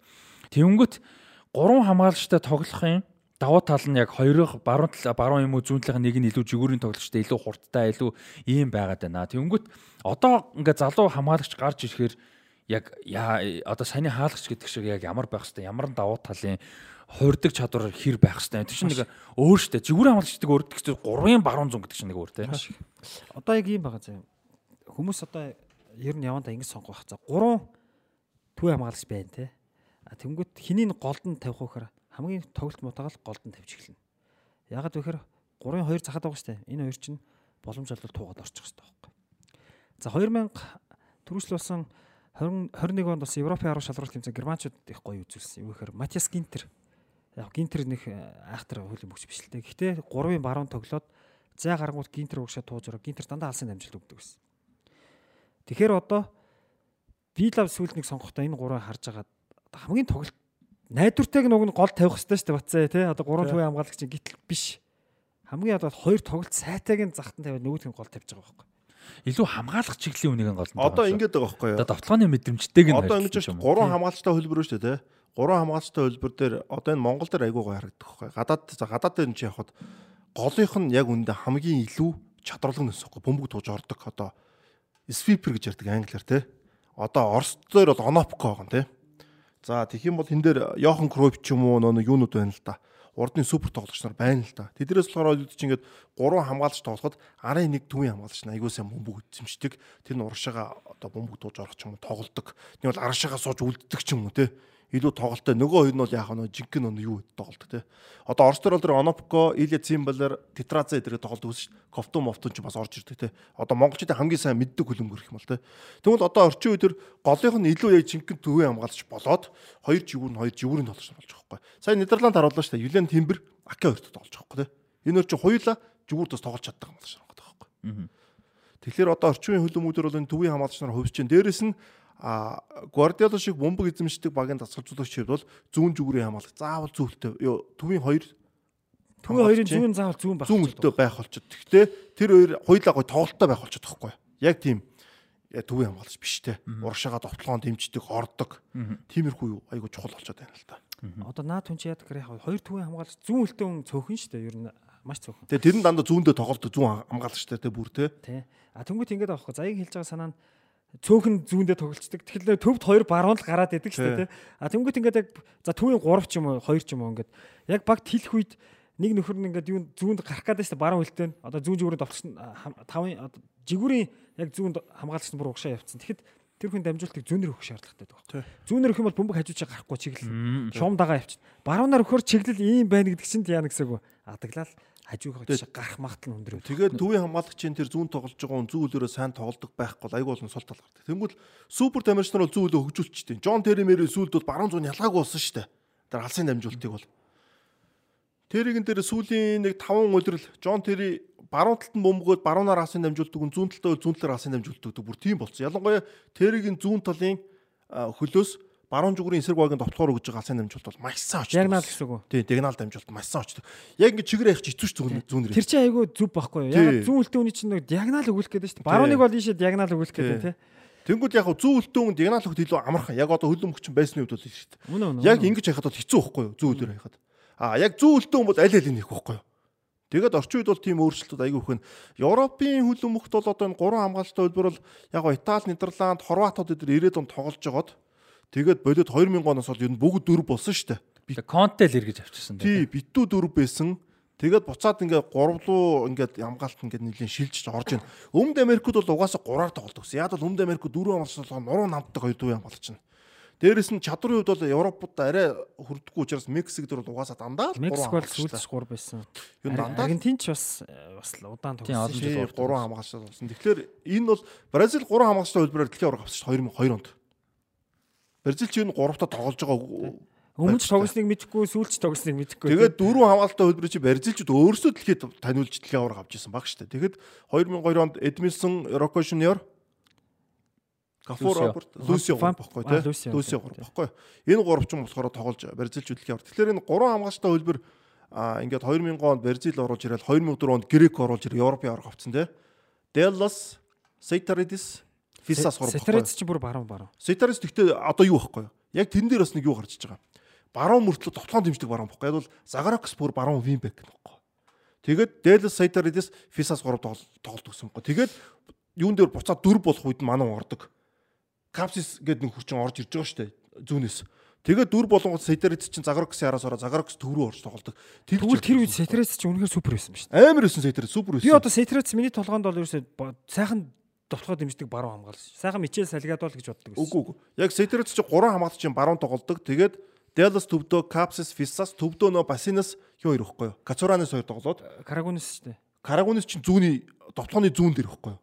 Тэгээд төвд нь нөө Харистайс тоглоод нэг бол Харистиас зааж гараа би одоо яг тайлбарлах. 13 Сетерс Dallas Capsis зүүнд нь Fissas Тэгээ төвд нь Кацуранаас Басинаас тэгээ Загракс урдлын 3 дээр баруунд нь Харистиас зүүнд нь Карагонис төвдөр нь довтлогчтой соль тоглолт гэсэн байхгүй юу? Харистиас ч төвийн довтлогч баймаар. Баруун байсан. Тэгээд ингэдэг байхгүй. Одоо би тайлбарлаж гээ. Баруун байж байгаа Загракс баруунаар орж ирнэ штэ. Тэгвэл Харистиас төв рүү ороод хоёр довтлогчтой болж байгаа. Тэнгүүд л Сейтерс чинь ахад араас нь орж ир шилж тоглолт. За одоо тэр Еврог нэг олж үзье да. Тий. Яг тэн дээр тэгж тоглолт. Тэгэхээр Грек тэгээд авцсан. Тэгвэл 6 он дээр Италичин 4 хамгаалагчтай авч байгаа тийм. Тэгэхээр ингээд 3 хамгаалагчтай хөлбөрч ингээд үе үе айгуу том юу брэнд болчихсон. Одоо л амар брэнд болцсон шүү дээ. Гэхдээ одоо буцаж байна. Дөрөвлөгөө буцаж байна гэж байна. Буцаж байна тий. Одоо юу яаж байна? За би бол нэрээ 6 жил төвийн 3 хамгаалагчтай тоглолоо. Нэрээ тоглож тийм Монголд одоо хамгийн их л тоглосон баг. Анх тэр Английн баг өдөр 2015 6 7 оноос тоглоод эхэлсэн шүү дээ. United, Chelsea, Arsenal, Tottenham бүгд тоглосон. Бүгд тоглосон шүү дээ. За Сити л тоглоог багт. Одоо Сити тоглож байна те бүгд арай зүйл. За одоо тэгэл буцаал үнэхээр класс 4 рүүгээ л орж байна доо. Одоо тэр 5 хамгаалагчийн ажлыг тэр 4 хүн хийдэг болж иж а тэр дөрөвдөр бусны үе тусалдаг болж иж нэг илүү тоглогчоо гаргаж урагшаа тавихгүй бол явахгүй нэ. Тийм болчиход байна. Харин тийм ээ одоо тэгээд нэлээд ховс чинь. Тэгэхээр нөө төвийн хамгаалагч гэдэг маань өөрөө айгу одоо Кайл Вокерыг харал да Ситид байрг болчихлоо шин. Тэ. Сая Нэтэн Аке гимтжээж баруун дээр Арсенал дээр гарсан шүү дээ. Тэгээгүй болвол ер нь бол Аке гимтэйг бол яг гуравтайгаа тоглох байсан баг. Хэн бол lack of minute шít. Кансело. Кансело тэгт одоо өнгөрсөн жилийн дэлхийн ёо Премьер лигийн шилдэг зүүн зүрээ хамгаалж болцсон. Баруун зүү айл айланд нь тоглодог гэдэг хамгаалж. Тэгэхээр одоо юу ч юмдээ нилээ өөрчлөгдөж байна энэ бол тий. Хөлөмгөл бас. Одоо тэгээд хаалгач ярьсан хамгаалагч ярихад одоо хамгаалагч юм бол тоглолт байх шүү дээ. Ууснаа шиг цөлөөд идэг гэж болох. Одоо магвар бол тоглолтгүй болвол ингэж байгаа шүү дээ. Ер нь бол Магури одоо гаргаж байгаа яг том том хамгаалах үедээ гаргасан том том алдаа зөндөө байдаг. Гэхдээ яг ингээд арай өөр утгаар авах юм бол яг тийм тоглолтын явцад жоохон тоглолттой байгаад бөмбөг авахаас юм талбайгаас харцдаг ч юм уу те. Жоохон ингээд дриблинг хийгээд жоохон мэдрэмжтэй дриблингийн мэдрэмжтэйгээ тулсан үед нэг зангаад гарчдаг тийм байсан бол тэр үчи олон асуудлыг шийдчих байхгүй. Тийм чадваргүйгээс болж бас их олон асуудалд орчих байхгүй. ууг нь United ирсэн тэрнийхээ тим болохоор ирсэн баггүй. Аа тэгвэл энэ чинь ялгаатай. Магвар ингэдэг байхгүй. Прессинг дорохороо муу заяа. Яг бөмбөг автсан байхдаа сул зай ороод урагшаа орохдоо сайн Сууж ороод асын дамжуулт өгөхлөө хууж орохдоо сайн байхгүй. Одоо яг тэр дэлхийн аваргын тоглолтын дээр Лестер дээр хийдэг тоглолтууд нэрхгүй. Магвар бөмбөгтэй шүү дээ. Прессинг хийх бол паниктна. За нэг удаа прессингээс гарцсан 2 3 ингээд дараалал прессинг дорохоор ингээд талбай харах чадвар дээр паниктдаг. Тэгэхдээ Магвар сул ууж байгаад ингээд хай хөнгө болчлоо шүү дээ. Тэгэхдээ Магвар дөөмбөг нь Магвард ямар нэгэн дарамт байхгүй бол урагшаага чигээрээ орж тоглоход айгүй сайн байхгүй. Люсио тийм байсан. Бразил шиг. Тэгээд цөм цөгчдөг байсан. Тий, Люсио тийм байсан. Магвар тийм байхгүй. Одоо Английн шиг 2018 тоглолтоос бол урагшаага чигээрээ ороод эсрэг багийн хамгаалтыг задалдаг байсан байхгүй. Тэгээд амжуулт өгч ч юм уу буцдаг. Англи чинь тэнд 3 төв хамгаалагчтай. Тий. Тэнгүүд л Магвар чин тэр 3 чин зүүн дээр тоглож байсан. Тэнгүүд прессинг гэхэлэр маань онж маань очиж байгаа байхгүй. Тэгээ дээрэс нь өөрөө ерөөсө зүүн дээр тоглож ерөөсө тассангүй. Одоо яг Лестер дээр анх гарч иж байхдаа ч гэсэн баруун дээр нь тоглолт. Тэгээ хоёр төвийн хамгаалагч чинь баруун дээр тоглолт чинь ялгаатай. Одоо үед бол амар ялгаатай болсон. Тэгээ United дээр зүүн дээр айгүй их тоглосон шүү дээ. Тэгээ сүүлд яг ууг нь Лисандро Мартинес энэ яг варан нэрэд мань хүн хэцүүлчиход. Гэтэ ууг нь баруун дээрээ тоглоо зүүн дээр нь жоохон найдвартай хүн байгаад ингэх юм бол ууг нь тэгээ одоо ч Тэр хэцүүдчихлээ үед нэг зүүн дээр багийн хаалч Кинг нь тоглолдог байсан баг шүү те. Тэгээ Майгураас нэг нэг хэсэг зүүн тоглосон юм аа. Тэгээд тэр чигшээ дээр юу болсон санагдаад тах юм бэ? Аа гурван төв юмд чинь зүүн дээр Магварийг оруулж ирүүл гэж. Сүүл Лисандро Мартинес Юнайтедыг айгүй гой наймаасан л. Энэ бол айгу зүүн. Одоо нөө яг нөө зүүн үлдэн хүн авч байгаа хөөхгүй хин чинь те. Эрдэнэ ах чинь. Тэгээд яг шот тэр 21 жигүүрт бүр айгүй гоё яг таарстай. Одоо тэгээд орчин үеийн хөлбөмбөг шиг заавал өндөр том байх шаардлага болч тоглолттой бол болчихж байгаа хөөхгүй те. За өндөр байж байгаа тоглолт бол тэр бол үнэхээр тасар цаан болчих болно одоо. Одоо тэгээд бас нэг юм байгаа нөгөө нэг төвийн хамгаалагчийн зүүн тоглолтын зүүн хөлтэй байх хэрэгтэй гэж. Тэр хүн зүүн хөлтэй байх юм бол нөгөө бүр жигүүр нь урагшаа явчих болж байгаа Тий. байхгүй. Тэр нь жоохон зүүн биш муу болохоор жигүүр нь ягаад юм татхаар тэр багийн товтлогоо жоохон хойшлцаад байгаа байхгүй. Одоо шот хийж байгаа шүү дээ. Шо гол оруулж байгаа шүү дээ. Шо голын дамжуулалт бүр нүрийн шиг мартал явж байгаа тий. Тэгэхээр шо англи шиг бас тэг тоглоод байгаа байхгүй. Шо урагш явж байгаа Лисандро Мартинес ч урагшаага зүүн зүрийн хамгаалагч сайхан тоглоом дэмжиж явчих байгаа. Одоо дамжуулт нь яг хөлнийх нь дагуу явах байхгүй тий. Гол нь зөв Бөмбөг гарахгүй байхгүй. Өөрлөө шугаар нь ирэхгүй. Дотгошоо ирэх байхгүй. Дотгошоо тийм чинь гадагшаага эргэлээхэд заа окей гарахгүй ч гэсэн шоо нэг тогтоогоод засчээж явах Тэгээ байхгүй. тэр чинь бас нэг хүний рефлекс байгаа байхгүй нэг. Зүүн үлтэн хүн чинь зүүн рүүгээ дууддаг байхгүй энэ бол. Баруун үлтэн хүн чинь баруун руугаа ингээ Тийм явдаг тэр тий. бол үнэн шүү дээ. Тэр одоо юу ч зүүн үлтэн хүн чинь зүүн талдаа бөмбөг авахлаар илүү сайн хадгалж хамгаалж чаддаг. Прессинг орсон ч гэсэн. Тэр хүн чинь зүүн рүү жигүүрлүгээ зогч чинь гэдэг чинь аюул багтаа байхгүй. Алдсан ч гэсэн төв далцнаас дээр байхгүй тэр чинь. Тий. Жигүүрлүгээ болж байгаа л тий. Эсвэл хүн гарч яад хатахад бөмбөг гарч шүү За дээ. тэнгуэл жигүүрийн хамгаалагч нар бол юу яаж байна? Одоо ингээ төв рүү ор тоглож байна. Хүний даваа тал усах гэж шүү дээ тий. Тэр төвд хүний тал усах гэдэг. Одоо юу чи жигүүрээр ингээ довтлогоо хийгээд нэг төр нэг л төрлийн довтлогоо хийгээд эсрэг баг гараа мэддэг болж штэ. Энэ ингээ дараар нь гүгээд ингээ хайдаг те. Яг чадвараар хурдаар шийдж болж байгаа гэсэн төрөө орхон бүр айлт болчихж байгаа байхгүй нөө одоо юу гэж байгаа штэ? Баруун жигүүрийн хамгаалагчийг баруун жигүүрийн довточ ирэхэд хамгаалж ингээ маркл ч юм уу хамгаалт болж штэ. Тэнгүүл нөгөө нэг марклах нь алга болцсон те. Төрөө ороод тоглосон яг эсрэг багийн хамгаалтыг бол айгуу задлж тэнгүүл арнолт ч юм уу кансело ч юм уу одоо юун дээр бол тэр Харис дээр тоглолдог гэсэн штэ Белса ч Лиц дээр Тий. Тэд нар шиг ингээ төв рүү ороод тоглож байгаа юм бол ямар аюултай болдог вэ гэдгийг л одоо яа харахгүй том багт үзүүлж байна да. Тэр энэ тухай бас нэг дээр яхад би бас хэлжлээсэн. Тэр юутай холбоотой гэхээр өмнө оверлаппинг хийгээд одоо жигүүрийн хамгаалж бөмбөг урагшаа өгөөд туугаа явчихж байгаа шүү дээ. Яг үндэ тэр хүний байр онгоцож байгаа байхгүй? За яг тэрийг бол зарим багууд нөхдөг. Гэхдээ бас эвгүй шүү дээ. Бүгд багаараа давталцсан үед тэрийг дандаа яаж чадахгүй. Яг ихэнх гоолууд яаж орж ийн гэхээр жигүүрээ давталцсан хүний тэр зайн дээр л давталгаа явж ороод байгаа байхгүй? Одоо тэрийг хамгаалахын тулд яаж ийм тэр хүн зөв хойноо үлдчихэж болохгүй. Үлдчих юм бол давталгаа дэмжиж чадахгүй. Тэр хүн төв рүү орно гэдэг маань тэр уртлын баруун жигүүрийн давтагсан жоох асуудалтай болсон ч гэсэн төвийн хагастай өгөөд ч юм уу тоглолч болно. А бөмбөг алдлаа гэхэд тэр баруун жигүүрийн уртлаас хоошоо гүйжсэнээс төвөөс Тий. үнцэн байрлалгаа гүйчихвэл арай ойрхон байгаа байхгүй юу? Тэгээ дээрэс нь шилжилт ихчсэн амар байна л та. Одоо төвд Александр Арнолт ч юм уу Кансело Зинченко дээр орчхоор төвийн хамгаалагч нь тэндээ хүнтэй юм чинь тэр жигүүр лугаа хамгаалт руу явж болдог ч юм уу те заавал. Тэгвэл нөгөө хэд нь төв рүү орж идэг. Одоо яаж айл болох баг гүйлэх үү, ашигтай гүйлэх үү те? Тэрийг л одоо бүр ингээ бодоод байна шүү дээ. Дээрэс нь наан ч бас ийм ба. Одоо сөрөг довтлогоо холоод хурдан хүмүүс гарч иж байгаа шүү дээ. Удаан гарч ирэхгүй шүү дээ. Тэгвэл тэр хурдан хүмүүс ичрэг жигүүрийн хамгаалагч нь хурдан хүмүүс тоглодоос тохиромжтой. Тэгэхгүй хоёр төвийн хамгаалагч ингээд үлдчихэдэг. Одоо чинь Фабиньято ч юм уу Родрито үлдчихэдэг те одоо хоёр Ливерпул Сити хоёр төр хөтлөхөд. Тэдний чинь эсрэг гурван хурд нөхөр гарч ирэл гуруулаа бас гүйцэд амаргүй байхгүй чинь. Рис Джеймс чинь 3-ын баруун дээр нэг тогсон шүү дээ. Хиний эсрэг байла. Варди Мардриг эсрэгчлөө. Одоо марчиж байна. Хурдан товтлогч чинь эсрэг байсан. Арай Вардигаас өөр юм баг. 3-ын баруун дээр тоглоод нэг амар сайн тоглоогүй хурдан. Тийм ч бас одоо Кай Вокер бас нэг хэсэг уг нэг тэгс тогсон шүү дээ. Одоо ингээд баруун зүгээр тоглолт гэхэлэр Ван Писака шиг тоглолчтой удаа яг үйг болчих жоохгүй. Тийм Ван Бисака яалч гурван баруунд чадахгүй л тий. Арай намд. Тэгвэл дөрвөн зүгрийн дөрвөн хамгаалттай хамгаалагчийн баруун тоглохоор довтлон сулраад. Довтлон суларчдаг а гэхдээ хамгаалалт амар сайн. Харин тийм. Тэгэхээр яг бас United хэлүүдээр ярьжсэн л да уг нь давуу тал байна тий. Довтлооны 70 нойж хамгаална гэвэл Ван Бисака нэ тий бас нэг тийм их тал. Хиний эсрэг яаж тоглох вэ гэдгээс л шалгалах гэдэг шүү дээ. Тэрнээс нь хамаарах гэдэг. За хагас хамгаалагч руу оронгот нэг юм байна. Хагас хамгаалагч гэдэг үгэн дээр нь нэрэлцэл яасан гэж бодохгүй юу? Мидфилдер гэдэг чинь. За бид нар бол төвийн тоглогч. анхнаас нь ингээд нөгөө ардаас нь нэрэлцэн. Тэ хаалгац хаалгам хамгаалагч ойлгомжтой хамгаалагч. Тэнгүүд ингээ урд нь байдаг болохоор хагас хамгаалагч нэрлээд сурцсан. За урагшаа ойлгомжтой довтлон тэ.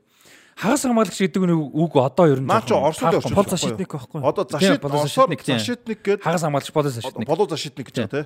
Тэнгүүд одоо юу ч юм дэ одоо ч манай ах нар ярьдаг л да. Пол дөрөнд тоглох байхгүй. Тийм, Пол тийм, яг дээр тийм. хагас нар гэсэн үг байхгүй. Тийм, тийм. Бидний Ах дээд нар ч одоо 3 номер дээр хин тоглох одоо гэдэг. Яг нөгөөдхөрөө байгаа. Тийм. Свипер тэ. Тий. Одоо пол дөрөнд тоглох байхгүй. Пол ингүүл бүх хөлөмөчнөр ойлгон. За хагасаад Тийм. ярьж байгаа юм байна тий. Тэгэхээр эн чинь Оросоос орж ирээд Оросуудын орчуулга манад ингээ буруу чигээрээ буугаа авчихсан байхгүй.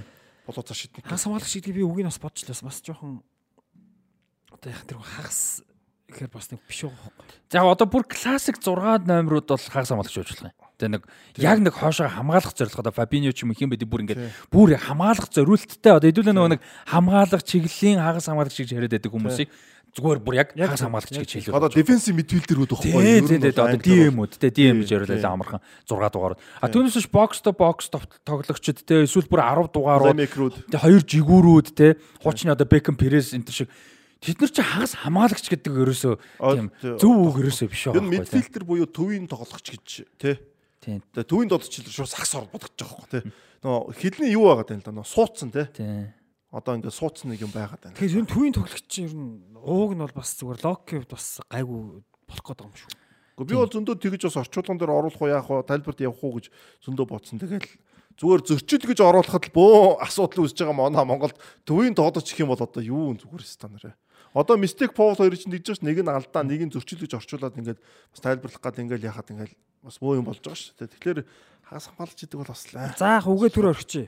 Тэгээд яг би үгэн дээр бас нэг иймэрхүү юмнууд л би үг яага хүндсэн гэхээр За нэгдүгээр байрлалын юм уу гэн тий хагас ганц хамаас олон учраас гадна. За төвгөө ярьцлагт хоёр жигүүр нь яах вэ гэдэг. За тэр ч яг. Нэмээд бас нэг юм нэг л да. Одоо англи хэлэн дээр одоо энэ дата статистик анализ чинь бүр ингээд хүн гүйцэхгүй хэмжээнд хурдан хөгжиж байна. Би одоо XG энэ төр хальт ярьдэн шүү дээ тий. XG чи юу ч биш. За одоо бүр тэр Expected goal тий. Тий expected goal бол одоо юу ч биш бүр ингээд тэр байтугай амар хөгжсөн. Тэнгүүд англичууд одоо англи хэлээр ярьдаг хүмүүс өөрсдөө гүцэхгүй заримдаа. Бүр ингээд ийм шин шин шин статистик төрлийн Технологи амар болчихж байгаа юм. Үнэхээр амар. А тий тэд нар нь маш хэрэгтэй. нэршил. Нэрш- нэршил хэрэгтэй болно. Тэгээд бүгдээр нь шин нэршлүүд хин нэгэн зохион олж нээн тэгэл шин нэршил өгнө. Тэр бүгдээрийн цээжл бүгдээрийн олно гэдэг чинь одоо FPR FSB дата айгүй хардаг. Мэдгүй юм зөндөө бүр ингээ нийт тоглолчдоор ингээ 30 төрлийн 40 төрлийн датанууд байгаа байхгүй. Тэгээ expected assist, non penalty expected goals энэ төр бол зүгээр наадцах энгийн юмнууд ойлгох. Тэр байтугай бүр ингээд progressive дамжуулалт, progressive дамжуулалтын давтгаа болгосон хувьч гэж яах шиг те. Наач бол амар амар тий. Тэгэд эднэр дээр яах хэрэгтэй би зүгээр яагаад дурж байгаа. За нэгдүгээр англи дээр гүйцэж ядаж байна. А тэр нар монгол гүйцэн гэдэг хэцүү. Тэгээ бид нар хөрвүүлж ядаж байгаа учраас а гэхдээ бид нар тодорхой хэмжээнд тэр ойлголтуудыг өөрсдөө буулгах хэрэгтэй байна. Одоо тэр expected goals, expected assist, expected goals against энэ төр гэж байна хамгаалтын статистик те. Эднэр чи амар чухал байхгүй. Одоо expected goal-ыг одоо чинь ингэж. Атлетико Мадридид төрүүлдэг жилэн шүү дээ. Луис Суарес боджогнуулдаг. Тэр удирлын эхний хагаст Атлетико Мадрид expected goals-оо 15-аар илүү давсан байгаа байхгүй. Гарсан боломжоос 15 гол илүү хийсэн. Бүр ингээ үнэхээр амар давсан гэсэн үг байхгүй. Аз орсон байна. Тэ тоглогчдын авьяас чадвар ингээ боломжгүй нөхцлүүдийг хийсэн байна те. А тэгэхээр яадаг вөхөр чинь дата аналистууд юу гэдэг гэхээр XG-гээ давуулж байгаа эсвэл хит муу явж байгаа баг бол тэнцүүлдэг. Ер нь урт хугацаанд тэнцэж ирдэг. Өөрөөр хэлбэл эхний удирлын хагаст 15 давсан бол 2 дугаар хагаст ер нь тэгж давуулж дуусгана гэж бараг л байхгүй гэж байгаа байхгүй. Тэгээд тэгсэн чинь Атлетико Мадрид удирлын 2 дугаар хагаст XG нь зөвхөн 2 дугаар хагасыг нь XG нь хасаг 15 6 яваад тэгээ эцсийн удирдалтаа Балансаа барьсан үү? баланс дуусж байгаа байхгүй. Яг хуу төгс одоо дата модель бол биш. А гэхдээ л тийч чинь бас ганцаар жанцаар байгаа байхгүй. Хантаа байхгүй. Төгс юм шиг сонсогч штий энэ бол. Тий яг мэдээж төгс гэж хэлж болохгүй л тий, Гэхдээ тийм юм шиг дөхдөг байхгүй. Ер нь Одоо expected гэдэг үг чинь бол одоо монголоор одоо одоо юу юм бэ? Юу юм монголоор? Яг шууд орчуулгаас илүү нөхцөлд нь тааруулж хөргөх нь бол нэг боломжит гол их гол их боломжууд л байхгүй. Тийм. Одоо чинь яг нэг нэг Боломж боломж биш ээ. Боломж гэхээ чанс болчихно. Биш биш. Наа чи юм байхгүй да зүгээр. Яг манай Монгол үгний бас нэг үгийн сонголтууд нь бас жоохон ингээд яг энэ яг морь бүх өдөр дээр бол амар хөдөж яг багийн спортоор жоохон дутах гадаг. яг юу гэдгийг тайлбарлах хэрэгтэй. Ер нь Одоо нөө зөрчил алдаа шиг л байхгүй та. За одоо XG гэдэг юу хэлээд байна гэдгийг товчхон хэлчихэ те. Манай үзэг сонсож байгаа хүмүүсээс оролцвол юу гэж юм хэрэг гаргасан боломжийнханд хувийг тооцоолж байгаа. За жишээ нь тургуулийн цохилтыг одоогийн XG модельээр бол тэг 1.7 гэж үздэг. 0.70 гэж үздэг. 70% гоолын боломж гэж үздэг. Яагаад гэвэл топ хөлбөмбөгийн мэрэгжлийн хөлбөмбөгийн өөр мэрэгжлийн гэдэг нь зөвхөн топ 5 лиг биш шүү. Бүр дэлхийн хэмжээний топ мэрэгжлийн лигийн хүрээнд хөлбөмбөгт бол тургуулийн цохилт 70 орчим хувьтаагаар гол ордог. Ер нь тэгж үздэг. Тийм учраас нэг баг пенальт зогсон бол XG нь тэг 1.7 буюу тэг 170 гэж орж ирнэ. Ер нь бол. А тэгэхээр яаж юм нэхэр гарч ирсэн боломж одоо лалиг үздэг хүмүүс маань илүү гоё анзарч магадгүй. Одоо жишээ нь Ано Раф нь гоё тийм. Тийм. Нөгөө Рафа Мир нэг амар гол хийсэн гэж би өнгөрсөн дугаарт нэг ярьж байсан. Хойноос нь дагуулж ирсэн бөмбөгийг бүр цөм зөгтөг. Тэрийг би тайлбарлаж хахад Рафа Мирийн голыг 9.2% шанстай боломж гэж гаргаж ирж ирсэн Microsoft. өндөр үү? 9.2 гэж асар багш. 100-ы А 100-аас 9.2. Зүгээр 9.2. А тэр XG биш л дээ зүгээр 9.2 хувьтай боломж байна гэдэг бол XG дээр магадгүй тэг 100-ны 9 хавцаа ч юм уу тий. За яг нь 9% гэхэр ч одоо харьцуулахад хийдэм а юу л болох гэж болох гэдэг л 10 дөө. Гэтэ тэрнээс бол бага юм шиг харагдаж байгаа байхгүй. Тэгээ тэрэн шиг зүгээр нийт одоо нэг баг жишээ нь өчигдөр Атлетико Мадрид Valladolid хоёр тоглосон шүү дээ 5-2-оор дууссан тий. Тэгэхэд тэр хоёрын XG тэг 100-ны 5-ын зөрүүтэй дууссан. Ерөөсөө тэг 100-ны 5. Нэг Атлетико Мадрид тэг 100-ны биш тэг биш ээ, 100 шүү. Нэг 100-ны 70-д Valladolid нэг 100-ны 60-д. юугаа ашиглаж чадаагүй шүү дээ. 3 гол зөрүүтэй Тийм. тийм. Тэгэхээр гаргасан боломж нь чанарын хувьд ойролцоо байгаа байхгүй. А ашигласан нь яг өөрөө хаалгандаа оруулах чинь чинь бас нэг аз маз орж штэ. Тэгэхээр тэр өөр өөрчлөгдөж байгаа. Тэгэхээр XG гэдэг бол ерөнхийдөө тэрийг хэлж байгаа. Тэгээ тэрний хамгаалтын хувилбар гэж байгаа. Expected goals against гэж байгаа. XGA гэж байгаа. Unexpected гэж ээ. Тий өө тий тэгээд тэр тэр нөө шанс манс бөмбөг эзэмшил туулт муулт гэх бүр утгаа алдна. Одоо ингэж байгаа байхгүй наа Guardiola, Klopp ч юм уу энэ дэлхийн топ мэржлүүд яг наад датанд тарч ажилладаг байхгүй. Ерөөсө хөл өмгийг болоод үзчих бид нэг зуртаараа энэ муу сайн гэхээс илүү яг наад дата гэж хараа тэгээд ерөөсө юу байхгүй. Хөл өмгийг тоглоод байгаа байхгүй надад ч юм бол. Амар амар. Тэгээ одоо яг тэр data analyst юунууд чинь бүр юм том юунуудтай болцсон. Байгууллагууд компаниуд байдаг болцсон. Data analysis компаниуд байгаа. Энэ Smarter Scout гэх компани энэ FBref байж, Stats Bomb байж, бүр ерөөсөө цэвэр зориулах нь энэ. А тэгээ энэ донд чинь тэр нөгөө нэг football manager гэдэг тоглоомын хувь нэмэр амар их. Тэд нар чинь бүр амар юм лээ. Тэдний scout-ууд, data analyst-ууд нь бүр Тэд нар байдаг. өөрсдөө нөө тоглоом хөгжүүлсэн боловч санаандгүйгээр хөл өмгийн статистиктээр асар том хөгжүүлсэн. Нөө цэргийнхэн дэгддэг шүү дээ. Шинжилгээнд асар том одоо дэвшлээ авчирсан те. Том том одоо нээлтүүд цэргийнхэнд байдаг нөгөөд мэддгүү. Гэхдээ нөө шин эрдэмтэн дэрийг хайгаад идэг. Тэнгүүл цэргийнхэндээ нөө нэг хамаг боломж мөнгө байдаг ус хийцэн байдаг ч юм уу те. Яг тэрэн шиг л юу юм байна л да наад ч юм бол. За одоо жишээ нь та хэдэд XG-ийн зүгээр ингээд жишээ харуулхад Эрлин Хааланд энэ үйлрэлт XG нь юу зөвхөн Премьер Лиг өрөөнд шүү. 25.1 нэгэн XG-тэй байгаа байхгүй. 25.1 гол гарах хэмжээний одоо боломж өөрт нь гарч ирсэн гэсэн. Нэг тоглолтод гэсэн. Нийт Премьер Лиг үйлрэлт 25.1 За гол. үдид бол 25 гоолтой л явж явах байсан. Юм байна. За энэ пенальт оруулаад шүү. За тэгэнгүүт мань хүн яг одоогийн байдлаар 34 гол оруулсан баг. Тэгэхээр ингээ over perform хийж байна. Тэгэхээр одоо тэрийг одоо баланса тэр нь одоо тэр нь бас нэг юм. Юу гэхээр Роналдо шиг, Месси шиг, Мбаппе шиг, Левандовски шиг, Хаалан шиг нөхдүүд XG-г утгагүй хэмжээнд дагуулдаг дандаа. Harry Kane сүүлийн 7 хувиар дагуулж байна гэж байгаа байхгүй XG-г дандаа дагуулдаг. Одоо шүү төсөөлөг unexpected expected нөхцөөс гол оруулчихад байна. Тийм маш одоо маш боломж багтай зүйлүүд хүртэл оруулдаг гэж байгаа байхгүй. Тэгэхээр ер нь бол дагуулдаг. Түүнээс ер нь бол дундаж XG бол дундаа л ер нь барьдаг. А топ тоглогчид үнэхээр дагуулдаг. Тэр чин чадвар мадар олон юм. Зориг чадвар зориг чухал шүү дээ тэр чинь. Зоригтой зохин шүү дээ. Холоос идэх ч юм уу солиот юм шиг. Тэгэхээр энэ бол бас э, сонирхолтой. Одоо чинь 34 гол оруулсан байна л да энэ үлрэл. За тэрний юу юм бэ? 7 гол нь пенальти юм байна л да. Тэгээ хасгаар 27 гол болж байгаа. Non penalty XG буюу пенальтиг хасаад тоглолтын дундаас талбай дээр тоглолтын дундаас нээлттэй тоглолтоос гарсан боломж нь XG нь 19.8. Тэгэхээр 19.8-аас 27-г оруулсан байгаа байхгүй. Тэгэхээр яач ч утсан гэсэн боломжуудыг бол маш сайн дагуулж ашиглаж байна гэсэн үг болж байгаа. Маш хэцүү нөхцлүүдээс хувь багтаа боломжуудыг бол хийж гин гэсэн үг. За энэ бол зөвхөн ганц XG л дээ. Тэгээ зүгээр XG дээр жишээ аваа ярьчлаа. Гэхдээ тэгтээ одоо бол ингээд юу яах хэрэг бас байна аа хиллгүүдийг хөрвүүлэх утганд тааруулах тэрийг ойлгох ойлгосон хүмүүс нь хуваалцах тийм ягаад гэвэл эн чинь хөлбөмбөгийн хөлбөмбөгийн тактикт үзэгчд донд ойлголт нэмэхтэй мэдээлэл тараах айгүй олон юм дээр надад байгаа. жимж удаж байгаа шүү. Манайх урд нэгэд Оросоос спортын нэрнүүд орж ирээд нэгэд Оросоор үлдсэнүүд байгаа шүү дээ. Шууд махчлаад орчуулсан ч юм уу те. Одоо л угаасаа дэлхий асар хурдтай болцсон. Би би бол боддоо ш. Заавал одоо ийм нарийн нүдийг орчуулах шаардлагагүй гэж бодож байна. Зарим нь бол яг тэр юугаар нь явуул яад юм ч одоо ихэнх нь ойлгодог болцсон. Юу нь бол. Тийм тийм ер нь бол нөгөө гол гэдэг үг шиг гоо тий Тий. Тэгэхээр яг орчуулахад гоё. Тэр бол ойлгомжтой. Тэр бол хийш шинжилгээ хийсэн зүв. Тэ? Одоо ингээд бод бид нар одоо телевизийнх ингээд орчуулаад яриад гоё. Би бол болж үл ингээд Монголын ашиглахыг хүсдэг байхгүй. Манай нанж дээр ч тэгдэг баг. 0 гэжлэхээс өлөө би тэг гэж хэлдэг байхгүй шийдэл. наазах нь. Тэгээ наацхан тэ. Хаалт хилээ, зарим нь блок хилээ тэ. Шал өөр байхгүй. Тэгэхээр а юу байхгүй. Бид нар тэгж хүч хүсэж байгаа. Гэхдээ үнэхээр амжихгүй зарим нь бол. Энэ орчин буруу орчуулснаас гадаадаараа байсан дээрээ л гэдэг санаа хэлэх гээд. Тий. Тэгэхээр энэ тий яг үнэ. Урд нь бол бид нар амжиж болдгоосон л одоо л энэ амж амжихад мангар хэцүү байгаа байхгүй. Асар. Одоо наад expected goal чинь л одоо expect дээр явуул баг амар байна шүү дээ. Зүгээр XG-г бараг яриа явчихад Төгсийг олж чадахгүй юм байж Тий. тээ. Тэгээ одоо яг нөгөө нэг юм л те болж үгэл одоо манай нөгөө кино мэн дээр ч гэсэн гардаг. Болж үгэл Монгол одоо хөрвүүлэгдэх зүйл байвал болж а хөрвүүлэгдэхгүй үнэхээр юм байгаа. Байгаа байгаа. Тэрийг нь тэрүүгээр нь л ав. Одоо бид нар тэгэл хятад ч юм уу орос үг өчнөө шүү дээ өдөр тутмын амьдралаа. Бид нар тэрийг хүлэн зөвшөөрдөг юм байж магадгүй монголчууд. Тэгэхээр Түүхэн мэддэггүй ч юм уу тий. Тийм тэгэхээр одоо цагтаа сүлэн бүгж байгаа яг миний нөхцөл заримдаа кино тий тэрэн дээр яг хөрвүүлэх шаардлагатайг нь үлээ боломжтойг нь үлээд бусдыг нь одоо яхасаар? Одоо англи хэл хамгийн олон юун дээр үгтэй үгийн сантай гэж явж байгаа шүү тий. Тэнгүүл англи хэлний нийт үгийн 70% нь гадаад гаралтай амаралтай тий. Гарлын нүдээр тогтоох хэцүү шүү дээ. зарим нэгийг бол Тий. Тэнгүүл гадаад гаралтан бол зарим хүмүүс гэж яахгүй. Өөд бол англи хэлж үгсэн дандаа гадаад хэлнээс хөл. Яг үндэ манай Монголыг баг бүр их байхгүй юу? ер нь бол хэл угаасаа л Тий, угаасаа хэл угаасаа тий. Тэр манайх бол бүр их байхгүй. Одоо ингээл одоо ногоонууд нэр дандаа юунаас те. Аа маж ч юм уу хятадаас авчиж байгаа те.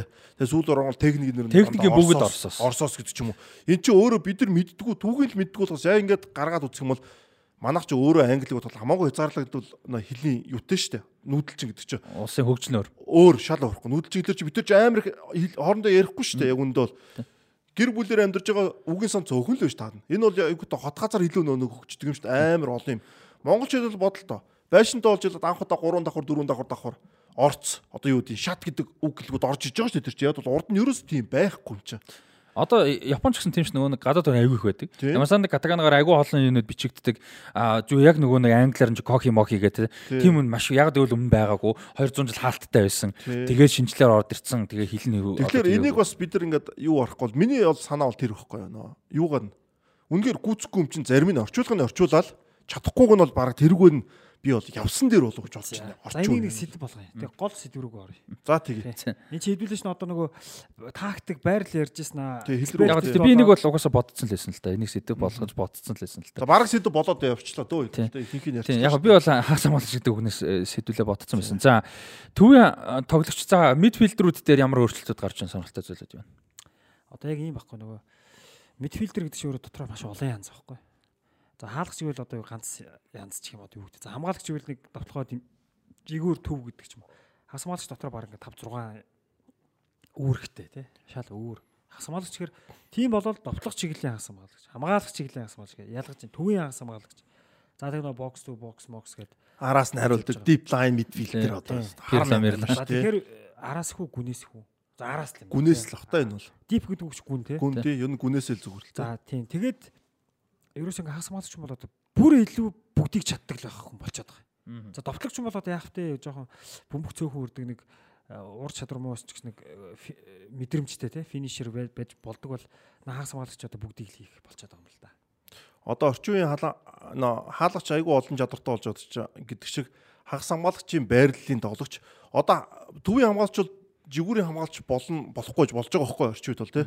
Хагас хамгаалагч бол ерөөхдөө тэр нэг тогтсон нэг 3-аас 4 байрлалд бол бүгдэнд нь шилж тоглох чадах хэмжээнд байхгүй бол угаасаа нэг 3 толж гарч ирээд 4 толж юм 2 толж гараад тэр байндаа тоглох юм бол одоо орчууд тэднийг хамгаалах шиг амархан байхаа болсон. Энэ ч хоорондоо маш их эргэжэн, сольжэн тэ одоо юу гэж юм дэ байрлал асараг сольж байгаа учраас эдгээр тамирчдын тэр солиход ямар нэгэн байрлал султал гаргахааргүй хэмжээний чадртай болж байна. Одоо энэ чинь үзүүлж байгаа боогод би Брайтон шарж байгаа байхгүй юу?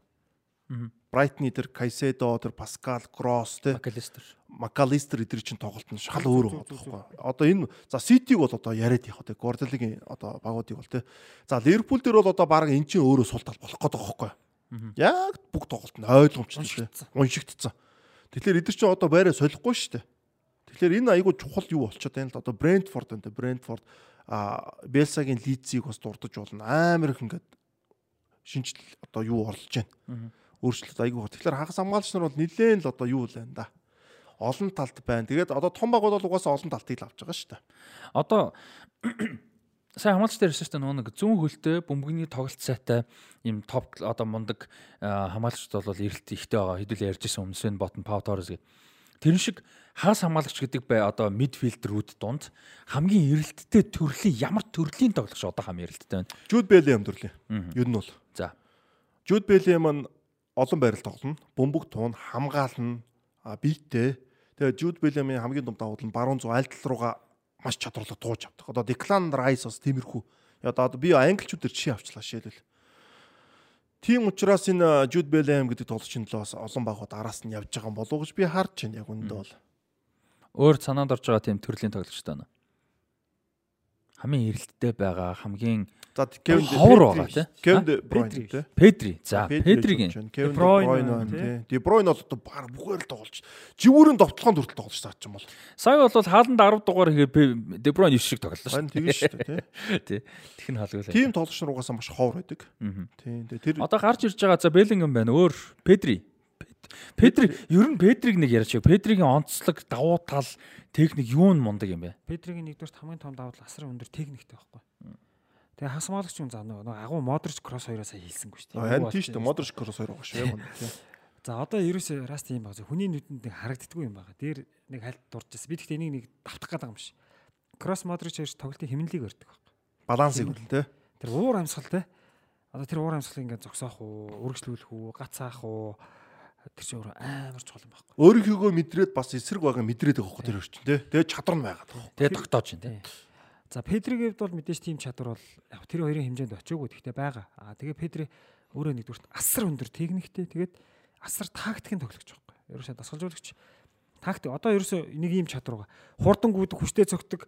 Хаста энэ энэ чинь чухал ч гэсэн одоо тактик ойлгохгүй бол амар хэцүү. Одоо Гризман байна тий. Амар хэцүү. Тактик ойлгоно гэдэг чинь амар амар байдаг байхгүй. Дасгалжуулагч.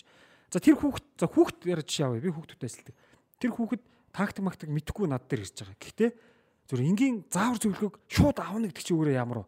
А тийм хүмүүс чинь яд гэхээр яванда өөр багт байж хагаад маад ирсэн хүмүүс төр ярихад шууд авдаг аахгүй. Тэр чинь амар том тийм хүмүүстэй ажиллах ямар вэ? Асар хялбар амар. Педри ч өөрөө тийм тоглож байгаа. Тэгээ тийм болж чинь нас явахцсан ингээд тактикийн мэдлэгийг бүр ингээд бараа дасгалжуулах шиг болчихдог тий. Тэгэхээр Педри тийм болохоор хүмүүс араас за Гави ч арай өөр яг нэг илүү тэмцэлтэй дайчин одоо ингээд зүтгэлтэй алдцдаг мэдээж ийм хүлэмж хувралт энэ бол Гавигийн давуу. А Педри гэснээр Педри ч яг тийм юм байна. Тэгээд тэр чинь тэр үнийг хэрэгжүүлэхэд бол тэр хүн чинь мэдээж одоо вижн мэдрэмж асар өндөр байх хэвээр техник сайн байх хэвээр юм юм одоо тэр нь байгаа л тэр үнд. Тэгээ ийм тоглогч нартай баг ер нь бол дандаа амжилт үзүүлдэг. Одоо Тони Кросс та Герман Хорватыг харалтаа. Модрич байгаа тулдаа хоёр дэлхийн орол дээр тий Ракетич бас адилхан бохгүй нь бол. Гэтэ яг Модрич нь илүү. Модрич бол амар. Сая энэ жилийн Хорват бол жигэн unexpected баг байлаа шүү дээ. Одоо тий XG гэдэгтэй харьцуулж юм бол энэ дөрөв үлдэхэргүй ч юм уу тий. Тэгэхээр Jude Bellingham-т амта Declan Rice-т англ ямар тоглол тоглож тоглолтын шалгуур. Тони Кросс хот Герман ямар байдаг вүлээ те. Италиг харалта Верати байсан шүү дээ. Верати тим төрлийн тоглож шүү дээ яг. Тэд нар шиг ашиглаж гаргаж чадахгүй байна. Би бол Paris Saint-Germain жоохон удсанд нь жоохон яачлаа л да. Өөр клуб руу явсан бол те. Итали ямар байна гэдэг ч юм уу. Тэгэл ингээд харах юм бол ийм төрлийн тоглогч нартай багууд бол угаасаа л сайн явдаг. Угаасаа л сайн байдаг.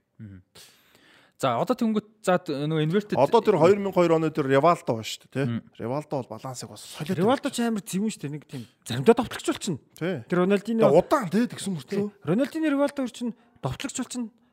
Нэг нэгээрээ хагас болчихно, хоёулаа хагас болчихно. Роналдо л яг цэвэр довтлогч ороод байсан шүү дээ. Одоо ийм тоглогч дээр шүү дээ нөгөө Кен хойшоогоо их татаж суудаг болчлоо. Тоглолдог болсон. Тэгээ найруулагч одоо баг хамгийн мундаг найруулагчтай нэг баг болчиход шүү дээ. Аа тэгээ дээрэс нь Гризман. Тэгээ Гризман угаасаа мундаг найруулдаг байсан. Гэхдээ сая энэ үйлрэл ер нь ялангуяа эдлийн орлын аврагаас хойшоо бол бүр төвийн хагас шиг л тоглож байгаа тийм. Ерөөсөө баг бүх байрал дээр. Тэнгүүт ямар тоглогчд ингэж одоо ялангуяа Гризманы хувьд бол амар одоо юу гэдэг юм сонин зүй ховор зүйл байхгүй юу гэхээр карьерийнхаа ихэнх үеийг довтогч юм уу довтогчийн ард хажууд өнгөрөөсөн те хагас дээр бол тоглолтог хийж Нэг бол хаяа жигүүр тоглож Тийм жаах жигүүрд бол гардаг тийм. Тэгэхэд одоо ингээ 30 хүрж байгаа үед 28 9 хүрж байхдаа төвийн хагас руу орж ирээ бүр ингээ бужигнуулаад тэгснээр нөгөө давталж байгаа мэдрэмжийн хэвээрээ тийм найруулгын хэвээр. Тэнгөт тэгэх боломжтой тоглогчид илүү их гарч ирэх болов юу гэж бодож байна. Тэр тиймэрхүү тоглогч. Одоо гарч ирнэ. Грисманер нэг юм давуу тал. Нэгдүгürt яг манай нэг хур жоохон харьцлаа. Нөгөө, а, Бүр болчихгүй л дээ. Гэхдээ мэдээж нас явах хэрээр хурд нь яаж байгаа тодорхой хэмжээс харж байгаа. Тесрэлтэнтэй. Тесрэлтэн. А тэнгуут тэр хүн одоо довтлогч бол тэр хурдтай л байж финиш дуусах магадлал өндөр шүү дээ. Грисман хоошоо орлоо. А тэнгуут Грисманд мэдрэмж нэг байгаа. Юу гэхээр тэр довтлогчд яаж дамжуултыг нүгэл яаж гаргаж игэл эвтэйхэн байдгүй гэдэг тэр мэдрэмжийг одоо хойноос ашиглаж Тэгээ өөрөө нөө тоглолтын одоо химнэлээ аягуулсаа мэдэрдэг учраас тактикийн чадвар асар өндөр байгаа тэр чинь давхар те. Тэнгүүт химнэл болон тактикийн чадвар асар өндөр байгаа учраас нөгөө хүн чинь төвийн асар тоглож байгаа юм чинь хамгаалах үүрэг гарч ирэн дээ. Тэрийг өөртөө аягүй зөв хийхэд байгаа хөө. Бөмбөг аваад тоглолтыг хаашаа найруулах уу? Францын шидарсан харагдлаа шүү дээ Антон Гризман ямар амар те. Канте дутагдсныг нөхлөө шүү дээ. Тий. Одоо сая би өнгөрсөн амралт өдөр нэг багийнхаа техникийн анализыг нэг довтлогчдын гүйлтэд би онцлсан. Одоо яг ийм байгаа. Тэн дээр яг за Левандовски Кейн Бензема энэ яаж нэгэж яг хоошоо ороод байгаа гэхээр тэд нар урд хүлээгээд байх юм бол нэгдүгürt өөрийг нь баглаа тойрцсон хамгаалагч болон хамгаалагч хийлээ хасмаалагчийн дунд байгаа тоглохгүй байхгүй. Бид нар нааша гарч ийн гэдэг маань нэгдүгürt бөмбөг авч байна. Яг гэвэл тэр бөмбөгийг авах хүн хэрэгтэй шүү дээ. Авчаад тэд нар өөрөө авч явахгүй. Дагуу тоглолтонд орж Авчаад жигүүр рүү гаргачихж байна.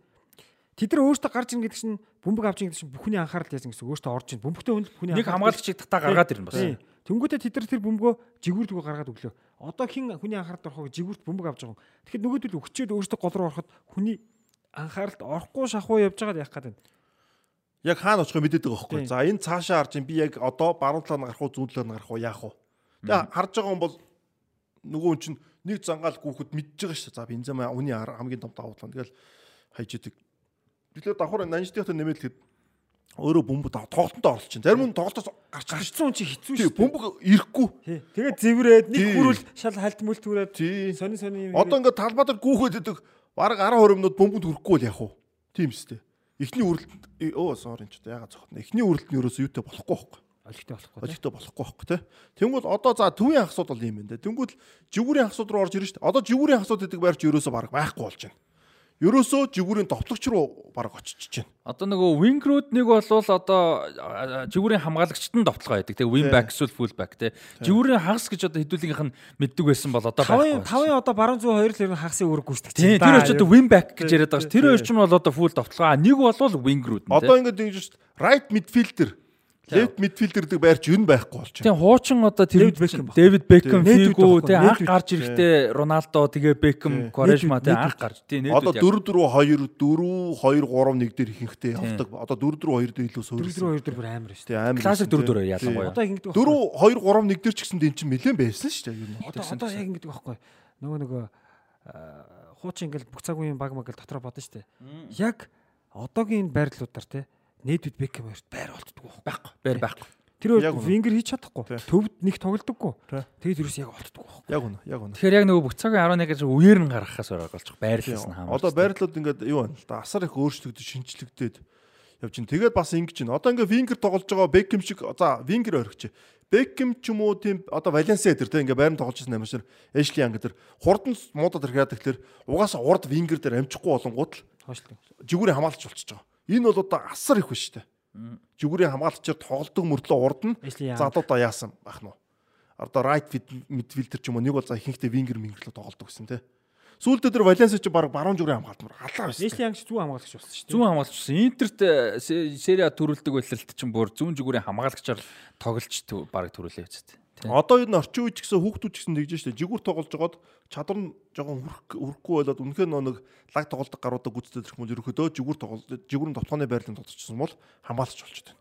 Орчин үеийн дүнгууд хөл өнгөн өөрөө жигүүрийн хамгаалагчийн товтооны чадрыг аягүй сайн шаарддаг учраас тэдэрт аягүй тохироод байгаа юм. Одоо Хесус Навас баруун зүгүүрийн хамгаалагч болсон шүү дээ Севиад одоо. Одоо тэр Эвертны Симус Колман, Шимус Колман тийм. Шимус Колман чинь баруун зүгүрийн одоо тэр right юугаар ирсэн штэ. Мидфилдерээр Эвертонд ирсэн штэ. Тэгээ ерөөсөө хэдэн жилийн дараа Английн зүүн баруун зүгүрийн хамгийн мундаг хамгаалагчийн нэг болтлоо тоглолцож байгаа байхгүй Английн Премьер Лигийн.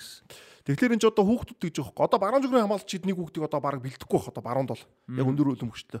Баруун зүгүрийн хамгаалагчлаар тэр хүн Нэг бол төв тоглодог, нэг бол вингер тоглодог ч юм уу тийм нөхдүүдээс ингээд хольж тоглож. Ер нь бол ер нь нөхөр гарч тэр ирдэг. яг тийм болж байгаа.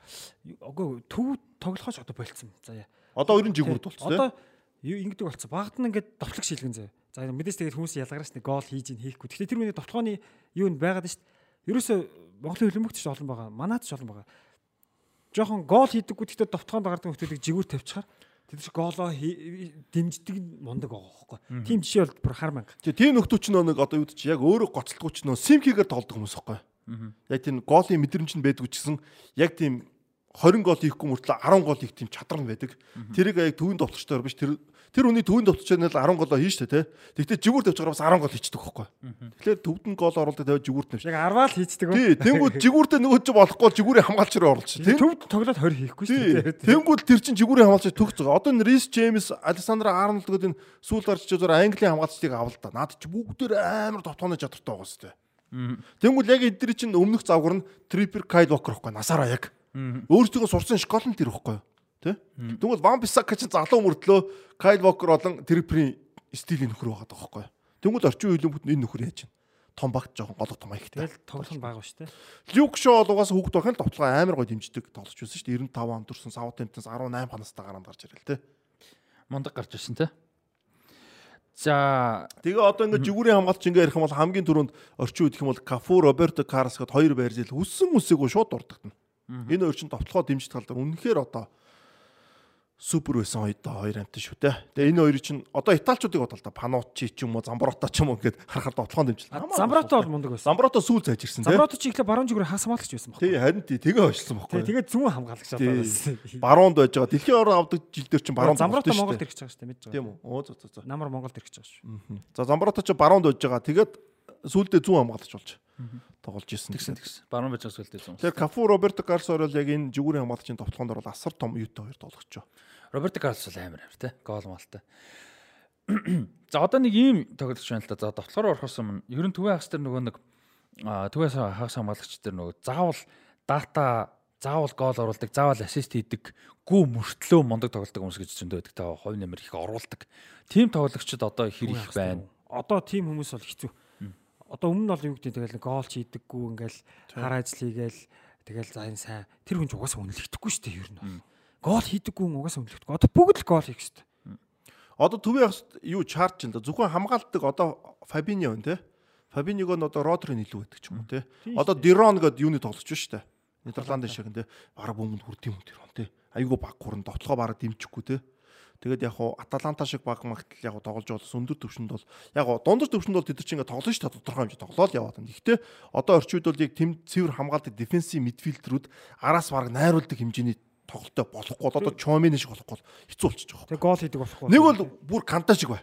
Хоёр үний ажил хийдэг бай. нэг бол нэг бол Тий. тийм голооч Тий. зүгээр нөгөө юмдаа л анхаар Тий. тий. Үнэхээр бүр тэн дээр бүр тасарсан. Тэгэхээс бол одоо л яг энэ цэвэр хамгаалдаг хүмүүс бол ерөөхдөө жоохон яаж шүү. Тэгэл нэг дээр үед бидний хөл анх үзэж нэг хагасууд байдаг шүү дээ. Гол хийдэггүй, яг юу хийгээд байгаа юм ч мэдэгддэггүй, амар канта шиг ажил хийхгүй.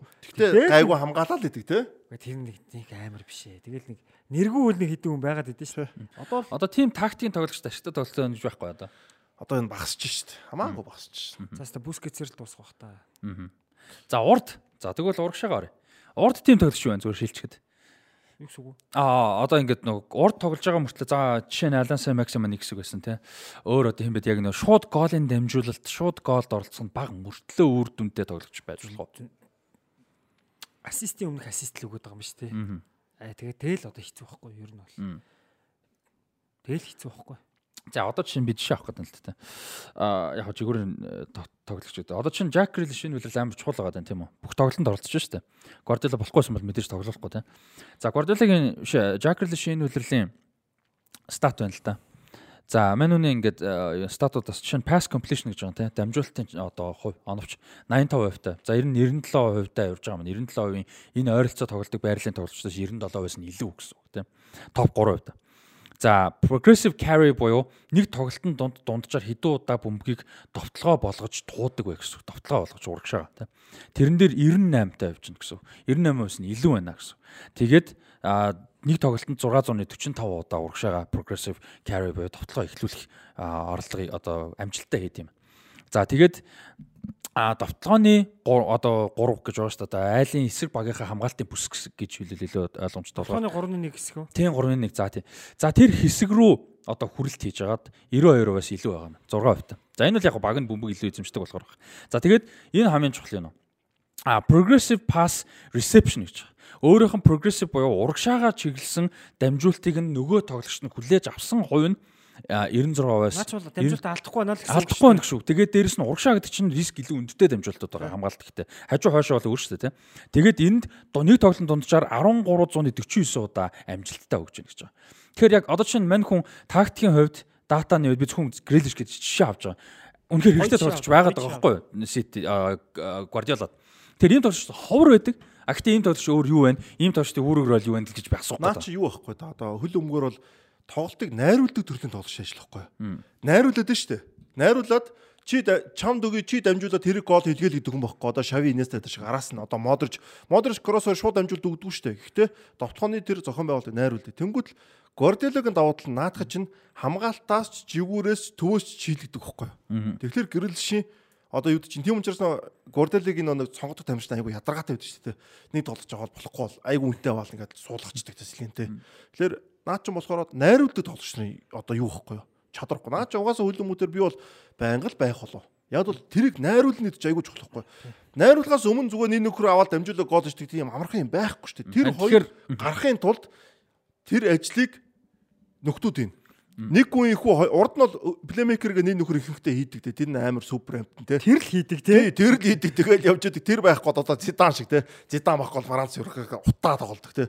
Орчин үед над Гвардиола тэр чинь тоглолт нь бол тийм болчихдог байхгүй. Мангар одоо Ливерпулийг харалта саалагч өргөдөө бүр хамгийн гол найруулагч шүү дээ. Александр Арнольд араас найруулж байна. За энэ дээр Робертс бол яг найруулагч гэхээс илүү зүгээр ингээд хурдангуй кросс хайдаг те. Тэнгүүл тэдний өөр юм. Тэнгүүл Махрезиг хар. Фөөдн яагаад яахгүй? Фөөдн найруулахгүй байгаа учраас гарахгүй байгаа юм шүү нэг бол. Хурд байна Тэгэхээр чадвар. чи яг нөгөө заавал статанд оролцох биш а ийм одоо саний хэлдгээр найруулдаг үнэтэй. тоглолчд бол хэрэгтэй л юм шүү. Одоо дээр зөвхөн талбайн төвөөс нэг хүнээс биш олон хүнээс шаарддаг. Тийм учраас ситиг чи хамгаалалт хэцүү байхгүй. Энийг авчаар энд найруулчих гэдэг айгуу зү тий. Энэ найруулгын болохоор энд найруулчих Өмнө нь гэдэг. одоо юу гэдэг нэг марклна гэж яддаг шүү дээ. 10 номерыг л марклцдаг. Тий. нэг Хамгийн лагийн очиж. Эсвэл хурдан вингерийг нь тий. Дуусах шүү дээ. XG гэдэг нь та одоо э, хин Grealish XG энэ улиралд Premier League өрөөнд 4.5 XG-тэй байгаа. Энэ улирал 5 гол оруулсан байгаа. Expected assist буюу одоо ассистийн боломжийн шанс гаргасан 6 а, дамжуулалт гаргаж өгсөн 6 гол болсон юм байна. 6 ассисттэй. Тэгэхээр XG модал бол бас ер нь нэлээд л ондог гэсэн. За би шин тухайн ганцхан юм ярьчих. Юу гэхээр за энэ хүн бол анх ингээд үнэндээ хөрөхгүй тоглолт үзүүлж нэлээд шүүмжлүүлсэн саяхнаг бол. За сүүлийн үед бол их сайн тоглож байгаа. Мэдээ сайн тоглож байгаад бол маш олон хүчин зүйл байгаа бах тийм. Ганцхан хүчин зүйлийн улмаас хүн амжилт үзүүлнэ гэдэг бол. Ялангуяа багийн спорт. орчин үед бол бүр бүр байхгүй. За грил шот юу гэдэг багтаага дас зогтсон ч гэдэг юм уу те. Тэгээд өөрийнхөө өөрөө сэтгэл зүй одоо юу гэдэг магадгүй бид нар мэдгүй хувийн асуудлаар зэгцэлсэн, нойр хоолоо зэгцэлсэн зөндөө юм байгаа бах. Тэгтээ Шоу gaаж магадгүй шүү манай. тий, шоуга багсгасан ч юм уу те. Тий. Э, зөндөл юм байгаа бах. А тэнгүүт зүгээр харагдаж байгаа юм чи наа чи юу байгаа байхгүй. Ситиг нэг 3 2 4 1 гэсэн байрлал байгаа байхгүй. Яагаад вэ гэхээр наа чин 3 2 4 1 гэхээр дөрвөн довтлох чиглэлийн хасан болагч нэг довтлогч довтлохонд тавуулаа тэнгүүт довтлохонд олуулаа л болж ийн гэсэн үг байхгүй наа чин. Довтлохонд олуулаа болно гэдэг чинь 5 эсрэг 5 тоглох нэг өөр 6-гийн эсрэг 5 тоглох нэг өөр ингээд нэг тэр бол бас бас их давгүй гол нөлөө үзүүлж байгаа шүү тийм. Одоо орчин үеийн хөлбөмбөг чинь одоо юу чи урд нь ингээл нэг хүнийг ингээ ганцаар ингээ гаргах чухал байсан шүү дээ тий. Орчин үед нэгийн эсрэг нэг тоглолт чи өөрөө хэцүү болчихж байгаа байхгүй. Одоо ингээд жигүүрийн тоглолцоод жигүүрийн хамгаалчаас нэгээс нь тоглолно чинь яг гонд алтан боломж واخгүй одоо орчин үед дандаа маркч хамгаалж э, коверлж хамгаалж байгаа ш нөгөө баг нь давхар давхраараа. Тэггүй одоо ер нь орчин үед юм чинь тийм болцсон. Тамирчин чадвар ус. Тэнгүүд одоо яг тийм этэй заа нөгөө 2004 мөрөө оны еврог үзсэн штэ нөгөө нэг уйфагийн юм дээр нэг бичлэг гарсан штэ эшли ковл англ португалийн тоглолтын дээр роналдо гэрхэн дандаа л нэг эсрэг нэг үзээд байгаа байхгүй одоо нэг жигүүрийн э, тэр жигүүрийн хасмаалсан жигүүрийн хамгаалцлал нэг эсрэг нэг тийм. Одоо ч нөгөө баг бүгд бүгдээрээ хамгаалдаг болохоор дандаа нэг давхар хамгаалтын эсрэг л үзээд давхар хамгаалтын эсрэг тоглолт. Тэнгүүд одоо юу чи багийн хамгийн чадварлаг тоглогчоо нэг эсрэг нэг гаргана чи ерөөхдөө гол оруулах маш өндөр боломжийг гаргаж өгч байгаа байхгүй. Орчин үеийн хүмүүс чинь тийм болсон. Багийн чадвар гэдэг юм чи амар болчиход байгаа байхгүй. Тэгээ нэг эсрэг нэг дээр ялчих юм бол айгүй айтайхан боломж үүсчин. Өө тэр чинь ялах магадлал нь бас яг хоо нэг эцэг тоглоход хэцүү л дээ. Гэхдээ Месси ч юм уу Роналдо, Сала, Гэрэлиш ч юм уу эдгэр тоглож яг нэг хурд авч байгаа. Нэг эсрэг. даал болцохоор болчих жоохгүй. Тэгвэл эдгэр чи яаж юм хэлэхээр баруун үлтээ өн зүүнд гарчиж байгаа заяа. Тэгэхээр нэг эсрэг нэг тоглоход давуу тал нь бүр илүү болчихж байгаа байхгүй. Одоо би баруун үлтээ жоод баруун тоглох юм бол нэг эсрэг тоглоход би түрүүг ороход ашигт баг штэ тий. Тэнгүүл одоо харал да Метомо гарлаа зур Брайтон дээр. Баруун үлтээ зүүн тоглож чинь. Төврөгөө дараагүйд ашигтай Метомо. Тэр амар олон нээлттэй талбай гарan дамжуултууд айн өөрөө цохин тий. За жигүүрлүүгөө сугараа гарчи. Бас аюултай. Уршаа ганцаар гараад. Адаглал заяа нөгөө Сала чинь Александр Мартинес чи бүтэн эргүүлээ шүү дээ. Тэгээ санд чи байж та гэдэг. Тэгэхээр орчин үеийн хөл өмгч яг л тийм л болчиход байна л да. Месси чинь ч гэсэн нөгөө Гвардиолыг Месси чинь зүүн үлтэн баруун жиг рүү гарцсан шүү дээ. Хорватад тоглоход тэгээд өөрөө яг биеийн хуурмаг хөдөлгөөн хөдөлгөөн зөндөө байгаа. Гэтэ Гвардиолыг бас гачин болгосон шүү Тэ эргүүлсэн. Тэгвэл Мессиг бол баруун үлтээс бол Гвардиолыг бүтэн эргүүлж чадахгүй шүү дээ. Хэцүү шүү дээ. Гол руугаа илүү дарах ч юм уу. Сах руугаа дарах нь ойлгомжтой дээ. гэдэг ч юм уу. Яг тийм. За довтлооны барилтууд дээр өөр өөр орж байгаа өөрчлөлтүүд юу вэ? Одоо бол ерөөсөө юу байна заяа. Одоо хөлбөмбөг юм болцсон шүү дээ. Хаалгачаас тоглолт эхэлнэ. Довтлогчоос хамгаалт эхэлнэ. Яг үнэ. Одоо бүгд хамгаалдаг тийм бүгд прессинг гэдгүүд. Сая тэр Баерн Ситигийн хариу тоглолтын дээр хааланд ч бол зүгээр хамгаалагч л гүйж хэлж шүү дээ. Тэр хүн дэлхийн шилдэг супер довтлогч мотлогч гэж шинж танихгүй хүн бол харахгүй энэ хүн ямар аятайхан хамгаалдаг хагас хамгаалагч вэ гэж харахаар Өө хаалтанд биш гэдэг замгаас. Тэгээ дээрэс нь төвийн одоо сонгодог 9 номер гэдэг байрал чи өөрөө ерөнхийдөө бас байхгүй бол тал руу орж байна. Тэнд тоглож байгаа тамирчин чи өөрөө зөвхөн гол хийдэг биш. Дамжуулалт хайдаг, тоглолтод оролцдог, найруулдаг те.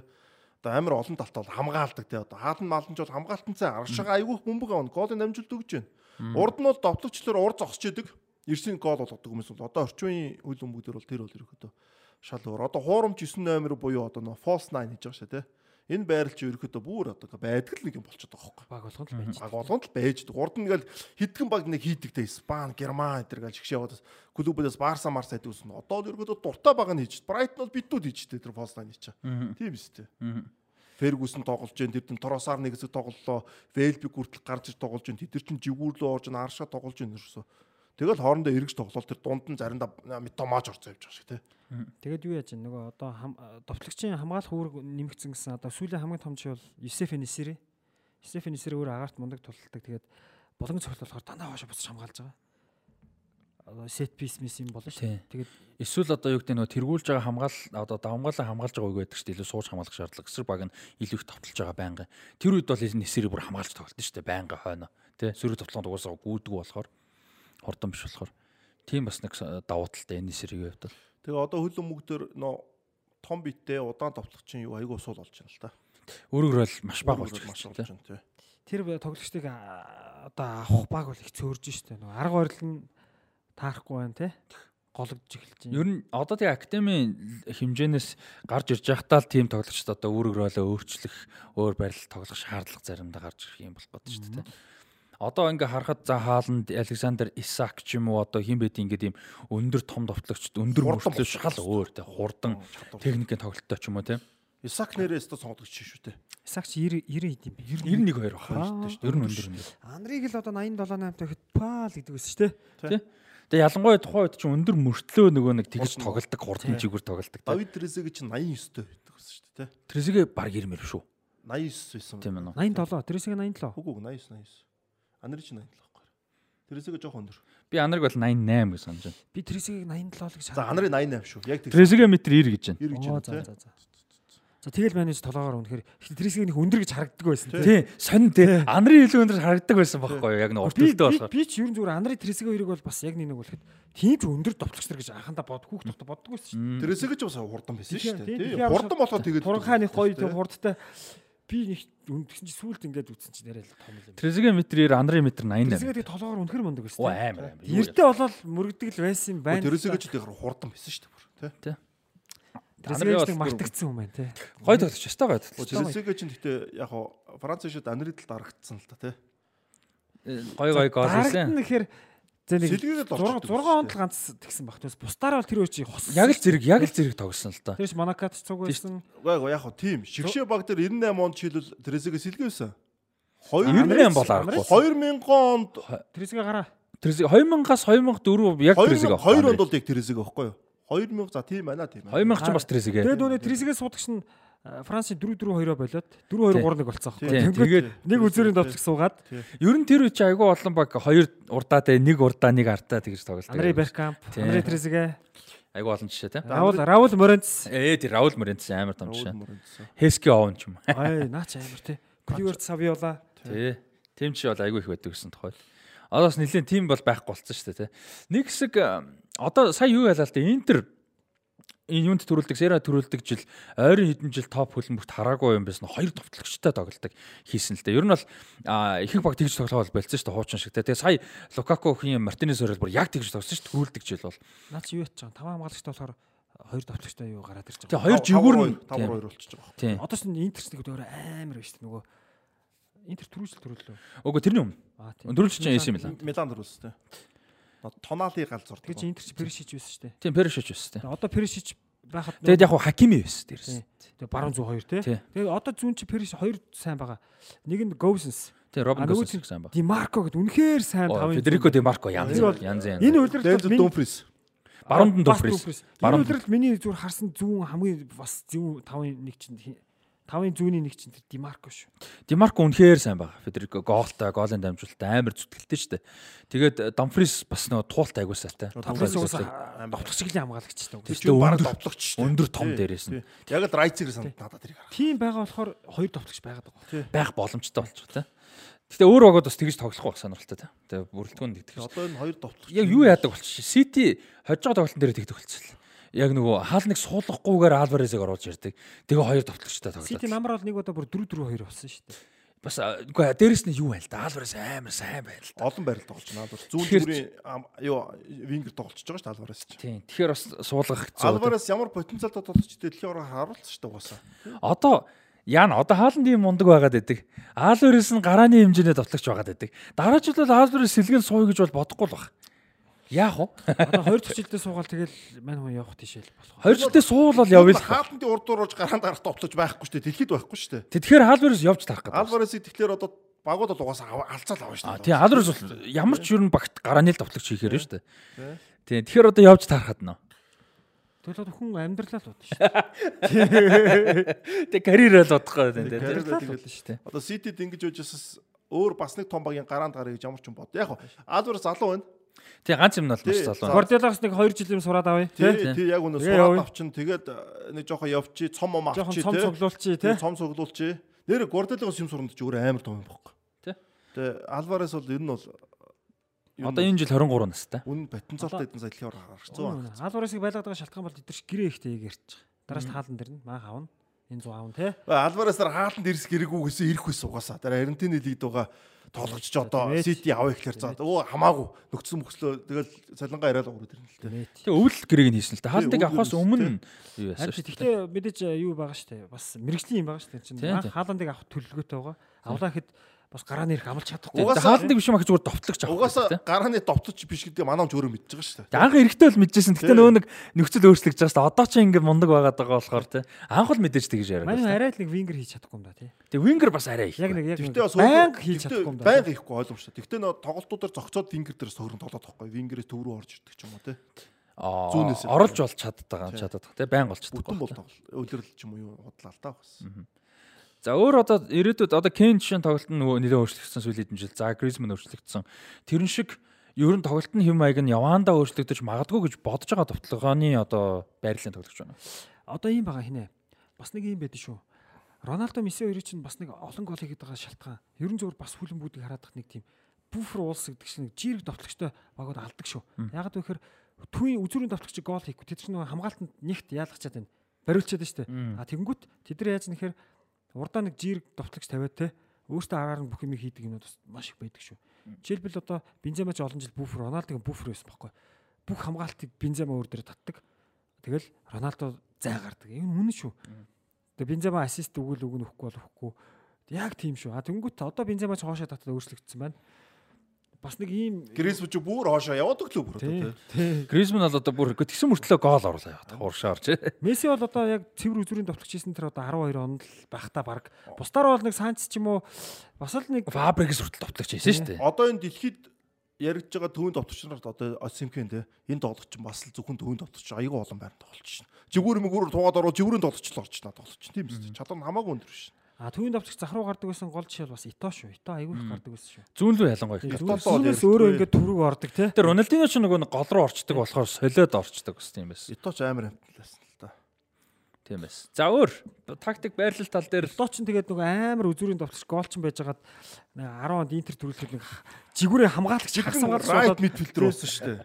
зүүн төлөө а зүүн панд зүүн панд баруун Ито тэгсэн. Дууд нь Schneider, Cambiaso, Motta аахгүй те. Тэгээд нөгөө нэг яагаад тэгсэн гэж би ч Моринег төлөөл тэгж тогс өөр хүнийтэй өөр хүнийтэй тэгж тоглож. Андре хүртэл тэгсэн шүү дээ 6 оны дэрдлэгийн аврал дэр чинь. Зүүн зүгүүрээс ч юм уу довтчийн араас тоглолдог ус чи хин Рамен Домино чинь чи дүүн довтогч чи. Тэр хязгаарлалт Тий, Малуудаг зүүн тавиад, Рибериг баруун тавиад ард чинь Зидан тоглоно гэдэг. Айгу дургу байсан гэж байна. За одоо шгшөөгийн төлөө тоглолоо Данир чи баг бөмбөг ирэхгүй дээ урд хүлээгээл зогчоо. Тэгээд Анир шигүн тэгж тоглоно гэдэг өөрөө тэр давуу талыг нь ашиглахгүй байгаа. тий хүлээж өрөд хэцүү байхгүй тий. Дээрэс нь тэр хүний нөгөө нэг давуу талыг ашиглахгүй шүү дээ. Тэгж тоглож ич гэхдээ Франц чи бараг мөнгө рүү өтсөн баг шүү тий. Бас тий. Гэхдээ тэр чинь одоо яг тийм нэг тасгалжуулагч нэг тактикаас олж Франц финалд үлдсэн биш байхгүй. Тэр зүг Зидан анарын энэ шийдсэн байхгүй юу? Зидан шийдсэн, шийдэж явсан байхгүй юу? Яг хүн шийдэж тэр Рибериг гараамаар дардаг бас том шийдвэр шүү нанч та. Риберич гой гарч ирсэн. Тий, Рибериг бол шууд Зөрөгтэй шийдвэр Тэр бол Сидней гов мов ч юм уу хуучин сонголтууд зөндөөс шүү. Тэгэд Рибериг гаргадаг бол бас л тэр бол амар шийдвэр байхгүй. За малууд бол ойлгомжтой байсан. Зидан ойлгомжтой тий. За тэр артлын идтэй бол угаасаа ярих юм байхгүй. Яг л ингээл гаргасан. Тэр Рибериг сонгодог сонголт. Рибери чи олон тоглолт өрчсөн шүү дээ. Испани эхлээд фейлдсэн тий. Эхлээд Испандер шийдэх хуураад тий. Тий, Испандер тоглолт шийдэг. Тэ ер нь бол Рибери чи ер нь гараа нь айгүй чухал тоглож. Яг бол хамгаалтанд амар тусалдаг гэсэн юм байхгүй. Франц шиг хамгаалтан дээр чи. Одоо тэр туслахгүй гэдэг яг юм. Зидан анарын хоёрыг туслуулах. За тэгвэл Франц шууч тийм байсан шүү дээ. Вера Маклида хоёроо Зиданыг бол хойш буцаадаг чгүй. Одоо ийм тоглогч тэгвэл Зидан одоо таваараа тоглосон те. Бөмбөг аваад үнэхээр заа гарамд өөрөө очиж. Гэхдээ заяа тэр үчи 4 2 3-1 болохгүй бол аргагүй байсан байна. Яг тэгэхээр Трезига анарыг тавиад Зиданыг тавьчих 3 хүн буцахгүй байна. Тэгтээ. Тэгээ алуулах гэдэг юм байна. Тий. Тэгээ малуудаа чаа айгуу сайн байсан. Малуудагийн байр дээр. Зиданыг оруулалттай байна ш. Зидан ч юм бол баруун зүүн хоёр жигүүр тоглож юм төрөөгөө найруулга руу ордог гэсэн ш. На хар ажлын нөгөө хэд нийт те. Тэгвэл нэрээ яг үнэ. Нэрээ хамгаалахгүй мангар олон гарч ирэх байхгүй те. за одоо тэгвэл ийм тоглогч ер хурдж байгаа байх нөгөө нэг э, юу яадаг те нэг хуучны 10 классик 10 хамгаалтанд оролцдоггүй гол найруулдаг те тоглоо хамаг юм байхгүй Тийм. байна. За тэгвэл одоо цаг тийм тоглогч гэвэл за хэм байх. Месси угаасаа тийм тийм. Прессинг жунд бол ялангуяа тэгж тоглож байгаа. За өөрөөр Эмбапе бол татдаггүй. Тэргээр нь хүмүүс бол сайн мэдж байгаа. За өөр бол нэлээд цөөхөн байхтэй. Тиймэрхүү хаалн маланд бол тийм биш шүү дээ тийм. Тиймэрхүү тоглогч нь гарч ирнэ гэж бодож байна эсвэл ерөөсөө л Гарч ирнэ. Гарч за Наад 10 классик 10 чи алаа хийсэн хамгийн гол юм юу гэхээр 4 3 3 гэсэн байрлал мод болоод яг н 10гүй болсон байхгүй юу? Хамгийн гол нь. А тэгтээ 10 гарч ирэн заяа.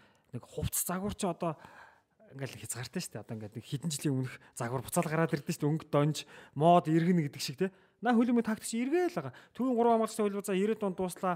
Дөрөвтэй боллоо. Бараг болохгүй гэдэг үсэн шүү дээ бүр те. Одоо ингээл ингээд наа чин эргээл юм гэдэг шиг. Тэгээ Бразил 2002 онд Грек хамгаал. За яг энэ хоёр л авж байгаа ингээл. Яг үндэ тэр хоёроос бусд нь бараг 3 та тоглоогүй шүү дээ. гараа буцаа гараад. за тэгвэл За 10 10 дугаар бол байж болох юм байна. За гэхдээ ер нь бол орчин төлд ялангуяа топ класс дээр те аа багаараа тоглолдог те ер нь нэг тоглогч онцгой бишэл баг нь юм гэдэг бол Ливерпул Сити бол том жишээ те Реал Мадрид ч юм орчин. Ийм болчиход. Тэгвэл тэр дунд Сани Месси Эмбапе гэдэг шиг тоглож таарах юм уу? Яг ингээд хамгаалтанд оролцдог, пресс хийдэггүй. Үнэхээр энэ тасарсан ийм довтлооны чадвартай ур чадвартай тамирчтай чинь довтлоон дээр илүү юуг нь гаргах нь зүв байхгүй юу? Одоо илүү хамгаалалт тоглолч бас тоглоно гэсэн үг шүү дээ. Гэхдээ Яагаад гэх юм бол эсрэг баг нь тэр хүнийг ингээд үлдээгээд нэг юм уу хоёр үний юу тавилаач гэсэн тэр хүмүүсийг ингээд аргалчих хэмжээний чадвар тамирчтай байхгүй тэр чинь. Тэгэхээр онцгорох тоглогч гарах юм уу гэдэг юм ба шүү дээ. тий. Тийм. Гэхдээ яг зүгээр тактикийн хувьд тэр хүнийг зүгээр суул орхих юм уу? Тим тоглож байх юм бол гэдэг байхгүй. Одоо чинь өнгөрсөн жил бол ягаад би асууж байгаа нэхэр нэгдүгээр тим тоглож ховор аа хоёрдугаар Роналдо дээр тим хамгийн их хэрэгцээ шүү дээ Криstiano Роналдо тэр Манчестер Юнайтед прессинг хийдэггүй. Тэн хаг бол прессингтэй тоглоно. За тэгэхэд Роналдо бол прессинг хийдэггүй тий. За тэр бол хамгийн олон одоо яг олон шалтгаан байсан та таарахгүй явсных юм. А гэхдээ нэг шалтгаан бол тэр байсан хамгийн шүү дээ. гол шалтгаануудын нэг нь бас наад Тий тэр байсан. Тэгэхээр яг би тэгж л асуугаад байна л да. Одоо тэгэхээр тасалжуулагчаас хамаарж багаасаа хамаарах гэдэг нь ямар багт жишээ нь Месси, Мбаппе шиг аа, ийм хөдөлдөггүй те хамгаалтанд оролцдоггүй хүн таарах юм Роналдо шиг. Ягаад тэгэхээр одоо ч яг хөлөмөг нэг ийм болчиход байгаа байхгүй. Ягаад 4 4 2-ыг болсон гэж? Ягаад 4 4 2-ыг болсон гэхээр урд 2 хүн үлдчихсэн байхгүй. Мгм. А одоо нэг хүнийг үлдэхийг зөвшөөрөөд байгаа байхгүй. Нэг хүнийг үл. Яг байж болно гэдэг ч юм уу тий. А тэр хүн амарч амарч жагаад яг бөмбөг авахд л юм аач. Гол аач, голыг бэлдээд өгч. Эн чинь тэр хүн үүргээ яаж чинь гэсэн үг. Түүнээс гол хийхгүй хамгаалтанд нэг туссан туслаагүй хэрэггүй. Тэгэхээр тийм хүн үе үед байна. Тэр чинь бол өнөхөр нөө супер үдл байд. Тэгэхээс одоо зүгээр нэг нэг нөхдүүд ингээд дунд алхахаа онож байгаа шүү. Яг дөрөв дөрөөр тоглодог багууч нь хоёр төвийн товтлогч нь хоёулаа бас хамгаалтандаа тусалдаг. Шахалт эхлүүлдэг тийм багууд. Урдаас хамгаалтыг эхлүүлдэг тийм багууд л тэгж болоод тоглох гээд байна л таа. За тэгвэл ойр хэдэн жилдээ харагдахгүй байрлал юу вэ? Байрлал үүрэг. За байрлал гэхээс болоо. Одоо хуучин нөгөө нэг хагас жигүүрийн хагасууд гэж байхгүй боллоо гэж штэ. Тэр нь тийм ер нь бол одоо байхгүй штэ. Win back-ууд л орж байгаа. Гэхдээ тэр дундаж мондож төвчнүүд байгаа л да. Тодорхой хэмжээнд right back уу, right midfield. Их л бүдгэрэндээ тий. Ер нь их л тийм топ дээр бол хэцүү. Өөр тийм байрлал байна уу? Ер нь яг цэвэр үүргүүд. тэгэл нэг тодорхой хэмжээнд бол. За одоо second striker гэдэг байрлал ер нь байхгүй. тий. Түр ярьсан нэг хоёр давтагчтай тоглоод Хоёр давтагчтай хот яг их гарч ирдэг байсан тий. Одоо л тэр байрлал чинь ер нь байхгүй. Юу нь байхгүй болч. Тэр бол жинхэнэ байхгүй болоо тий. Рональдинho Отогаар тэгж тоглолдог байсан. Андре Трезегагийн ард Беркамп, Дел Пьеро Трезегагийн ард. Камп бол агуу жишээ шүү дээ. Тийм, Беркамп хамгийн агуу жишээ. Одоо ганц давтлагчаараа тийм second strike баг болчиход байгаа юм шиг байна. Second striker гэж одоо монголоор бол хоёр дахь товтлогч, туслах товтлогч гэж бид нар орчуулдаг байлаа шүү дээ. Яг гол нь англиар ярих ингэж байгаа нөгөө нэг striker гэдэг чинь одоо 9 дугаар те яг нэг гол. А ерөнхийдөө урд тоглолтог хэдий чинь нийлэнхэд нь болохоор forward байна. Тэг яг заав striker юм биш, заав winger юм биш. Тийм. Яг урдаа тоглолтог актив янз бүрийн.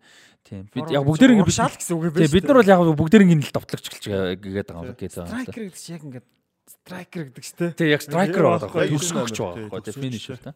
А second striker гэхээр хоёр дахь төгсгөгч л байхгүй юу нь Яг ард нь, тий. Яг ард нь тоглох. Яг хэдүүлэл тэрийг нөгөө товтлогчийн ард мард гэдэг. Туслах товтлогч тэр гэж орчуулж байгаа ш тастаа давхар тий. Тэгээд нэг тухайн үед нөгөө хуучин классик 10 дугаар second striker-оор нийлж эхэлж исэн. Тэр Рональдиньо энэ чинь нэг хуучин 10 шиг мөртлөө second striker чинь. Тийм Ривалдо Ер нь бол Бразил улс одоо хөл юм спортод чадвар маш чухал байдаг. Юунууд болохоор ингээд Европод бол ингээд багийн хувьд ингээд гоё чадварууд гарч байгаа. Тоглогч нар байгаа л да. Cruyff, Bergkamp тэр гоё шинжилүүлээд. Ер нь бол энэ Бразил, Аргентинчууд бол ерөөдөө бас хөл өмгийн хувьсэл тагт тасар олон өөрчлөлтөөс. Тэр нь гэхдээ тэгсэн тэгсэн. одоо мэдлэг чадвараар ихээс илүү хувь тэмчний ур чадвар. Авьяас ур чадвараараа тий. Тий, авьяас сурж. Одоо үүд чинь мундаг анализ тактикч бол баг яг өндө өмнө Америкт бол. Гэхдээ тэнд бол үнэхээр тасарсан авьяастай үнэхээр одоо Марадона шиг, Пеле шиг, Гаринча шиг хүлэн зөвшөөрөхөртэй бүр тактикийг өөрчилдөг тийм тоглогчор зөндөө гарч ирдэг гэсэн байна. Одоо ч гарч ирсэн шүү дээ тий. Жигүүрийн хамгаач тэр нүд Кафу Роберто Карлос чи явлаа шүү дээ. Тэд чи яг үндэ одоо хөлбөмбөг гэдэг чадварыг хэд дахин дахин давтчихгүй хүмүүс байгаа өөрчилсөн тий. Тэгээ яаж хахад да яг араас нь Марсело Дани Алвес хоёр зэрэг гарч иж байгаа алсан тий. Яг Дани Алвес Майкон нэг хэсэг амар л байсан л та. Ер нь бол тэр гурав тий. Нэг хэсэг яг араас нь үргэлжлүүлээд. Тэр гурын ч одоо карьер бас амар дээ. Ялангуяа Дани Алвесийн хоёр бол Марсело хоёр бол тий. За өөр нэмэгцүүл байна. За за ингээл явах уу та. Энд чинь ямар гоё яриа болчих. Гоё өстой гоё яриа боллоо. Тэгээ бүтэн байрлалаар ярьлаа шүү дээ. Одоо хуучин свиперүүд нөө свипер гэдэг дээр ч одоо нөө Бекенбауэр яригддаг ч юм тийм шүү дээ. Сиперүүдийг манай зарим одоо сайн мэдээж магадгүй. Одоо манад бол цэвэрлэгч гэж орчуулдаг. Тий. Яг төвийн Цэвэрлэгч шиг юу юу 3 номер уу? А одоо би одоо энийг тайлбарлах гэдэг. Чөлөө хамгаалч гэдэг хэвгүй энэ бол свипер. Монголд Оросоос орж ирээд цэвэрлэгчгээд одоо нөө зөрж буугаад болоод шиг. Тэнгүүд Монголын цэвэрлэгч яадаг гэхээр дефенсив мэдээлэлүүд байхгүй. Гурван хамгаалч урдлаа. Одоо яг миний өөрийн тоглолтог гэсэн байлахгүй. А тэнгүүд дэлхийд яадаг гэхээр свипер буюу чөлөө хамгаалч тэр цэвэрлэгчдэг байр чинь хамгийн харин 3 номер багтахгүй. Тэн дээр чинь жинхэнэ нөө нэг юунууд тоглолдог те. Жинхэнэ амар амар. Бекенбауэрууд нь тоглолдог. Тий, Бекенбауэрууд нь тоглолдог байр л байхгүй. Ямар санда Бекенбауэр гэдэг үг ч одоо тэмдэг нэр болох тий. За цэвэрлэгч гэдэг үг чинь нэг бас юу юм бэ л дээ. Би бодож үзсэн.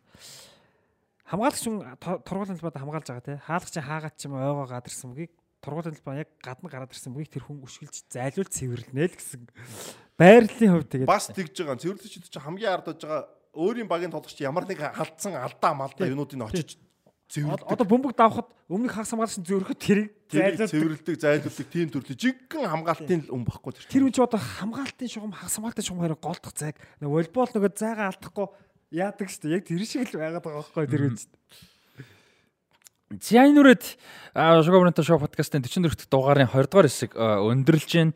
Ерөнхий веддэгч MMS-ийн хамт олонд баярлалаа мөн өнөөдрийн дугаараас эхлээд ивент тэтгэгчээр ажиллаж байгаа Way Sport Lounge-ийн хамт олондоо баярлалаа та бүхэн.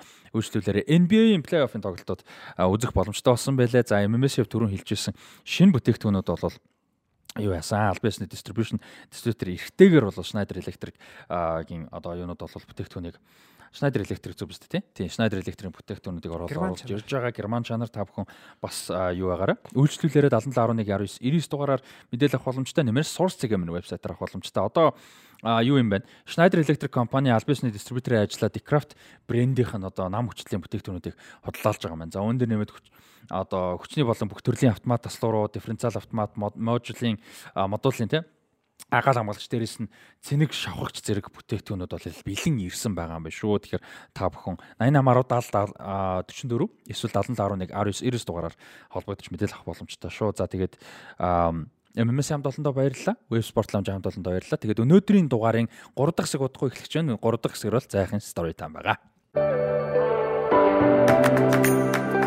Цаг хугацаа өнгөрөвч үн цэн үлдэнэ хүчний дэвшилтэд шийдэл бүхий бүтээгдэхүүнүүдийг төслийн аль ч үе шатанд эцсийн хэрэглэгчдэд зориулан тасралтгүй ханган нийлүүлж байна. Мэргэжлийн ур чадвар салбарын туршлага мэдлэгтэй тулгуурлан оновчтой шийдлийг харилцагч бүртээ санал болгон байнгын эргэх холбоотой ажиллаж урт хугацааны үнцнийг хамтдаа бүтээдэг. Улс орныхоо хөгжлийн суурь болсон дэм байгуулалтын салбар бүрт дэвшилтэй технологи болон чанарын илэрхийлэл болсон бүтээгдэхүүний шийдлийг эрхүүлж харилцагч бүрийнхээ мэдрэлийн дан ажилдгаараа бахархдаг.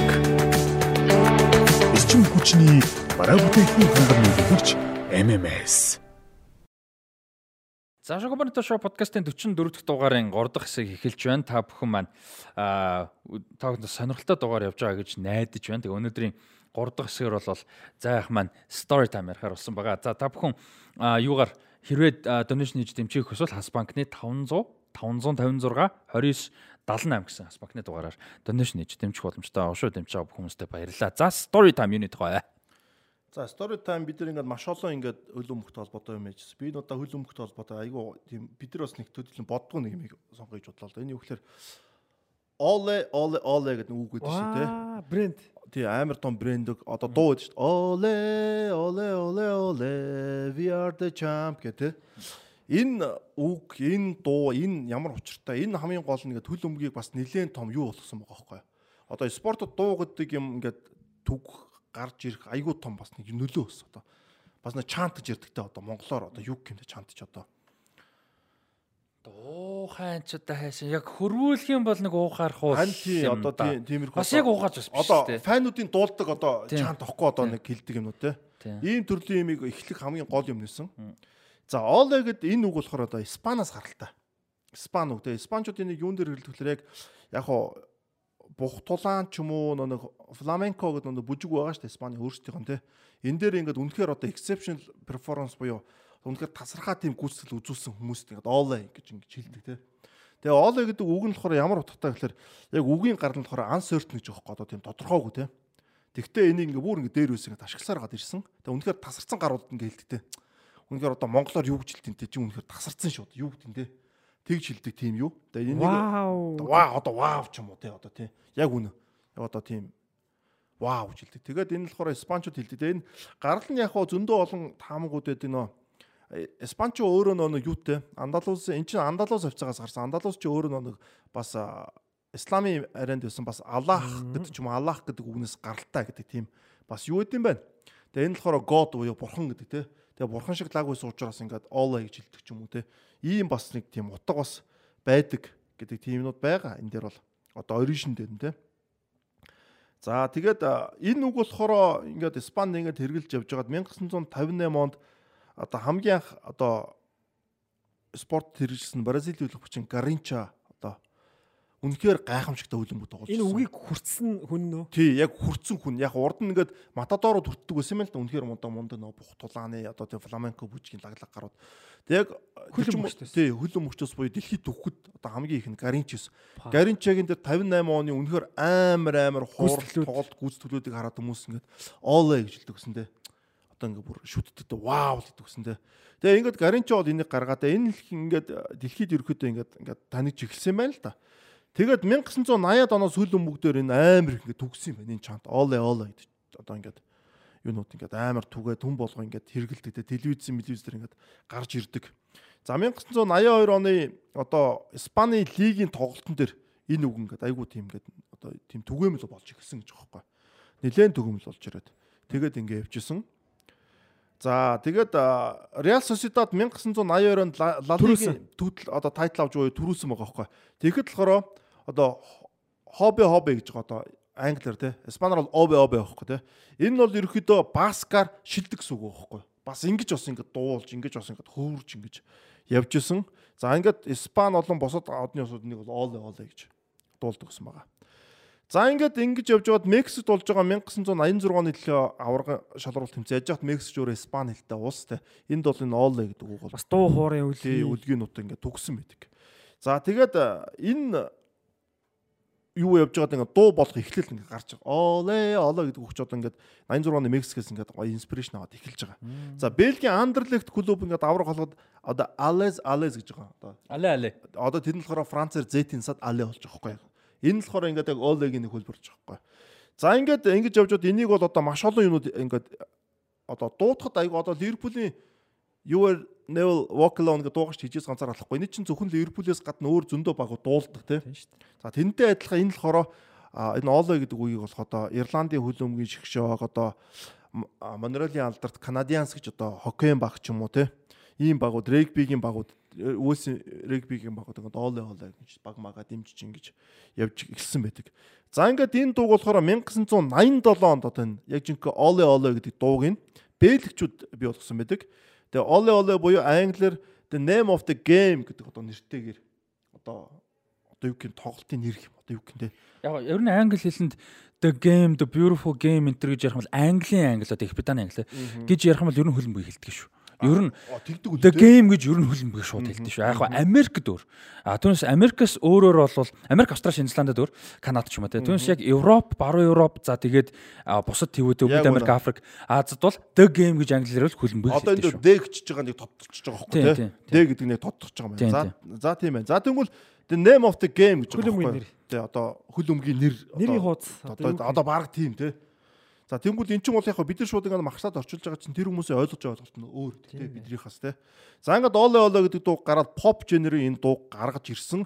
За продюсер продюсер нь Роланд Верлун уу одоо Францаар Роланд хэлэх үү тий. Роланд Верловн гэдэг хүн одоо продюсерлаад за тэгээд Армат Дежа гэдэг одоо songwriter нь тий энийг ингээд бичиж гаргаад тэгээд ингээд бэлгчүүд гаргаж ирээд энэ дуу дэлхийн нийтийн ингээд хүртэл болж дэлхийн одоо хамгийн одоо алдартай хөл бөмбөгийн дуусан. Энэ болохоор зөвхөн хөлөн мөгдөлтгүй маш олон спорт руу бас төгсөн байдаг. Одоо ингээ фэнүүд бөөнөрөө олон бөөнөрөө суугаад манад бол уухай гэдэг хүн болгон дэмжээл явчихдээ шүү дээ. Тэнгүүд дэлхийн нийтээр одоо тийм үг одоо энэ үг олчиж байгаа байхгүй. Оолаа ингүүл хүн болгон мэддэг. Тэгээд бөөнөрөө ингээд олээ гэдэг ингээд амгаалт тэ. Олээ. Тэгвэл энэ дээр нь яг энэ дуу гаргаж ирээд амар гоё ингээд ингээд түгцсэн. За тэгээ энэ дуу болохоор ингээд гарч ирээд бас энэ ч бас зүгээр байгаагүй байгаамаа. Маш олон одоо coverс дэлхийд 50 улсад одоо coverлсэн гэж байгаа одоо. Coverлсэн гэхэлэр одоо монголоор өөр дуучнууд одоо юу юм бэ? Cover л ахгүй. Одоо cover-ыг бол одоо cover-ны хүмүүс сэргээж дууссан гэх юм одоо. Сэргээ нь хин ч дайсан. За coverлсэн тий. 50-аас дээш улсын одоо усудко. Энэ айгу том тоохгүй юу? Одоо нэг дууг 50-аас дээш усад coverлэндэг ч юм бол одоо асар том юм байгаа тоохгүй. За тэгээд эн чинь ингээд Германд хүртэл явж байгаа. Тэгээ Тони Маршл гэдэг нөхөр дуулаа. Тэгээ энэ дуунууд нь хамгийн гол нь дугуулсан билбордуудаас дээгүр мээгүр яваад байгаа байхгүй юу? Яг энэ дуун ингээ билборд чехэд явсан байгаа. Чехэд ямар нэг нөхөр ингээ бас жоохон өөрчлөөд ингээ дуулсан ч юм уу те. Энэ зөндөө олон улсад ингэж явсан байдаг.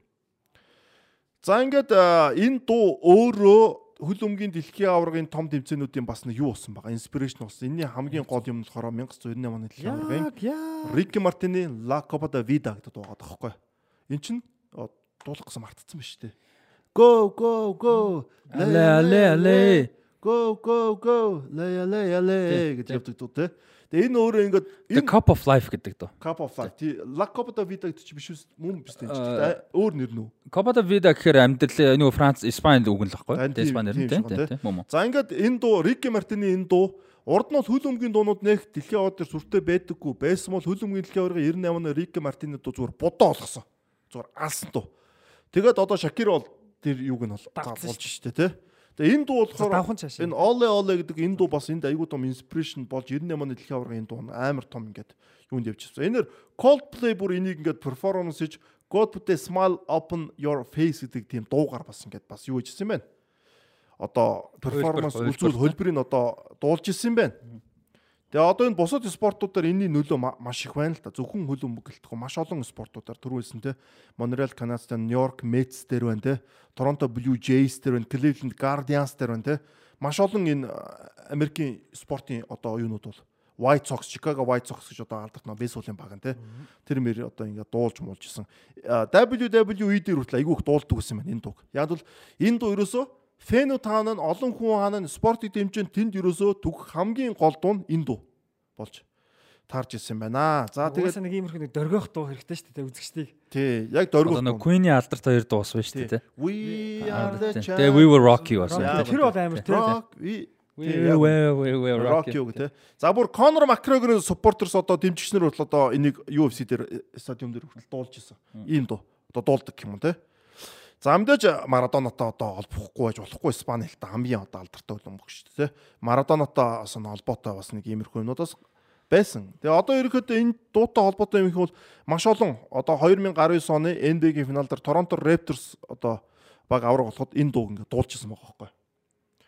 Тэгээд энэ Оле Оле гэдэг дууны түүх болон спортод үзүүлсэн нөлөө асар өндөр байсан. Одоо фанууд ямар нэгэн байдлаар дэмждэг байхад энэ дуу тэр дэмжлэгдээ нь асар том ингээ бөөнөрөө монголчууд уухай уухай гэдэг шиг айгүй том юу болж өгсөн байдаг. Тэгээ олон одоо тийм юмнуудыг давхар үүсэлдэх одоо боломжуудыг гаргаж ирсэн. Хөл өмгийн ялангуяа тэр 98 оны дэлхийн аварганд бол одоо миний хувьд бол хамгийн одоо зүрстгэл хүрсэн дуунуудын нэг гэж авдгийн шилбэл. Наа чи яг тэр 90-ад оны сүүл 2000-ад оны их үед олон за энд одоо тоглоомын тоглоом гэдэг хөлбөмбөг хэлж штэ тоглоомын нэр гэж штэ тий яг үнэн баггүй би нэг сони юм ярих яг энтэй холбоотой. За энийг анх энэ дууг э, одоо хизээ анх сонсмоос нь мэдэхгүй байх зүгээр гэхдээ раста нэг юм болчихсон. 2000-ад оны их үед манай байрны дор PlayStation 1 ажилладаг гэсэн аахгүй. Танаа ах оргил за найзуудтайгаар тоглоод найзууд нь тэнд PlayStation 1 дээр сакс тоглоод оргил энд юу тоглож байгаа байхгүй хөлбөмбөг Тэгсэн чинь найзууд нь чи наа хөлбөмбөгөө болоош нас нэг олоо олоо олоо л гэсэн юм. Юу нь гоё байгаа? Наад яа болоош гэж яг миний зүрх сэтгэлдээ үлдсэн байдаг байхгүй тэр. Юу гэхээр тэр хүмүүс хөлбөмбөгийг мэддэг хүмүүс хөлбөмбөгийг олоогаар л төгсөлж байгаа байхгүй Олоо гэдгэн дээрэс нь би бас түрүү нөө уншижсэн нэг Аллахаас гадна хоола буюу одоо испанаар би тий албаар ингэж хэлж байгаа дуудахгүй шүү. те Нөгөө нэг Тий. дууд ямар яаж бичдгийг нь Тий, харуулсан би байна. чи нэг облог ч битэр ойлгохгүй байсан. Эхлээд хаблот гэж хэлж жагаад тэгээд облог гэдэгтэй адилхан эхлээд байгаа байхгүй түрүүс шүү. Тий. Хоола байхгүй юу? Тэгтээ испанаар ола байхгүй юу? Бас энээс гаралтай. Энэ бас испан үг ш бас арабуудаас гаралтай үг бол таарж байгаа. Арабын соёл бас амар байсан байгаа шүү те. одоо андалуус гэдэг чинь өөр араб үг байхгүй Тий. Анда одоо яг Португалтай хилдэг хэсэг шүү дээ. Энэ бол Андалуз гэдэг чинь яг далай одоо яг Испани одоогийн газар нутгаар авч үзэх юм бол яг урагшаага далайд руу буюу Гибралтар руу Марокко руу хилдэггүй мөртлөө яг Португалтай хилдэг яг одоо тийм одоо манайхаар бол өөр ханга байхгүй тий. Яг Хятадтайгаа хилдэггүй мөртлөө нэг за яг өөр ханга биш юм байна. Одоо эвэрт чи Португалтай хилдэг тийм хэсэг байхгүй Андалузия гэдэг чинь энэ бол одоогийн байгаа хэсэг нь бол андалуус ч урт хэсэг урт хэсэг Уу яг хаа нийт нь Андалуз гэдэг чинь яг одоо мужийн нэр байхгүй би. Мужийн яг тэр юу л байгаад байгаа юм л да. За нэг юм учиртай. Өөр тоёд нэмэх юм байна уу? Тий, тэг хөлбөмбөгт нөгөө нэг а, бидний бас а, байнга ярьдаг ч юм юмнууд нэг гоё юм тэрэлтэй нөгөө бусад соёлтой холбогддог, бусад хөгжим за кинотой баг байдаг. Гэхдээ ер нь бол а, бусад урлагуудтайгаа холбогдох гэж гоё. Одоо дэлхийн аваргууд зөвхөн дэлхийн авараас гадна одоо нэг юм гоё нийтлэл гарсан байл би уншааг ба зүгээр Ливерпул хот а а оо яана нөгөө үгийг мартцсан. Хан дээр одоо нөгөө хүний ингээс зургийг зурхичээд юу гэдэг вүлээ англи нэг үг гэдэг юм. За одоо нэр мөрчлээ. Тим юмны хот болсон гэдэг юм тухай айгуугаа нийтлэл байгаа байхгүй нөгөө салаахын mural mural гэдэг тийм англиар mural гэдэг. Тийм mural-ийн одоо хөл бөмбөгийн mural-ийн нийслэл болсон гэдэг ярьж байгаа. Тэрэн дээр ингээд салаахын тэрнээ тэр Александр Арнольд за мэдээж бийтс яг гэхдээ хөл бөмбөгийн гэдэг утгаар. Тэгээ ингээд хөл бөмбөгийн одоо домгуудын маш олон Жерардын тийм олон юм үнэхээр тасархай mural-д их байт юм аа л та. Тэрэн шиг зөвхөн хөл бөмбөгийн эргэн тойронд ийм урлагийн хүрээнд айгүй олон их юм байдаг. Тэрний нэг бол хөгжим. Тэгээ яалч ба. Одоо би бол? Яа би бол хамгийн сайн их эрт сандаг нь бол яг тэр Рики Мартины а юу The Cup of Life те а The Cup of Life-ос гадна Dario G гээд нэг DJ хамтлаг одоо артист байдаг тэрний юу гэж дуудаг Carnaval de Paris гэж дуудаг 98 оны бас дэлхийн аваргын хөгжим тайз тойр сонсоо шуу санана Тэр хоёр бол миний хамгийн түрүүнд ингээ саанд орсон. А тэгээ дараа 2002 оны тэр Vangelis Тэр бол ёо. тэр бол бүр үнэхээр гайхалтай түүхэн те. А грекийн хөгжим агуу хөрхийн хөгжмийн зохиолч. Тэр хөгжим. За тэгээ 6 оны дэлхийн аваргын Германы Herbert Grönemeyer-ийн За дундуур нэг юм хэлчихгүй. Аврагууд дэлгээс сулддаг гэж амар амтан байна. За тэр бол угаасаа бүр те са- 92 оноос те Тони Бритон. За тэрнээр бол одоо юу ярих вэ те. Тэгээд бас нэг сонирхолтой одоо яг би сая дэлхийн аваргуудыг ярьж байсан болохоор те. Тэгээ одоо 6-ны дэлхийн аварга Herbert Grönemeyer аа юу байна. Хөгжим Celebrated хоёр хэлээр дуулсан байдаг. Англи югаар Германаар. За тэгээд а, 8 оны дэлхийн аваргын хөгжим байдаг. Европын гоо. Европын аваргын. Э, Уучлаарай дэлхийн аварга гэнэ. Европын. Рола Армстронг А, Тий, Roll Armstrong тэр ээж сая 21 оны еврогоор ашиглалаа шүү дээ. Хууль э, өөрчлөөд. За тэгээд мэдээж аврагууд хэлийг те тэрнтэй бол одоо юу ярих. А тэгээд бас нэг хөл мөцгөр айгуу гой биднэрт э, миний л хувьд ямар ч байсан. Үнэхээр гой ингээд соёл суулгасан юм юу гэдэг вэ гэхээр одоо соёлууд тахгүй. Улсын туг, газар зүй, тэгээд улсуудын хилнүүдийн дуудлагууд айгүй сонин яа- одоо муухагаар хэлж байгаа юм биш үү зүгээр хүүхэд байхад сонин хачин нэртэй дуудлагатай хүмүүс зөндөө байж идэг. Тэр чинь яг хөө эхэндээ зөв дуудахгүй ч гэсэн ингээл ойлгох гэж Рональдинхоо гэдэг байсан шүү дээ. Тэгээ анхандаа мэдгүй хүүхдүүд бол ялангуяа. Тэгээд чи айгүй гол юм сургаж байгаа байхгүй тий.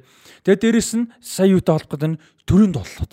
Дэлхийн аварга Европыгаар үзэх төрийн дуулуудыг үзэх хамгийн гоё байдаг. Тэрүүгээр дамжиж Тий. мэдчих шүү дээ. Үнэхээр сонирхолтой байдаг. Гоё, Тэгээ соёлууд нь хөгжмүүд нь ямар байдгийг ингээл Италиуд нөгөө амар сүртэй ингээл дуулдаг. Бразилийн хөгжим гэл те. Тий, тэгэхэд-. Тэгэхэд ч одоо жишээ нь хажууд нь Орос Японых ч бас нэг тийм гоё тийм тайван ингээл юм зүүн нүсэр.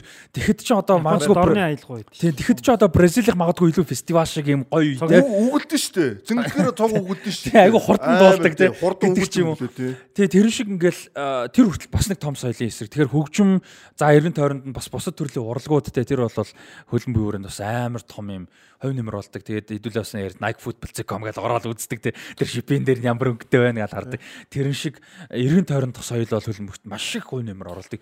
Видео тоглоом амар том хэсэг шүү. Видео тоглоом нэр үнэхээр тоглоо. Яг бид нар гудамжинд тоглодог байсан те 24 яг тоглодог байсан үзэж байгаа. Гэхдээ видео тоглоом байгаагүй л ийм хэмжээнд орохгүйг би би л хувьдаа бол тэгэж бодохгүй. Өнөө өнөө видео тоглоом амар чухал үүрэгтэй л. Хооч. Тэгээ видео тоглоом дээр чинь нөгөө хөгжим орж иж байгаа байхгүй. Нөгөө FIFA чинь хөгжмөр алддаг плейлист дээр. орж иж байгаа байхгүй юу? Тий. Тэгээ Жон Моцсон эдэр чи яг тэн дээр чиг тайлбарлаж байгаа байхгүй? Тэгээд алдартай хөгжим дээр би бас нэг нэмэрэлтэй олоо олоогоос дутхгүй гэж би боддог. Миний хувьд ялангуяа. Гэтэ яг юм дэлхийн нөлөө нь ялчгүй арай өрхөл те.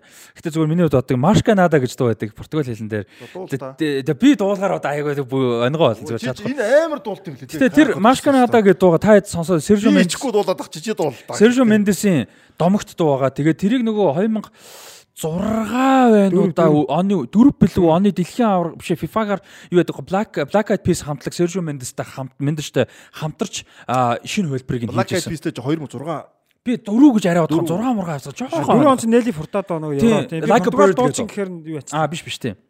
А Бразил гэхгүй Sergio Mendes. Тэгээ тэр дуу байгаа. Тэгээ Nelly Furtado Мендес юм шүү. тийм бах. Mendes Бразил бол тэгнэ. Тийм. Тэгээ тэр дуу байгаа. Машканад. Тэгээ тэр чин бүр дээр үеийн дуу байхгүй юу? Sergio Mendes ч биш бүр Tamba Trio гэдэг бүр дээр үеийн хамтлагийн юм Машканада гэж явдаг тийм дуу байдаг. Тэгээ тэрийг Sergio Mendes нөгөө дахиж дуулаад тэр нь амар алдартай. Тэрийг нь Black Eyed Peas хамтарч дуулж бүр одоо Домгруулаа барууны барууны ертөнцид од болгоод яг би тэр хөлбөрт нэг дуртай бол ш. Гэхдээ ер нь бол илүү од болгоод а тэгээд Мендесийн хөлбөртөнд дуртай. тий тэр тэгээ Tamba Trio хөлбөр нь бас айгу гоё. Тэр хоёр л айгу. А тэгээд тэрний чин дараа явж байгаад юу яасан байхгүй нөгөө Rio гэдэг анимашн эдтэй нөгөө шуунуудтай. Тэрэн дээр чин Sergio Mendes-ийн хөлбөр гардаг байхгүй. Тэр тэрэн дээр чин нөгөө kind musical юм шиг анимашн шүү дээ. Дөрүүд нь дуулж мал. Тэрэн дээр чин Шуунууд ч уус дуулдаг шүү Тий, тэгээ Машка надаг дуулдаг байхгүй тэрэн дээр чинь. Тэгээд тэр дуу ингээ яваад а тэр тэр Машка надагын бас нэг алдартай нь юу юун дээр байд юм. Маска надаа юм Машка юм мэдгүй. Тэрэн дээр Nike-ийн 2000-ад оны их үеийн нэг реклам дээр бас явдаг байхгүй. Нэг Figo Migo-тэй чөлөө Роналдотой явдаг үлээ. Ямарч нэгэн дээр нь. Одоо марчаад байна. Алин дээр нь явдаг. Тэгээ тэр үед бас тэр дуу амар их юм хөлбөмбөгийн том одоо юм нэмэртэй одоо том хэсэг болж. Тий. Тэгээд 2010 оны дэлхийн ургал хөл өмгийн яг энэ дууны оргил яг үе байсан. Бас амар шин тэв. Шакира Вака Вакаг дуулж байгаа юм те. За Cologne Celebration Waving Flan. Э, Кенаны дуу тий. тэг Kenany Cologne Celebration Give me freedom. give Тэг яа тэр бол. Wave Flag гэх өмнө нь байсан дуу. Өөрөөх нь цомгонд байсан. Тэгээ сүүлд нөгөө Coca-Cola remix гэж гаргаад тэр нь бүр тэр хувилбар нь илүү од ус. Тэгээд би бол 2010 оныг бол яг чиггийн спортын дууны хөл өмгийн хувьд бол ялангуяа ер нь спортын дуу хаа, оргил үе гэж боддоо шүү. Наа чин нөгөө шин тип байхгүй. Шин тип болонгууд шин юм санаачлах яах вэ?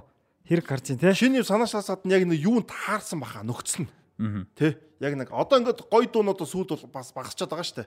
Яг тэр үеийн Шакира стилийн тим гоё дуунууд ингээд Шакирач 2006 хипстонтлаа ялцсан тий. Тийм тэр чин бас босоо байсан дуу Чи дээ. албан босоо Урд нь байхгүй. байсан дуу Lie гэдэг дууны юу байхгүй юу? Шинэ хөлбөр байхгүй юу? Тий, Зориул. Бамбогийн хөлбөр Тэр- Вакла Жан Яг бамбо тэр янзын гоё хөлбөр. Өө тэгсэн чинь нэр юуны Вака Вакагийн Испани хөлбөр байт юм биш үү? Би бүр амар сонь явж олдсоос анх удаага саяхан суусан. Хоо бүр амар сонь тийм хөлбөр байт юм байлээ.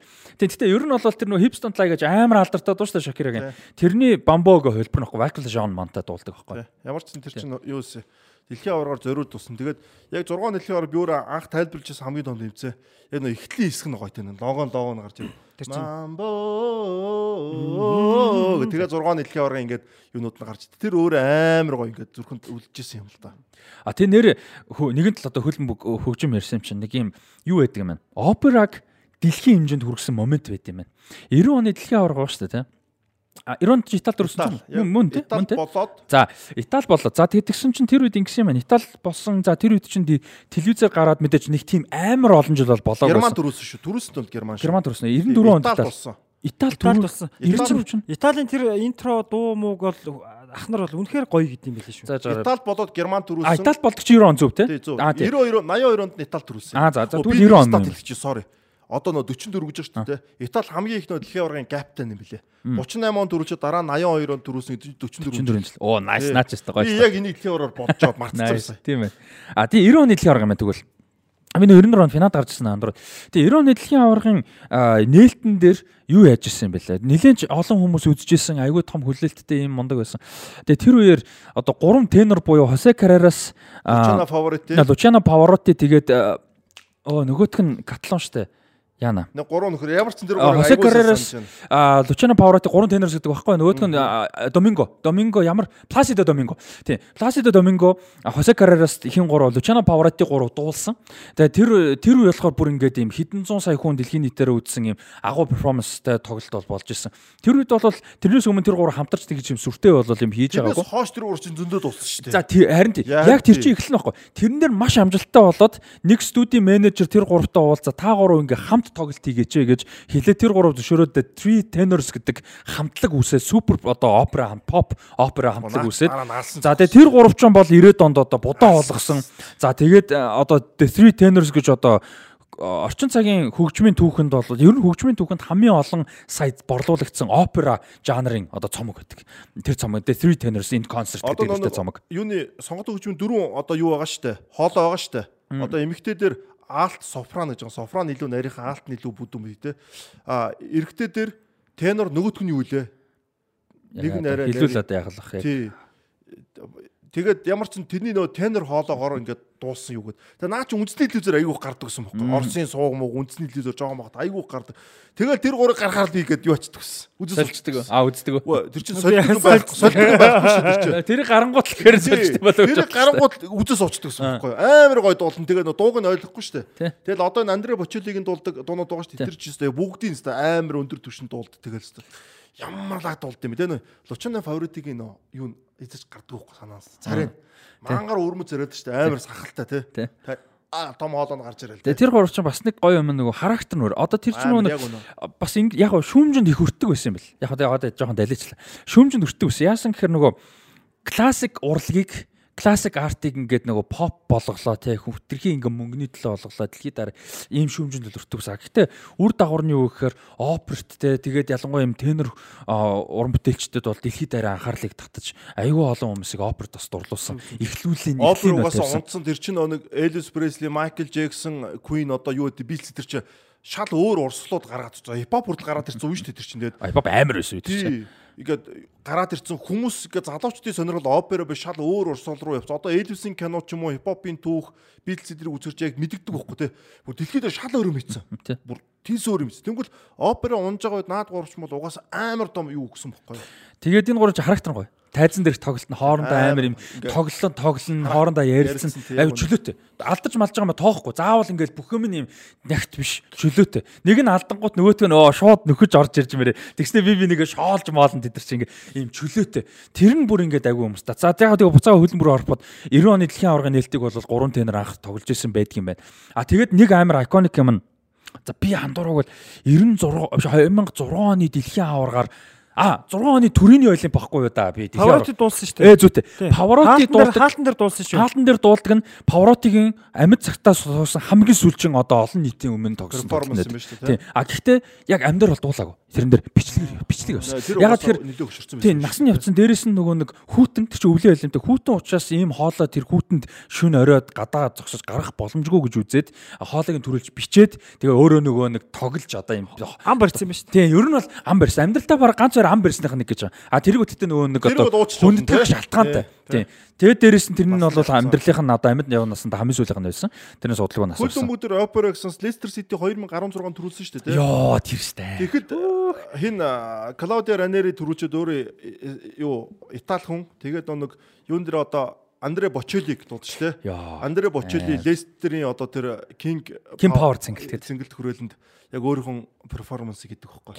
Бас хамгийн гоё операч юу вэ? 2009 оны аврагын лигийн финал Ромд болоод Манчестер Юнайтед Барселонаас агуу хоёр баг үлдсэн. Яг тухайд Месси, Роналдо үтэй яг ид. Тэгээд Ромын Стадио Олимпико цэнгэлт хүрээлэнд гладиаторын хувцсамсан э, хүмүүс аврагын лигийн дэлтэнчиг цомыг гаргаж ирэхэд агуу Андре Бочелли тэнд аврагын лигийн сүлд дуулыг опера хувилбараар дуулж тэр юу Манчестер юу гарч иж ихсдэг. Тэр бол нэр үнэхээр хамгийн огшоосон. Аврагын лигийн дуст амар. YouTube байдаг шүү. Тэрийг бол би ер нь үе банк үздэг шүү. Юу юу үздэг юмнууд байна. Ер нь бол одоо тийм нэг дуунууд, перформансууд бол байна ер нь бол. За одоо очиж байгаа тэрийг сайхан үзье. Би болохоор бас нэг бид нар Орос школтой болооч тэр юм уу 2004 оны Сочигийн олимпийн нээлтийн тэр перформанс үзүүлдэг. Яг 14 оны тий. Гоё тий. 14 оны тэр Сочигийн олимпийн перформансууд яг хав дэлхийн хүмүүс өөр хардаг. Бид нар нэг багасаа сонсоод өссөн амар олон лаглуудууд явдаг. Тэгээд Оросын дөрөв дуулч өөрөө бид нар айгүйх сонсороод яа одоо Матуша матуша хүртэл явж ирсэн шүү дээ. Оросууд одоо л жоохон муу нэртэй бол бидрээд муу нэртэй яг Оросын бас нөгөө тийм соёлын юмнууд бидэрт амар суудсан баг. Маш их, маш их, маш их. Одоо нөө юу гэдэг штэ нэр нь на на на на на на на на на Тийм, тийм, на на на на на на За, надад ч хүн коммент бичих واخ уу? на на на на на энэ амар гоё дуухгүй би энэ амар дуртай нэрийг марчаад итэм агуус мангар урт нэртэй fly to юу юу жилийн тийм нэртэй байхгүй энэ ч бас Оросын нөө Бродинский билүү те тэрний бичнээд тэрний перформанс перформансуудаас гадна тэр нөө нэг юу одоо нөө өө нөө юу л олимпийн гал нь шүү дээ Бамбар бамбар. бамбар бамбар барьж гарчиж байгаа тамирчид нөр амар амар тамирчид Эсэн баява. хамгийн дөрөв Шарапова гарч идэх байхгүй юу. Дэлхийн дээр вау гэл. Шарапова Исенбаев өгөөд Исенбаев Александр Карелин өгөөд Александр Карелин Алина Кабаева өгөөд Алина Кабаева хин хоёр төгж байгаа. Елена Роднина болон Третьяк хөтгөж байгаа. Вячеслав Тратяк. Дандаа спортын Суут суут болно, болно тасарсан. Нэр одоо Америк лиггүй бол яг тим тамирчид гарч ирээд Байхгүй шүү дээ. Байхгүй. Байхгүй. Олон спорт вэ? Ийм олон Орос Америк хоёр чинь ийм олон спортон дээр. Тэгэл арах юм бол дандаа олимпийн лаглаг одоо яг үндэ хамгийн мяа Шарапова байхгүй. Олимпийн мөнгөн медальтай. Тэгтээ Шарапова мэрэгжлийн спорт. Тэгвэл хамгийн дөрөнд тухайн хамгийн супер байсан 2009 ёо 2014-онд мэрэгжлийн спортын супер тамирчин хамгийн дөрөнд гарч байгаа байхгүй. Хүн Эсэнбаев гэхэлэр өөр хандна, Тэртек гэхэлэр өөр хандна, Шарапова гэхэлэр цэнгэлт дээр пүү. Зөв хэлүүлсэн байна тий. Тий. Шарпооч амар л да. Тэр чинь угаасаа найруулагч чинь хин штэ. Оо хин блэ. Нөө налаглаа найруулагч. Мартцсан биш штэ. Ямар бэгэр ихсэн Оросын лаг найруулагч үүдэн штэ. Лаглаг канонууд найруулдаг. Бодров. Бодроо биш ээ, бодроо биш. Бодроо тэнд жолтно. Адмиралыг найруулдаг Бондарчук блэ. худлаа шүү. Бондарчук ч дээр явах шүү. Адмиралыг найруулдаг штэ нөө. Адмиралыг кинод тэрийг найруулдаг Оросын найруулагч байхгүй. Оо хин блэ. Яг Белинскийг нөө шүмжлэгч нь орж ирэх гэдэг юм л да нөө лаг шүмжлэгч нь. Нэг нөхөр байдیں۔ Тэр найруулдаг. Амар мондоо найруулагч. Гэтэ хамгийн гой найруулга бол 12 оны Лондон байл юм. О, Лондон бол тасарсан штэ. Дани Бойл найруулдаг та. Дэнни Бойл одоо юг найруулдаг найруулагч штэ. Pearl Harbor-ыг найруулдаг гэсэн Дэнни Бойл. Гүү гүү. А Исламдог Исламдог миллионер байхгүй. Исламдог миллионер. Сландог миллионер Sunshine Mansion-аар нь мэддэг байх Тий. те. Тим кинод. А юу ч Майкл Бэй байхгүй те Pearl Harbor. Michael Bay Би энэ хоёрыг дандаа хамт дуртай санаа Bay, хандуулж Danny байна. Гэхдээ би энэ нэрээр нь одоо дандуураад идэв. Майкл Бэй Дэнни Бойл. 2006 оны аврагын лигийн Парист финал болоод тэр э, нээлт финалийн тоглолтын нээлтийн үзэлбэр үнэхээр гоё байсан шүү дээ. Тэд нар ингээд яг Европын тэр чинь 50 жилийн явуулсан байхгүй юу? УЕФАгийн аврагын лигийн 50 жилийн явуулж байгаа байхгүй. Тэгээд газраас ингээд Кройф, Бекенбауэр, Ван Бастен агуучуудын том баанарууд ингэж нисээ тэр аим шиг байсан. 2008 оны Хятадын шүү дээ. Жан Мөө найруулдаг. Тэр чи Спил хамгийн гол нь Спилберг найруулах жагаад нөө Суданы Дарфурд нөө Хятад зэвсэг нэрлүүлсэн ингээ та нараа олимпийн үеийг хичээж ингээд зэвсэг юмсэг яалаа малаа гэд Спилберг болчдөг байхгүй. Тэгмэл Хятад ч хөнгө болоод жан юмгаа тавьчихдаг байхгүй. Тэс хүнээр зодсон Өө доо. тэгээ хүнээр зодсон. Тэр тэгтээ бас гой нээлттэй тухайн одоо өнцгөөс харахад бол 8 оны 8 сарын 8 өдрийн оройны 8 цагт 8 8 минутанд яажсэн да. Бээжинг байдлаар нэгдэж байл нэ- нээж за дуу бол нэлээд хоол явчлаа тий. Тэглээ урлаг болоо явчихлаа. Урлаг бүр бол нэлээд явлаа. Нээлт рүү шууд ороо явчлаа. Тэглээ. Ялч салшгүй нэг хэсэг Тий юм одоо 2000 одоо угаасаа олимп том том нээлтүүдийг дандаа том найруулагч найруулдаг. Хинийхийг бол 14 оныхыг 14 оныхыг нөө Мэрилш найруулсан шүү дээ. Фернандо Морелес тэ. Тий Фернандо Мэрилш найруулсан. Жан юм найруулж байсан. За сая Дани Бойл ярьсан тэ. Сая энэ юуныхыг Токиогийнх ч а Токиогийнх ч нөө Окей их даруухан болсон шүү. Японы нөө нэг найруулагч нөр Япон юу гэж гаднаас найруулж байгаа хөт те. Ядад ч юм бол 8 онд бол жоохон авч болохоор байсан шүү дээ. Анли манли ч юм бол яг Тайван болохоос яг юу биш дээ. Тод биш дээ те. Яг гараад ирсэн даг найруулагч нь. Одоо нөө юу Сая Токио гатар ч бас нэг бөө юм бос юм аа нөгөө найруулагч нь удацсан байж байгаа. Бойлж мөлөөд яагаад ч л бас нэг нэлээд драматай явж байгаа л байсан. Их даруухан цомхон хийсэн шүү дээ. Финал. Нөгөө уулын сүртэй хийх байсан байхгүй. Нөгөө нэг юуны олимпич чинь дараа тий 16 оны Рио тий Илэ 16 Рио, Рио, тийм Рио, хүмүүс тий 16 оны Риогийн олимпийн төгсгөл дээр ч нөгөө хаалт амар идэх байхгүй Токио дараагийн. Тэгээд 20 оны Токиогийн нээлттэй чинь бүр ингээ бүр зодно гэж тэгжсэн чинь Ковид, Ковид. хамгийн том Таан нэг. Тэгээ бидний төсөөлжсэн тэр аимшигтай опенинг болол байж Яг одоо ингээл яг шүүх юм бол нэр 2012 оны Лондонд шууд нэг рүү. Амар амар амар. Тэр бол амар Юу ярих вэ? Тэр нь Тэрэн дээр нөгөө нэг тайзны дизайныг нь хингээ хүн хийсэн байт. С Devlin гээд тайзны дизайнер хэмхтэй хийсэн байдаг. Таны болтой ажил. Тэр бүр амар, тэр бүр янзын мундаг артист. Бүх том артистуудын бүгднгийнх нь аяллийн туурын тайзнуудыг Kanye West, Beyoncé, Jay-Z, Macy бүгднгийнх нь тайзны дизайн дизайныг хийжсэн. TED Talk мак нь байдаг. Хүмүүс бас сонирхол. Тэнд нөө мистер Бини перформанс тэр зөвүүн те. А тэр ер Дан нь дан дан дан дан дан гэж эхэлдэг тэр те. ч бол энэ гайхамшигт арал гэ те. Их Британч нь өөрсдөө тэгж хэлдэж дээ. Манай Шотландын нэгэн алдартай дучин дулсан байт юм аа тэн дээр.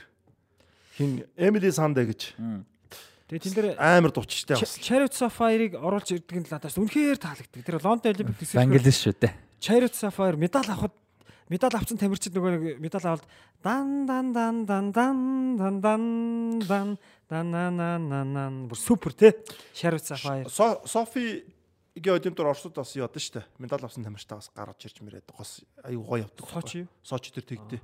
Софи хэр гайх. Тэгээ Сочи дээр шнө. Сочи дээр гарч. Сочи бас айгүй гоё болсон. Оросууд бол бас нэг засаглан жоохон асуудалтай болохоос ер нь бол нөөц нь амар байхгүй тий. Ялангуяа урлаг спорт Урлаг спортоор нөөц нь амар төв талаас Тэр нь бол зүгээр манис одоо сайн мэдэхгүй л да баах Атлантын олимпич амар болоод Америк штэ 90-ад оны Америк штэ тэр бол тэр дэлхийн нийтээр ангаалагч байсан Тэгээ Барселоныг олимпич бас амар өсөв шүү дээ. Харуулж мараад. Тэр чинь нөгөө нэг юу оноогүй. Тэр чинь юу оноогүй. Давтаа давтаад онох магадлал маш бага. Тэгээд нэг харваад юу явахад оноогүй тэнд асаацсан байхгүй. Тийм үү. Тэр чинь олимпийн нээлтийн фактууд гэж амар юм байгаа шүү Тэр анд тэн дээр ч амар амар фактууд байт тэр хятад дээр гардаг үстэй. Нөө охин амар хөөрхөн жоох охин дулдан штэ. 6 наснаас 5-наас ард нь өөр хүүхэд дулдаг. Тийм, тийм царайгаараа тэнц. Тэр чинь Паврати Паврати ам бариад тахтаа одоо Тэг дээр нөө нэг нээлтэн дээр та санаж байна. Нэг цагаар гарч ирдэггүй штэ. Дэлгэгддэггүй. Дэлгэгддэггүй. Тэрийг төгсгөл дээр нь жоок болгоод гоо ингээд албаар дэлгэгдэхгүйгээр тэгээд тэр нь брэнд брэнд болоо те. Бас амар шүү. Зэнүрд За өндөрлөө. өндөрлөе одоо явуул дахиад явж Бүр спортыг болоо сүулдэ бүр нээлт мэл урлаг морлог болоо тэгээ явж өглөө. Тийм.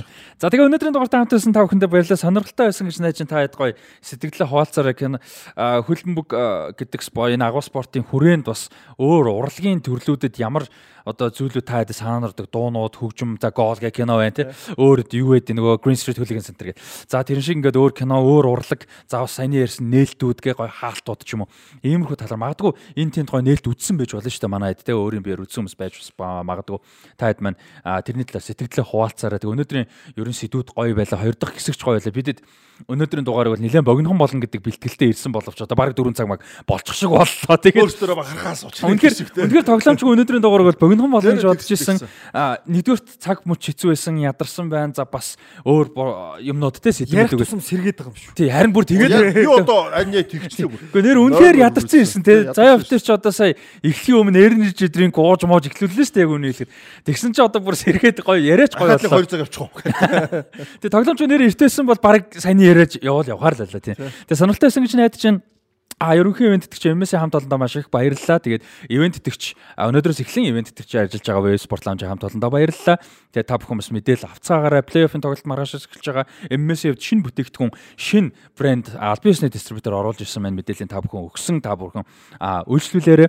За тэгээд Заяахан маань стор нэгдсэн байгаа. Тэгээд та бүхэн бас үйлчлүүлээрэ Заяа спорт шоп гэх фэйсбүүкээр гараад ирнэ. Тэгээд бас ажилт нь шин юунд нь ажилт ажилт нь амжилт хүсье. Баярлаа. За тэгээд дараагийн дугаараар уулзгаа дараагийн дугаар 45 дахь дугаар ахна 5 сарын 25-нд Jogo Bonito Show podcast-ийн нэг жил болох юм байна. Тэгээд аврагууд лигийн шүгэн 8-ын хариу тоглолттой дугаар ер нь нэг жилийн дугаар болох магадлал өндөр байгаа маань эсвэл тийм шүгэн 4 ч юм уу 5 ч юм уу тийм 8 ч юм уу. Ямар ч тэр үед тий 4 байх бах. Тийм. Тэгээд тэр үед бас сонирхолтой сэдвээр ярилцсан гэж найдаж байна. Тэгээд аврагууд лигийн финалтай холбоотой удахгүй гоё юм зарлан тэгээд та бүхэн хүлээж агаараа. Тэгээд дараагийн дугаараар уулзлаа баяр та. Ерөнхий ивент гихч MMS The Future is Electric Ерөнхий ивент гихч MMS Green Building